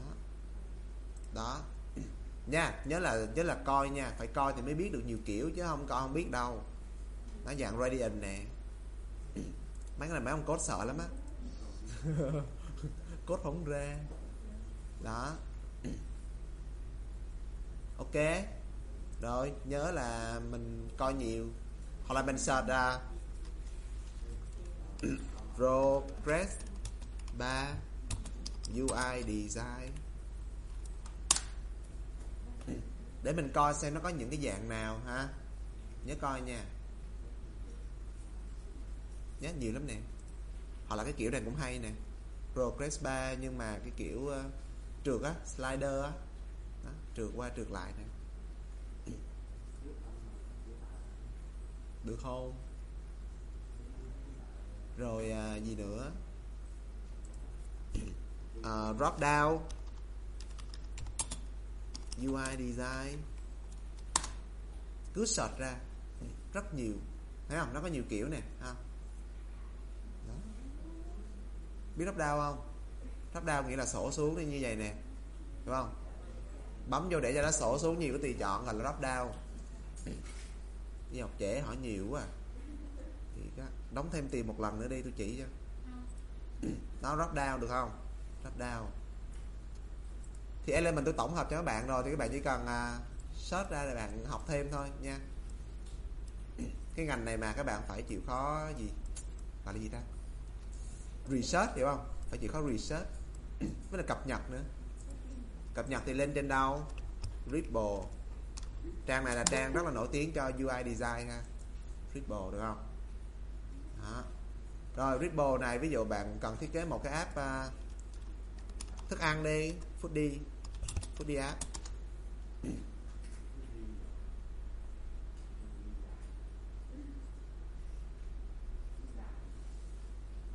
Phải không?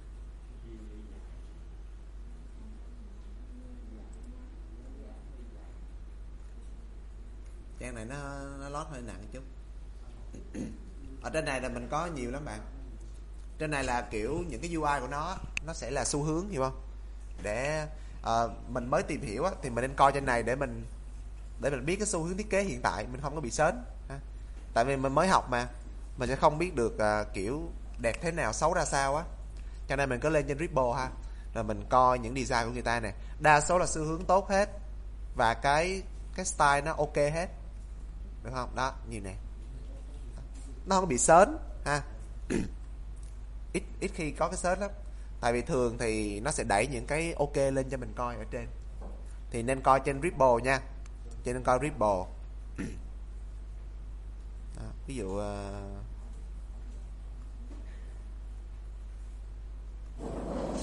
này đi. Rồi nó bắt ra đăng nhập nè. Lười quá à. được không? Nhớ coi trên này nha. Rồi, ví dụ à, 3D UI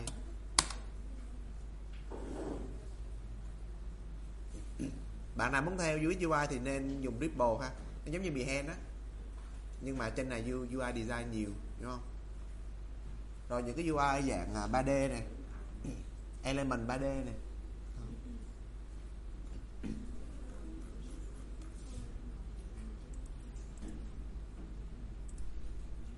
Rồi ờ, hoặc là đơn giản mình tìm ở đây. Mobile. Đây, được không? Đó, cập nhật xu hướng ha. Nhìn lạ không? Nhìn quá trời hay luôn. Đó. ở trên này có một anh nổi mà người Việt Nam ha. Các bạn nên follow này. Biết không? Biết không nào Trần Mậu Trí Tâm admin của group UX UI designer Việt Nam. Đây. Kỳ ông rất là nổi tiếng các bạn. Đó. Những cái UI của ông rất là tốt này cái ngành này là bạn nào chịu theo thì ờ, lương cao nha. Với lại nó không có bị mệt mỏi giống như là you, uh, ờ, branding đâu. Tại vì khi mà bạn làm app web á mình sẽ bị hạn chế về cái phần kỹ thuật đúng không? Ví dụ thiết kế là phải cốt cho ra. Cho nên là ví dụ như là cái deep đó là chỉ nhiêu đó thôi. Nó không có to hơn hay nhỏ hơn được đúng không? Mình làm quen á thì nó sẽ thoải mái hơn làm branding nhiều. À, làm branding là cái nào mình lót nhiều. Còn cái nút người ta quy định ví dụ cái nút nó chỉ ờ, 70 pixel hay gì đó thôi thì mình cứ làm thôi. Quan trọng là mình ờ, màu sắc này nọ. Là chú ý nó phải dễ dùng một cái web mà đẹp nhưng mà khó dùng thì cũng vứt đi đó. Đây bạn. Anh có mấy cái dự án nhìn rất là hay. Đó. và bạn thấy nó có phức tạp không? Không, quan trọng là UX UI dễ dùng thôi, nha. UX dễ dùng UI nhìn đẹp là được. Còn cái phần thiết kế thì nó không có gì phức tạp hết. Thành ra bạn thấy Figma không? Công cụ nó rất đơn giản nè. Nó đâu có bắt mình vẽ vời phức tạp đâu còn những cái element này thì à, mình sẽ có những cái nguồn mình tải. Mô hình 3D rồi đó.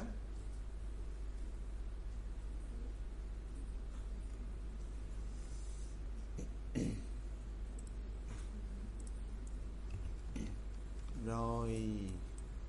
Đó thì đó là những cái gì về element ha?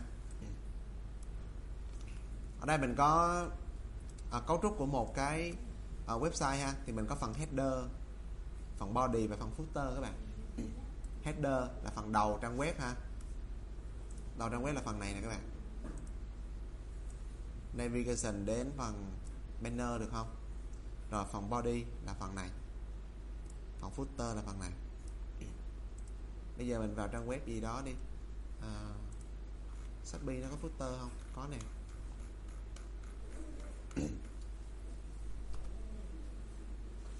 Rồi thì à, phần đầu này đến cái phần slide banner này. Phần này nha. Phần này thì nó gọi là phần header phần đầu trang web ha.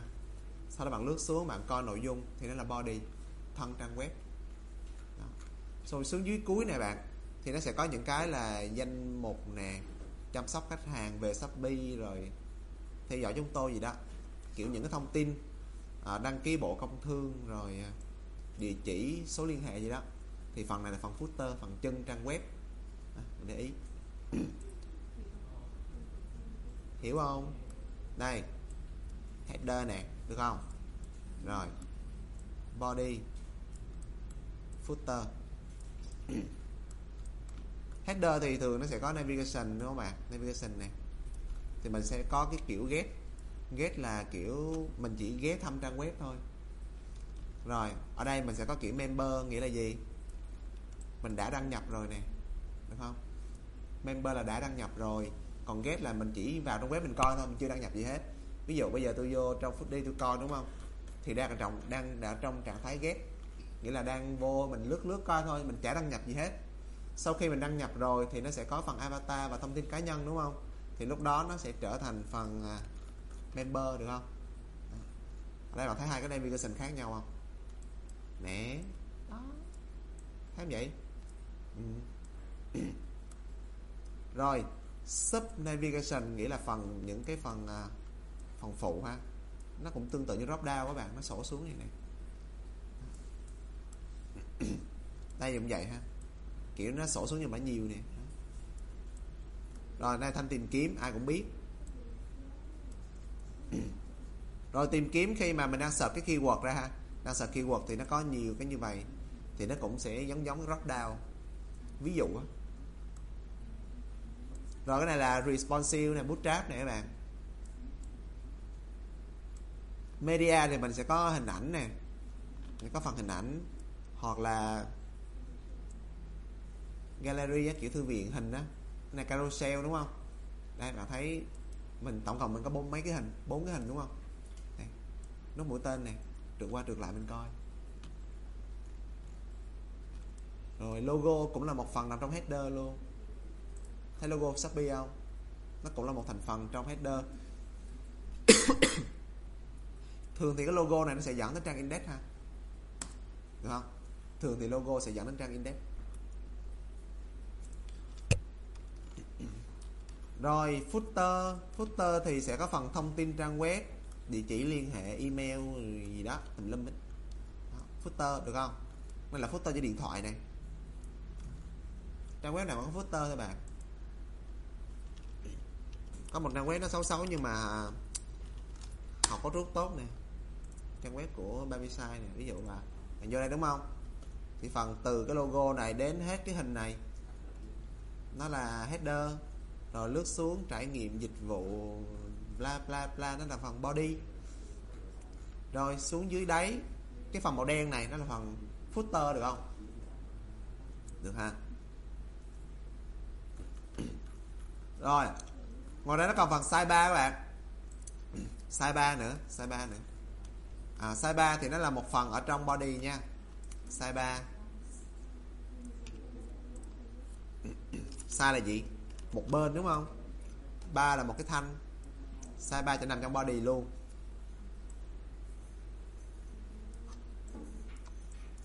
Header nè.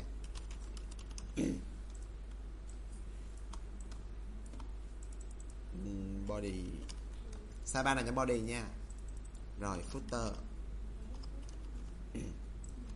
Ở size 3 mình sẽ có left và right các bạn. Nước đâu xuống đó hả?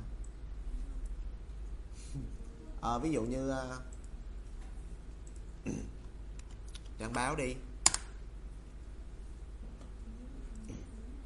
Rồi ở bên phải là cái phần chạy quảng cáo, thấy không?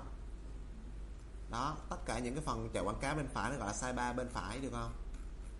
Nó nằm trong body luôn, nhưng mà nó dùng để chạy quảng cáo. Đó. hoặc là kênh 14 nha kênh 14 nó cũng vậy. Mương 14 rãnh 14 gì đó. Giống cái mương hơn. Đây bạn thấy bên phải nè, người ta thường dùng để chạy quảng cáo. Những cái phần ngoài lề của việc đọc báo ha, thì đó là sidebar bên phải sidebar right ha còn size ballet thì sao các bạn?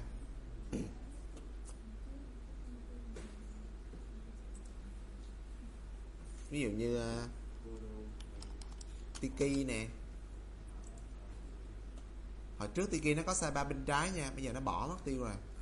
Kiểu bên trái nó sẽ có mấy cái phần giống như là gia dụng nè điện máy nè thời trang kiểu nó, nó là một dãy những cái option bên trái để mình chọn á.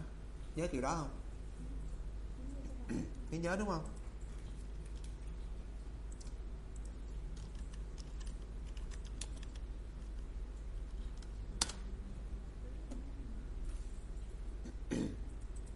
Đây nè các bạn, được không? Cái này là size 3 bên trái nha, size 3 này. Đó. đó, cái kiểu bên trái của trang web nó có một cái thanh như vậy là size 3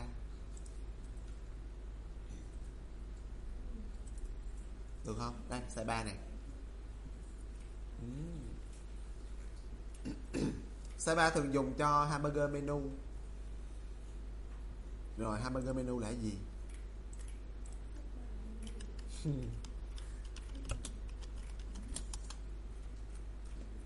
Đây hamburger menu là cái menu mà có mấy cái gạch gạch gì đây? Biết kiểu này không? Cái gọi là hamburger menu ha. À, nó là thuật ngữ nha chứ không phải tôi tự chế đâu bạn kiểu bạn bấm nó sẽ trồi ra. Ví dụ như ờ, trang này đi. Bây giờ mình thu nhỏ lại ha. Bình thường đúng không? Bình thường vậy đúng không? Rồi hamburger menu này đó được không? Cái này thì nó trượt từ bên phải qua cho nên nó tính là bên phải ha. Nhưng mà thường nó sẽ trượt từ bên trái qua các bạn. Được không? Đây là size 3 nha. Size 3 này đó nó trượt ra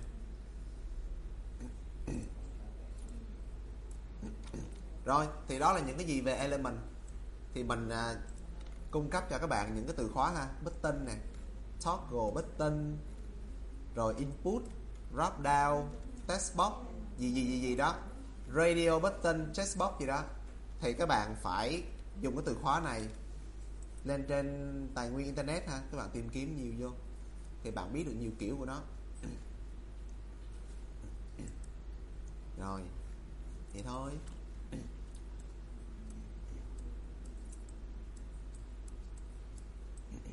Thì à, cái bài cuối môn này mọi người sẽ làm 5 trang nha. 5 trang. Mình không làm hết cái web đâu. Nhưng mà cái phần user flow các bạn phải làm hết nha. Được không? Các bạn làm hết phần user flow. À, còn phần web á các bạn làm 5 trang thôi. Mình làm trang index này rồi trang liên hệ hay là nói chung trang mua hàng cái gì đó trang thanh toán. Các bạn làm 5 trang nha. Làm 5 trang. Bây giờ công việc của mấy bạn là sẽ liệt kê ở trên 5 trang đó nó sẽ gồm những cái element gì? Hiểu không? Không các bạn có thể lấy bút uh, bút với lại giấy ra các bạn vẽ sơ sơ cái web hiểu không? Xong rồi bạn sẽ biết được trên cái element. Trời ơi. Phải làm nha chứ vô đồ án là mình không biết làm mình mệt á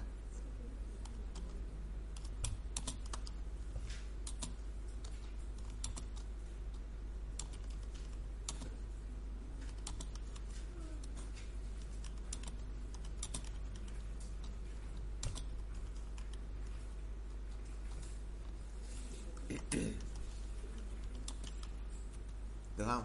Liệt kê trên 5 trang web có những năm năm trang của các bạn ha có những cái element gì? Ví dụ trang chủ của mình thì mình có thể mình, à, mình vẽ một cái frame sơ sơ ra hiểu không? Rồi. Các bạn chỉ cần dùng à, bút giấy thôi cũng được. Ví dụ đây mình có một cái logo đúng không? Rồi một cái navigation bar. Rồi một cái thanh à, một cái nút tìm kiếm chẳng hạn. Đó. Ở đây bạn có một cái gì? Carousel banner đúng không? Slide banner rồi ví dụ banner có ba hình có hai cái mũi tên đó. Rồi à, dưới này mình có phần chữ chẳng hạn. Ví dụ à, à hàng mới về. Rồi đây là hình của món hàng nè tên món hàng. Rồi nút này là nút gì? Mua ngay. Nút này là nút thêm vào giỏ hàng chẳng hạn. Đó. thì bạn liệt kê ở trên cái web của mình cái app của mình nó sẽ có. Cái web ha nó có những cái element gì?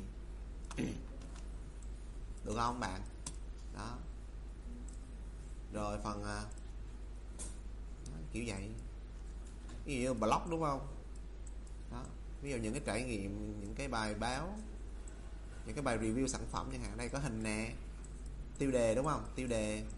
Đó. Nội dung. Rồi nút là nút gì nút xem thêm chẳng hạn. Chưa?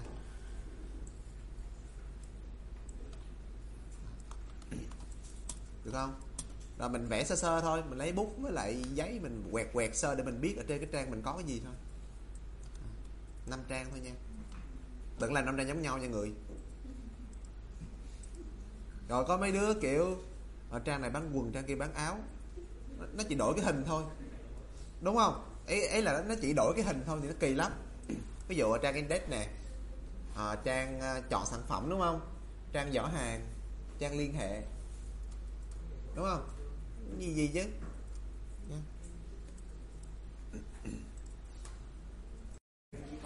Rồi môn này sẽ không có cốt được chưa? Mừng không? Các bạn đã xong cốt rồi không còn cốt nữa đâu. À, mình sẽ cốt bằng ngôn ngữ khác. Giỡn thôi. À, tụi mình sẽ gặp nhau 3 tháng luôn nha các bạn. Tới hết đồ án luôn nghĩa là hướng dẫn đồ án luôn á. Ừ. mình học hai môn. À, thực ra là một môn thôi. Mình học UX UI ha. Ừ, cái môn đầu tiên là mình sẽ học UX UI để mình làm web. Xong rồi mình xài cái quy trình đó để mình làm cho app. Nghĩa là môn sau được không? Mình làm một cái web một cái app xong thì mình vô đồ án luôn. Ok. Rồi cho nên là mình sẽ chia nhóm từ bây giờ luôn. Được không để mọi người làm việc cho nó quen. À, hai môn này giống như là hai cái đồ án nhỏ vậy một cái là làm web một cái làm app. Thì tới khi mà các bạn làm đồ án là các bạn đã quen luôn rồi. Hiểu không? Làm việc nó nhanh. Khoảng giữa giữa môn thứ hai thì cho các bạn bắt đầu làm đồ án luôn á. Cho nó thoải mái. Đồ án kỳ hai thì các bạn không cần phải in ấn bao bì hộp giấy gì trơn á. Được không? Mình làm trên máy tính hết. Với lại in một cái cuốn ra để trình bày thôi với lại imposter thôi hết rồi. À, mình không có phải sản phẩm như hồi kỳ một nữa đâu. À, nhưng mà về cái phần thiết kế thì nó nhiều hơn nha. Nó nhiều hơn khoảng gấp 2, gấp 3 lần có thể. Được không? Nhưng mà không phải đi in là mừng rồi. Nó mất thời gian. Rồi UX UI ha. UX UI à, là làm gì biết không?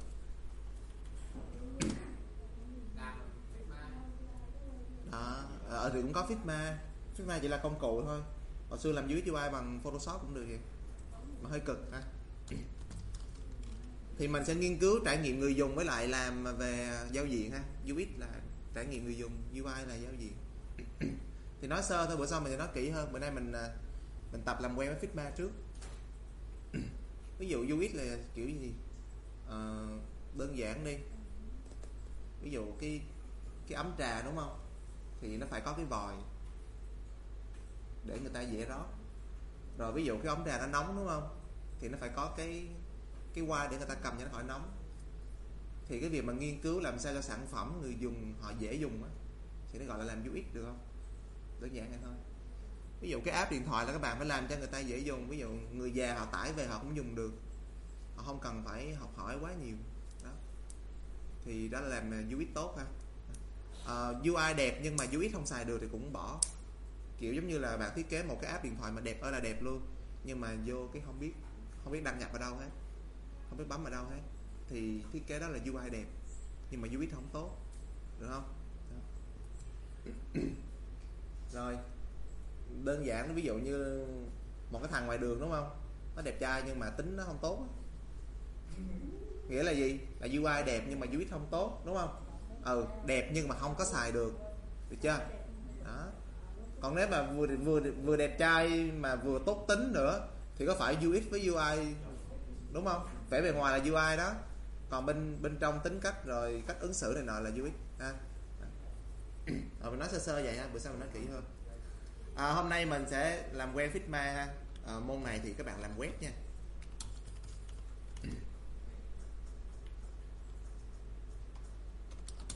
UI là viết tắt của user interface các bạn giao diện người dùng. Thì cuối môn các bạn sẽ làm như thế này. À, cho các bạn coi cái bài của lớp khác ha cho mình biết mình làm cái gì.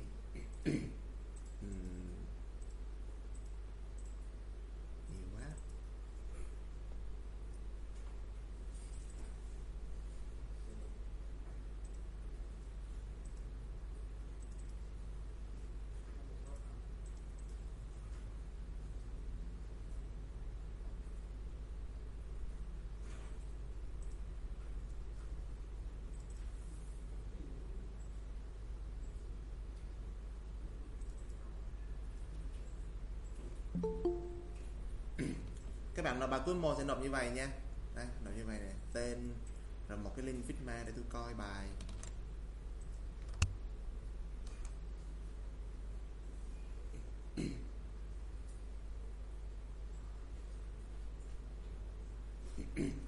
Rồi đây là bài bài mình sẽ nộp này các bạn. Thì cái bài tập. Rồi, biết bút bo không? Đó.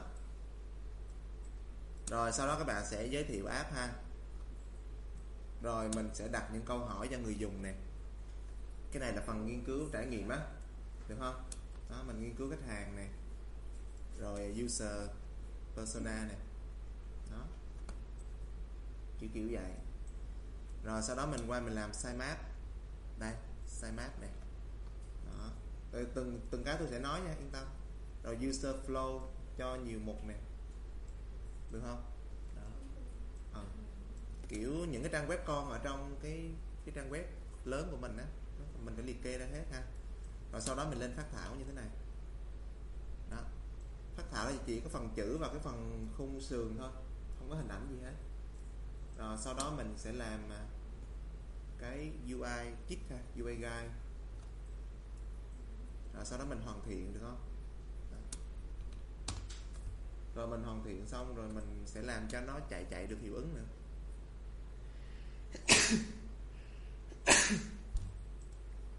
Như vậy. Đó. Thì bài cuối môn nó kiểu kiểu vậy ha.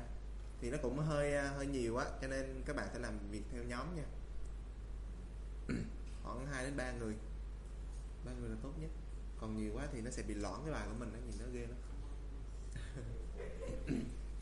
Được không? Rồi biết cái bài cuối môn là kiểu kiểu gì chưa? Đó kiểu vậy làm cục này thôi á. Dễ không? Nhưng mà nhìn nó thoải mái hơn là cái graphic của kỳ 1 đúng không? Ừ.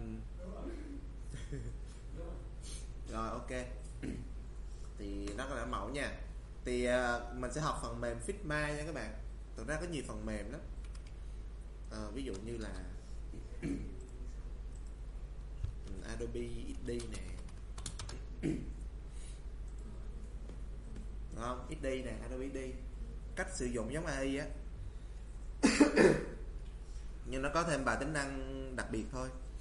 Ngoài ra, ai mà dùng Mac thì mình sẽ dùng Sketch ha.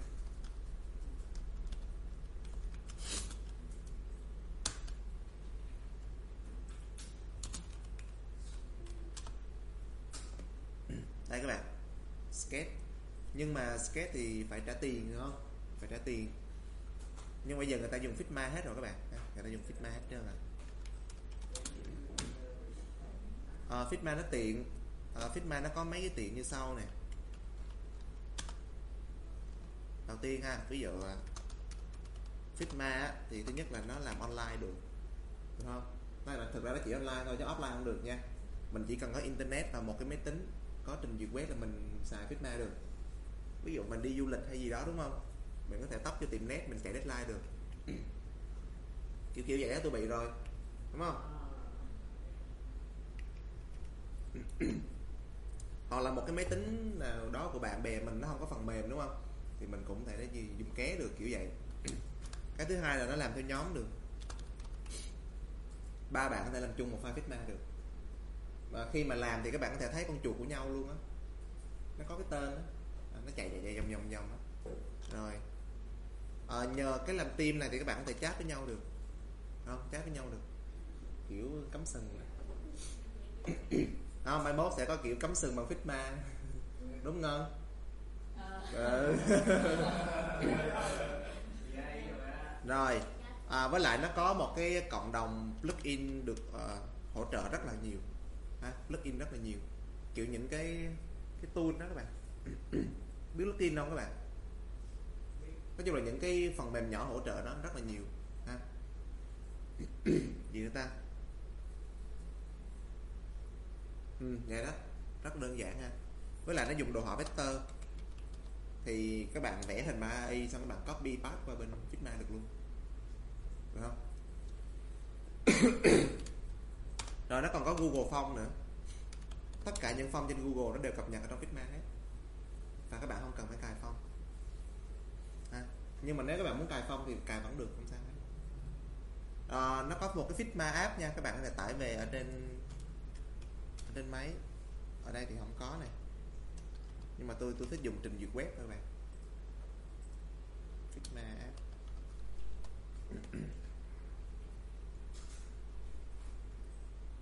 À, các bạn có thể tải cái app Figma này về xong rồi các bạn để lên trên màn hình nền giống như là mấy cái À, AI Photoshop rồi á.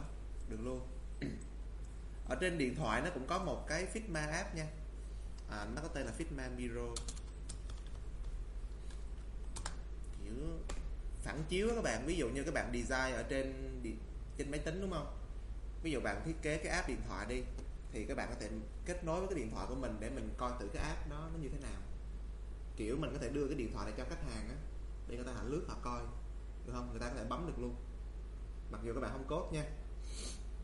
Mình không cốt nhưng mà mình vẫn có thể bấm mình thao tác được ở trên uh, Figma nha. Đó. thì tôi chỉ các bạn cái phần đó luôn. Rồi thì đó là những cái lợi thế khi mà mình dùng Figma. Ở đây bạn thấy không? Kiểu người ta đang thiết kế nè, xong người ta sẽ coi trực tiếp ở trên cái điện thoại luôn để xem cái nút đó có quá to hay không hay là cái chữ đó có quá nhỏ hay không coi trực tiếp luôn. Tại vì mình coi bằng màn hình máy tính thì nó không có trực quan đúng không? Nhiều khi mình không biết được nút nó đủ to hay không. Rồi. Hình như bây giờ nó đổi tên app là thành thành cái tên gì á nhưng mà nó cũng có một cái app thôi. Coi coi là tên app là tên gì. À, tên app bây giờ chỉ là Figma thôi ha không có chữ Miro nữa các bạn. Ừ, chờ ngày nào đó nó cho mình design trên máy tính luôn trên điện thoại luôn ngon. Rồi bây giờ mình vào Figma nha. Hôm nay mình tập làm quen với Figma thôi các bạn.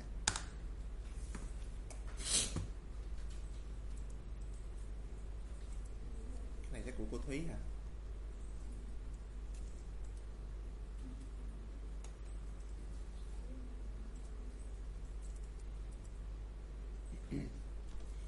Học cô Thúy thì chắc các bạn biết ờ, tạo tài khoản Figma đúng không? Chưa hả rồi làm lại nè. Các bạn à, uh, login ha. Không đầu tiên phải đăng ký trước. Sign up nè. Dạ sẽ phải đăng ký. Sign up nè. Xong rồi các bạn đăng ký bằng cái à, continue with Google nha. Cái ông uh, Sam SSO này các bạn đừng đăng ký. Mất công lắm. Được không? Các bạn là continue with Google nè. Xong rồi các bạn chọn cái account của mình được không? Chọn account của mình cái này tôi đăng ký rồi, tôi không đăng ký nữa nha. Rồi, đăng ký xong thì à, mình vào trong login này xong rồi mình cũng continue with Google. Xong rồi mình chọn cái của mình.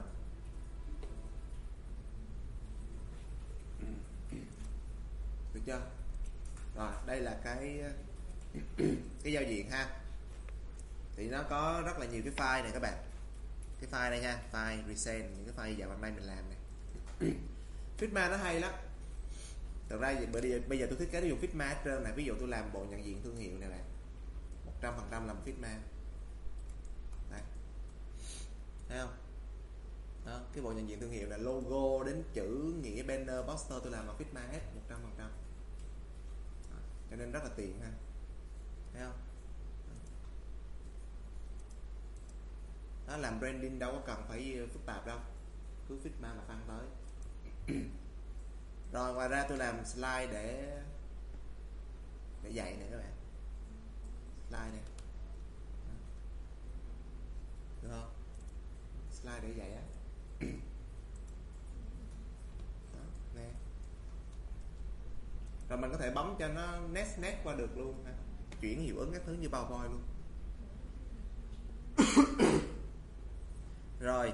À, bây giờ mà để mà tạo file mới thì mình sẽ bấm vào new design file nha. New design file. Còn ví dụ mình có một cái file bên ngoài thì mình chọn là import file. À. rồi new design file. Thì nó ra một cái vùng làm việc như vậy. Có thể đặt tên nha. Nhấp chuột hai lần vô chữ un, untitled này. Đó ví dụ như là tôi sẽ tạo một file lớp mình nha để các bạn có thể vào coi được không? Rồi d 2108 g. 2 UX UI trường mình đặt tên môn á, là môn gì? Môn UI đúng không? Với lại môn sau là môn UX nói chung đặt tên môn nó hơi kỳ thôi, nhưng mà thực ra môn này là môn UX UI cho web. Môn sau là UX UI cho app, nha. Chắc do cái tên môn không được trùng á tự về quản lý á. rồi sau khi mình đặt tên rồi thì tôi có thể share cái file cho mấy bạn ha. Các bạn vào coi được thì mình bấm share này. Share. Rồi, các bạn chọn là có thể can view hoặc là can edit ha. Là nghĩa là lớp mình có thể vào coi file này, hoặc là lớp mình vào phá cái file này thì mình chọn cái can edit, đúng không? View thôi. Rồi sau copy link nè, xong xuống đây. Tôi sẽ quăng nó vô đây cho các bạn coi nha.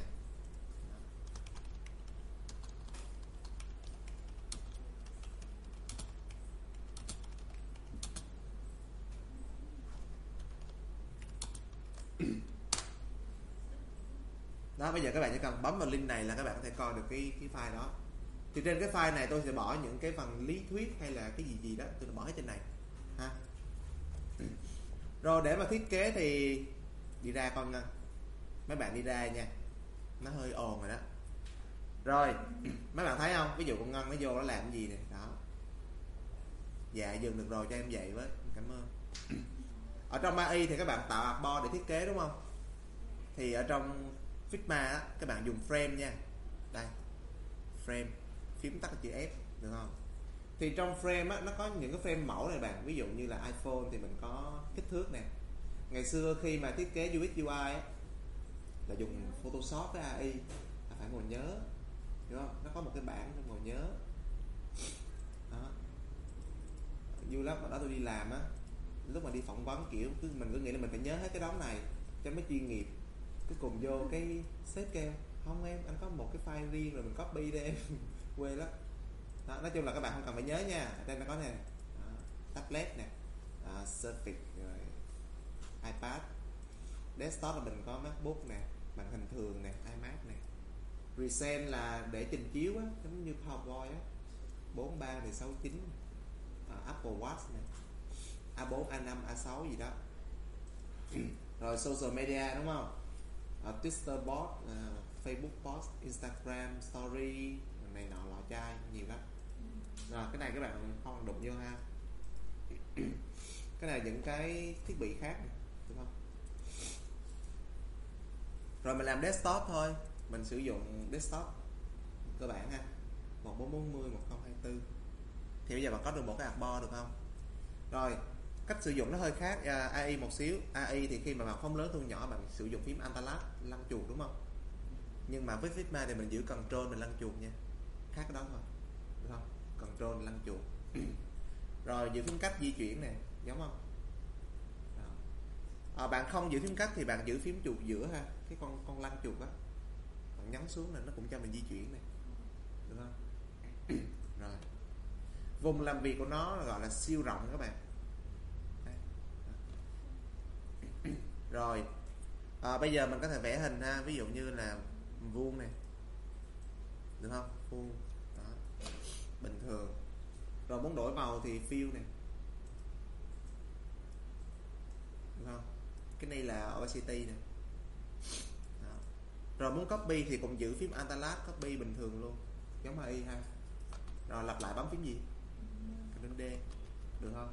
Giống luôn. Không khác gì hết nhưng mà đây sướng một cái là mình có thể giãn cái nó ra. Như bạn chọn hết nha. Ví dụ cái này tôi cho nó màu khác đi.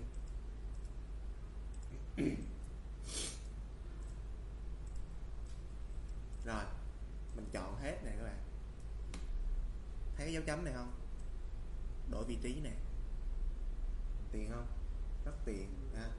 rồi ngoài ra mình có thể giãn cái độ rộng nó bằng cái này. Thấy cái này không?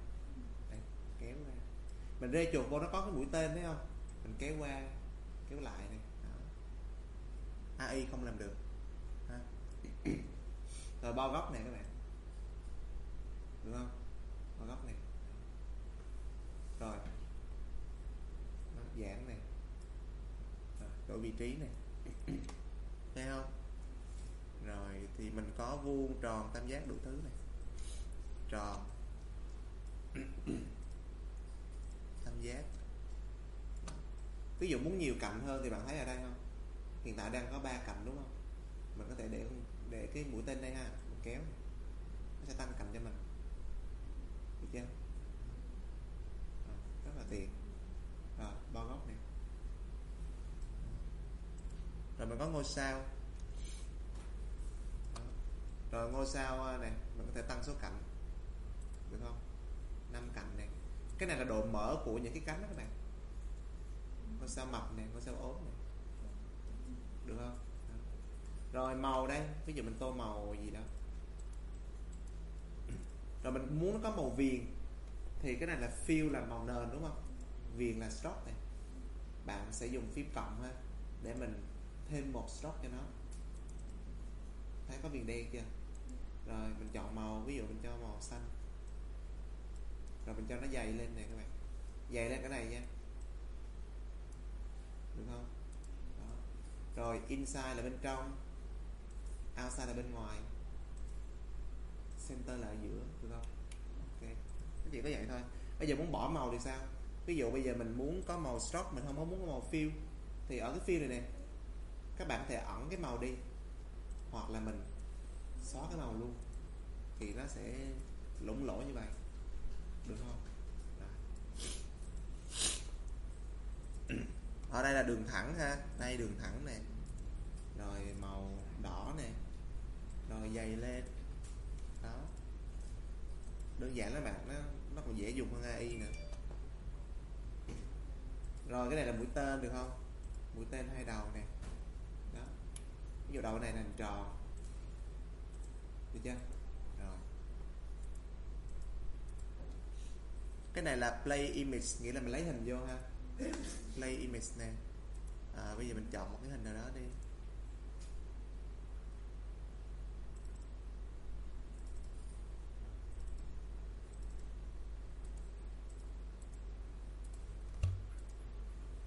gì trống trơn vậy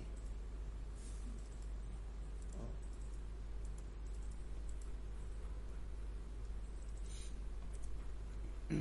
đó ví dụ hình đúng không? Open này. Bạn thấy có con trỏ giống InDesign không? Đó. Bạn có thể là mình vẽ cái hình ra. Đó. Cái hình ở trong Figma nó được một cái là bạn, nó không bao giờ bị bóp méo cả.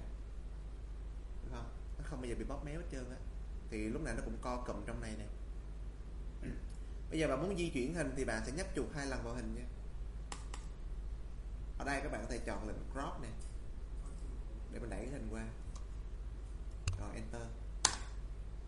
Đúng không Đó. vẫn bo góc như bình thường giống AI.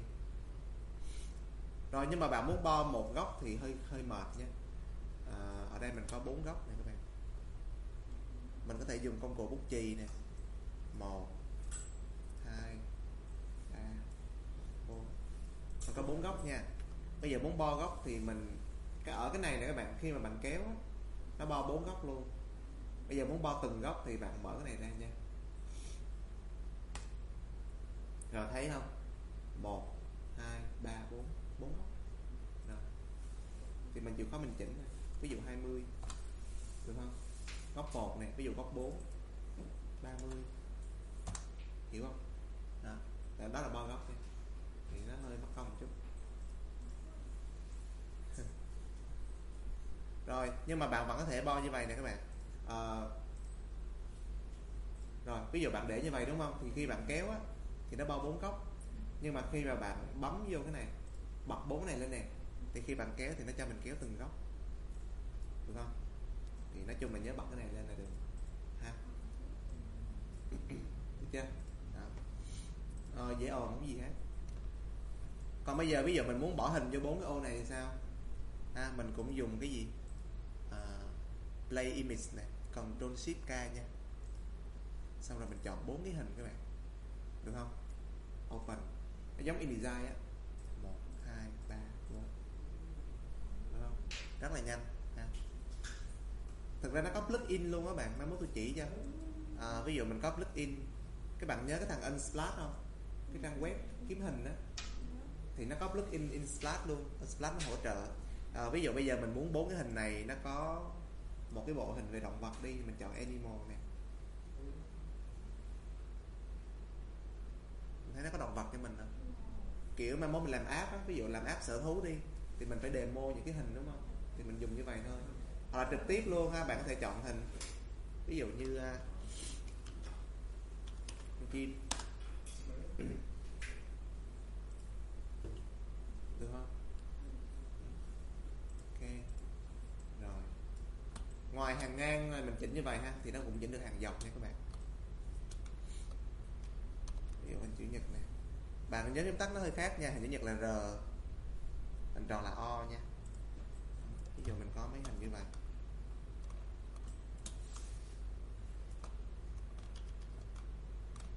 Mình chọn hết này cái này là chiều dọc được không? Thấy không? Rồi, nhưng mà lỡ ví dụ nó bị là tùm lum như vậy đi rồi thì mình chọn hết. Ở đây nó có cái phần align giống AI nè, thấy không? Mình chọn là tidy up ha, thì nó sẽ gọn lại cho mình. Rồi mình coi lại. Được chưa? Rồi hiệu ứng thì mình dùng effect ha các bạn.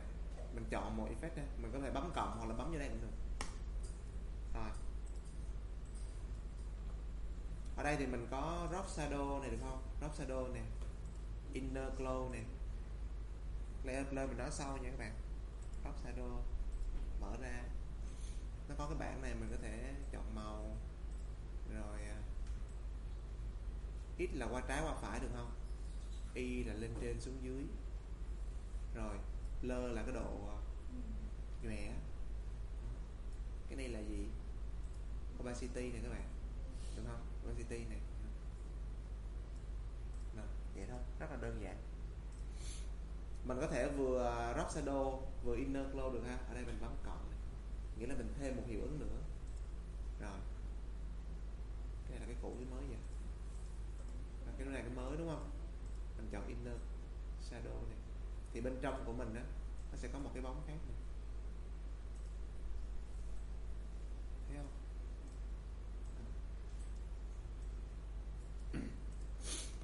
được chưa rồi rất là tiện ha rồi ví dụ cái hình của mình mình muốn nó có một lớp màu đi, thì mình có thể, cái fill này bạn, cái fill hiện tại là cái hình, ha. mình có thể cộng một màu, được không? Rồi ví dụ mình muốn cái hình này nó có tông màu đỏ thì mình chỉnh màu đỏ này được không? Nghĩa là mình có hai màu, đúng không? Hai màu đè lên này ẩn hiện này gì nữa ta? Ờ, rồi pen tool thì dùng giống AI nha. Pen tool dùng giống AI không khác gì hết. Pen tool lưu ý là khi các bạn dùng pen tool vẽ, thì mình vẽ xong một hình. Mình sẽ bấm enter nha. Để kết thúc hình đó được không?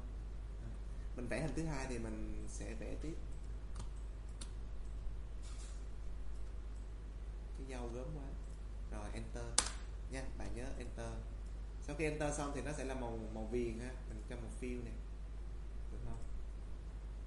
rồi công cụ viết chữ thì như bình thường thôi. Muốn đổi phong muốn đổi phong thì ở đây bạn thấy nó có phần giống character bên AI không? Đó. ví dụ là gõ phong vô ha. Đó. phong ở đây này bạn thấy nó đã không? Nó có hết rồi mình không cần phải tải nữa. Rồi, cái này cái này là tracking nhớ không? Nghĩa là giảm chữ á. Giảm ra giảm vô này đó cái này là dòng ha. Cái này là dòng. Là cái này. Được không? Mình rê chuột vô mình kéo qua kéo lại là được ha. Rồi cái này là canh ô này được không? Mở cái này ra mình có thể là kiểu à, gạch chân nè tùm lum từ lưa được không? Mấy này mình nói sau ha.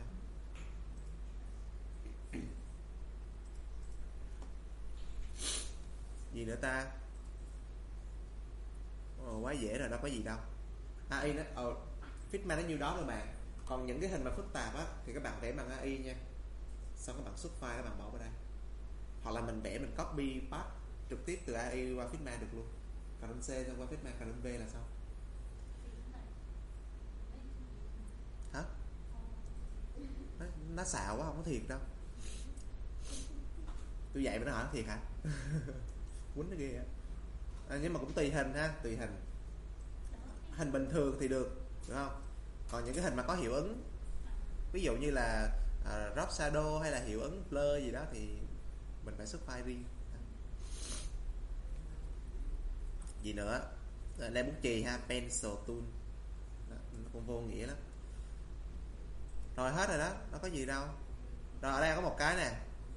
Cái công cụ uh, chữ V giống AI thấy không? Bây giờ cái chữ nha bây giờ bằng phóng lớn thu nhỏ chữ được không? Không được. Thì bạn dùng công cụ bên dưới là công cụ K thấy không? Rồi. Thì nó cho mình phóng lớn thu nhỏ chữ. Nha K. K nha K nha. Rồi cái này là layer được không? Layer này. Layer. Mình có thể làm nhiều trang các bạn. Ở đây bạn thấy cái pay không? Ví dụ trang này mình làm à, à trang home rồi mình cộng mình làm à, trang liên hệ, được không? Mình làm được nhiều trang trong một file, ha. Ctrl Z bình thường. Ví dụ như hôm nay đi, hôm nay là ngày à, 11 tháng 8 tôi hướng dẫn các bạn à, Figma.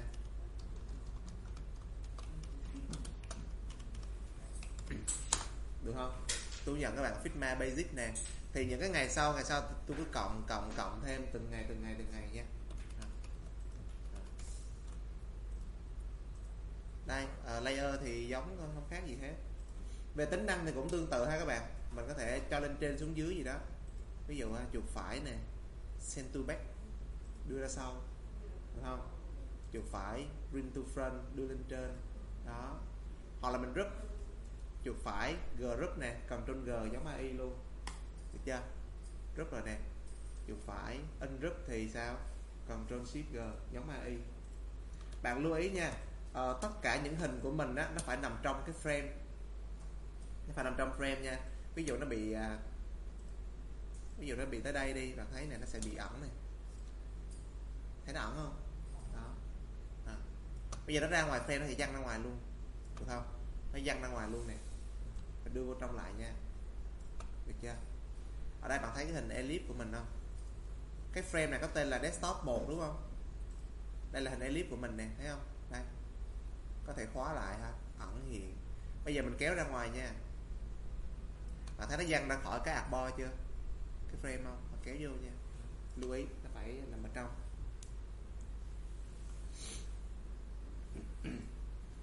Rồi, màu gì không ta? Màu radiant đúng không? Màu radiant thì sao? Fill nè các bạn. Ở dưới này là màu trơn ha. Màu solid là màu trơn. Màu linear là radiant, theo dạng đường thẳng. Nhớ không? Chọn này chọn được không? Còn radio là radian theo dạng tròn angular là cái dạng dày nè. Angular mà đa giác. Kiểu nó nó hai cái mép nó sẽ sát nhau vậy, thấy không?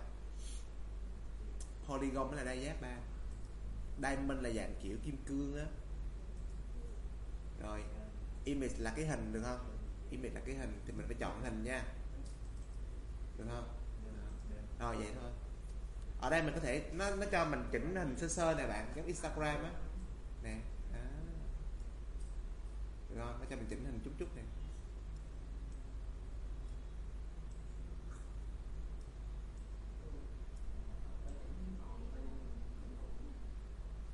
Để chỉnh màu sơ sơ được. Rồi à, gì nữa ta? Ở bên này là cái phần mai mốt mình để mình làm cái cái cái kiểu gì ta? Kiểu di chuyển đó, nhưng mà nó không có cần cốt hiểu không? Không cần cốt. Mình vẫn làm cho cái nút này bấm được nút kia bấm được.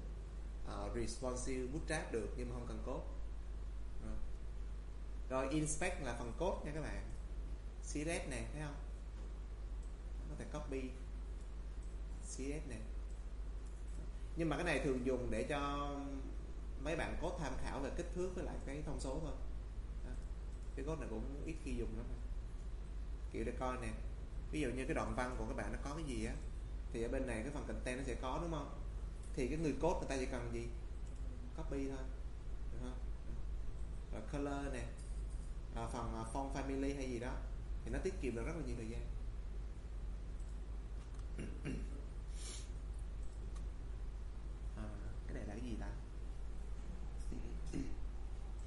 Dạo gần đây là Figma nó đổi mới nhiều hả các bạn?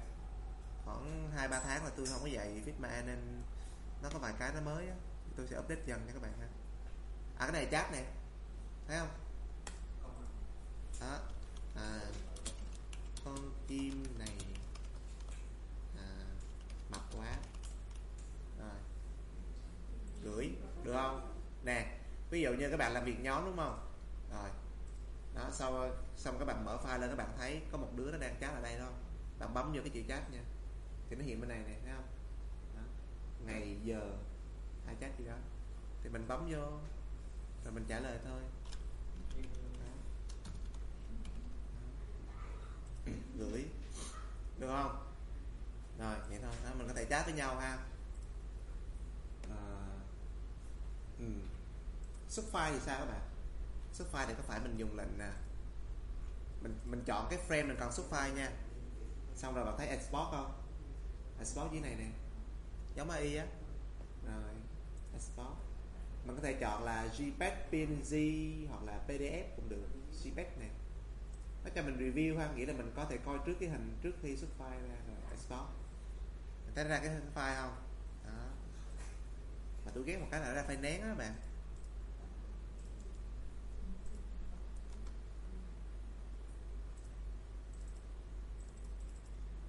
Rồi mình có cái hình được không? Đây, cái hình này. Đó. rồi bạn muốn lưu file Figma thì bạn vào đây, bạn chọn là file save local copy ha. Được không? Thì đây là file Figma này. Đó. rồi muốn lưu PDF thì à, file export frame to PDF nha. PDF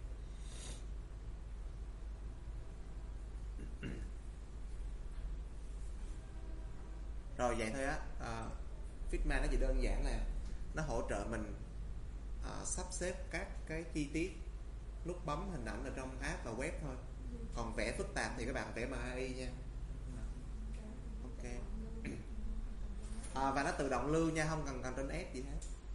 À, nhưng mà đừng làm việc trong môi trường không có wifi. Đúng không?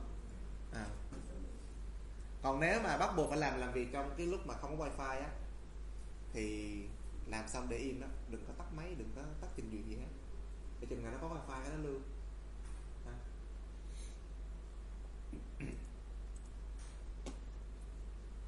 rồi vậy thôi. À, bây giờ thì các bạn có thể lên trên ờ, à, đây. Collect. Ui ha.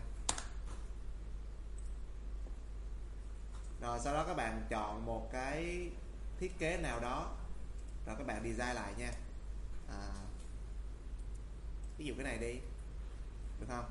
Làm một trang thôi. Sao chép hình ảnh nè. Ctrl V dán vào đây. Được chưa? Rồi. Không lớn lên nha. Không lớn là các bạn nhớ giữ phím shift nha. Không giữ shift là nó bị gì nè. Được không? Không thì tôi kiếm cái hình cho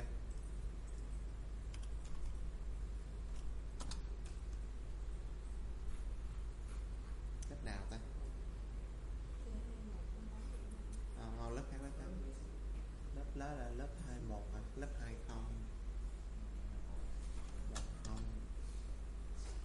10 20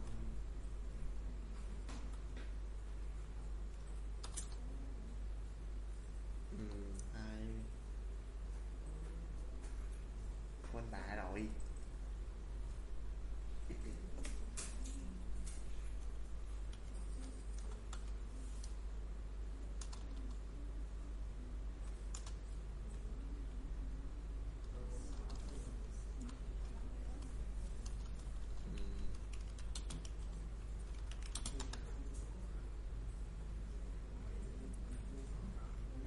làm sao để coi nó trong nhóm nào ta?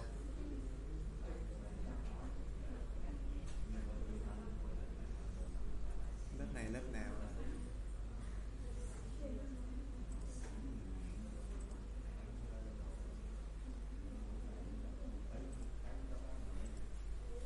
Mờ quá, chả thấy cái, chả thấy cái mã lớp luôn á trời. Tôi không thấy được cái mã lớp của cái lớp này.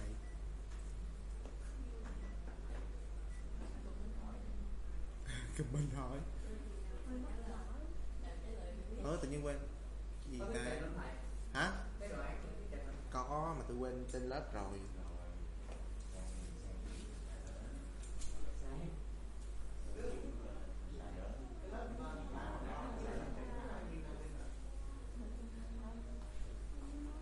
đây hai một không một rồi hai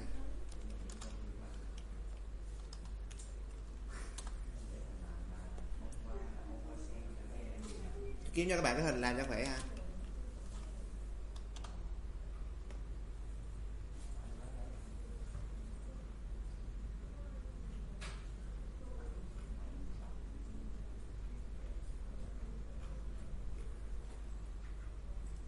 Ủa tôi còn bắt nó làm y vậy nè Thôi tôi làm vậy đi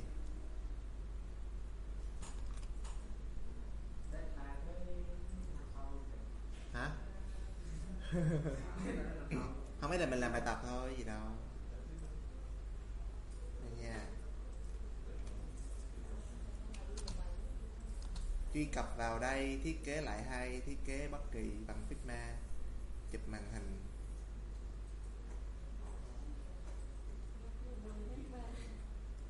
Cái gì 10 tháng 3 lâu rồi. À.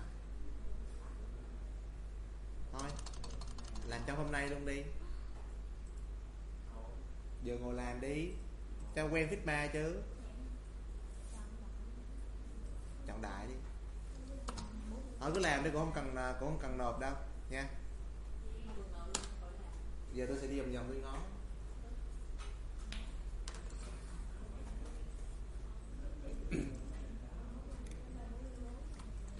nhớ tạo hạt bo nha. Ví dụ như các bạn à, chọn cái, ví dụ bạn chọn cái này đi. Rồi không? Chọn cái nào gọn gọn á. Đừng có dễ quá, đừng khó quá nha. Rồi, copy nè. Giờ tôi làm thử cho bạn một cái nha ví dụ cái này. À, bây giờ mình sẽ khóa nó lại cho nó cho nó khỏi bị vướng víu được không? Nó đâu ta? Đây đúng không? Khóa lại nha. Được không? Rồi. Cái này tôi bỏ đi nha các bạn. Đó. khóa lại rồi nè. Rồi khóa lại nha. Bây giờ mình sẽ tạo một cái bo để mình thiết kế. Thì mình dùng công cụ à, frame được không? Đây mình vẽ một cái frame bằng cái hình này được không? Rồi, nói chung làm hao hao thôi. Được chưa? Rồi, bây giờ mình à, mình tô màu cho frame nha. Các bạn có thể tô màu cho frame, hoặc là các bạn vẽ một hình chữ nhật, các bạn tô màu cũng được. À bo trong y đâu có tô màu rồi đâu, đúng không? Rồi, y ngắn hút màu. Giống y không? Ừ đó. Bây giờ mình vẽ nha dùng công cụ hình chữ nhật nè. Vẽ một cái, được không? Làm hao hao thôi nha, không phải giống y đâu các bạn. Rồi, cái này nó sẽ có bo góc nhẹ đúng không? Nó khoảng là hai đi. Được không? Đó. rồi, y ngắn. Sắc màu, được không? Rồi, bây giờ là cái này là cái cái icon đúng không? Icon. Icon thì hình tròn đi, mình dùng hình tròn. Rồi hoặc là dùng uh, awesome phong. Biết awesome phong không? Cô thúy có nói không? Rồi viền ha. Có còn màu nền không? Không. Ẩn màu nền đi. Cái viền màu gì? Màu uh, hút màu đi. Ở đây nó hút màu hay lắm này nó có cái kính lúp bạn thấy không? Đó. rồi dày lên chút nha. Hơi khó thấy à. à nó hơi sáng chút nha. Rồi mình đỡ đây nè. Đó. Rồi dùng công cụ đường thẳng nè. Rồi. Hút màu luôn. Dày lên. Rồi hai cái này mình à, mình rút lại được không? Đó. Rồi viết chữ UA gì gì đó. Rồi. Dùng công cụ viết chữ nha. Bấm. U A tuyệt vời vậy đó, đúng không? Interested đó. Tiếng anh tôi vậy á. Rồi phông màu nha. Được không các bạn? Mình chọn đại một phong đi ví dụ phong này regular này. Thu nhỏ được không? Bấm chữ gì? K. Bấm chữ k dùng công cụ scale nha để thu nhỏ chữ cho nó dễ. Rồi chắc là semi bold ha.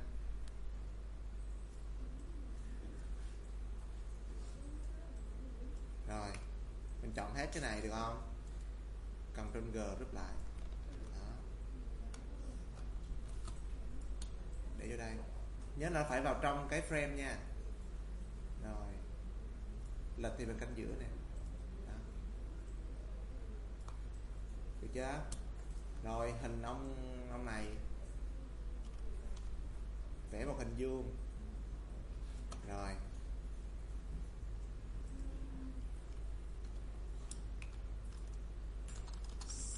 Steve Jobs.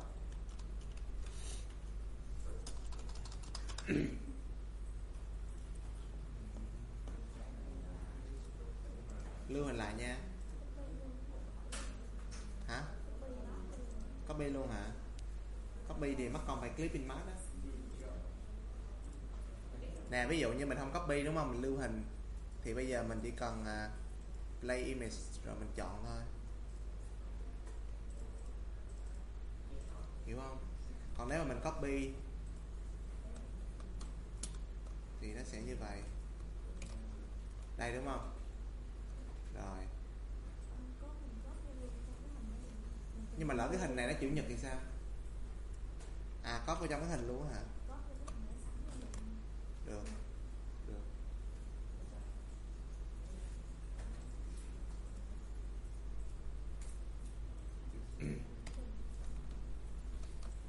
Rồi bo góc một chút nè.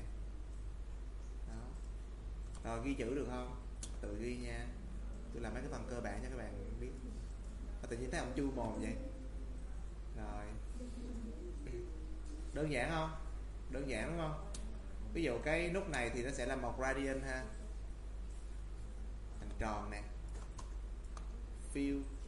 Mình chọn là linear. Rồi sau đó ở bên màu này mình sẽ hút màu được không? Bên màu này. Hút màu nè. Ví dụ cái này nó chưa đủ nhạt thì mình cho nó nhạt chút, nhìn cho nó rõ. Bên này cho nó đậm tí ha. Rồi, đó. Được không các bạn? Ừ. thì nó sẽ kiểu kiểu vậy ha.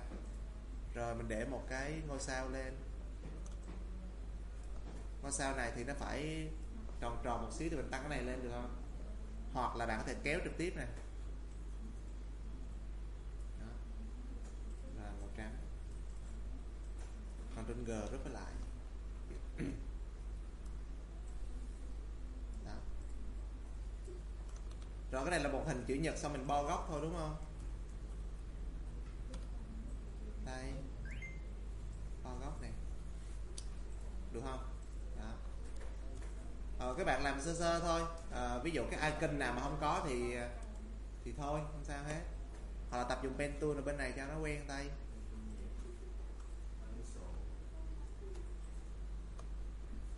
Mai mốt thì mình sẽ có cái cách để mình à,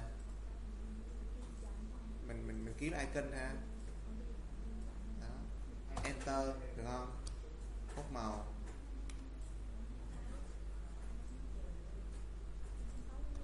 Thì nó xấu mà. Được chưa? Rồi, làm bài nha. Đó. thẳng nói luôn nha. Cái trang web này nó hay một cái á. Tại vì các bạn là những người chưa từng thiết kế web app bao giờ, đúng không? Thành ra là các bạn không biết được cái phần đó nó hay thiết kế như thế nào. Ở đây nó có hết nè các bạn. Ví dụ như bạn muốn thiết kế một cái một cái màn hình 404 đi, cái màn hình lỗi á thì nó cũng có rất là nhiều cái kiểu để thiết kế nè. Biết cái kiểu lỗi này không? Là không truy cập được trang web á. Đó, bạn này, bạn coi, để bạn lấy ý tưởng nha. Rất là nhiều ý tưởng. Úp thấy thấy úp không? Đó. Hoặc là bạn thiết kế những cái, ví dụ như là TV app nè. TV app hoặc là TV web. Tại vì các bạn chưa thiết kế bao giờ, cho nên các bạn phải lên đây các bạn coi, xem người ta làm cái gì, được không? Hoặc là hotel booking nè. Những cái app về book phòng. Airbnb gì đó. Được chưa? Nha mình bí thì mình lên đây mình coi. Rồi à, nhiều lắm. Nói chung nó có quá trời luôn nè. Rồi ví dụ bạn làm web cho một cái à, khóa học online hay gì đó ở đây. Không có gì chơi vậy. Search nè. Tìm kiếm ha. Cái phần tìm kiếm của người ta hay thiết kế như thế nào mình có thể coi. Được không? Có cái này nha. Thời tiết nè. Đó. Nói nó nhiều kiểu thiết kế. Đó. mình phải coi nha, tại vì à, các bạn thường, các bạn xài đúng cái điện thoại của mình thôi, đúng không? Thì nó có đúng một giao diện nè. Là mình sẽ không có biết được mấy cái điện thoại khác hay là ờ, người khác là thiết kế thế nào.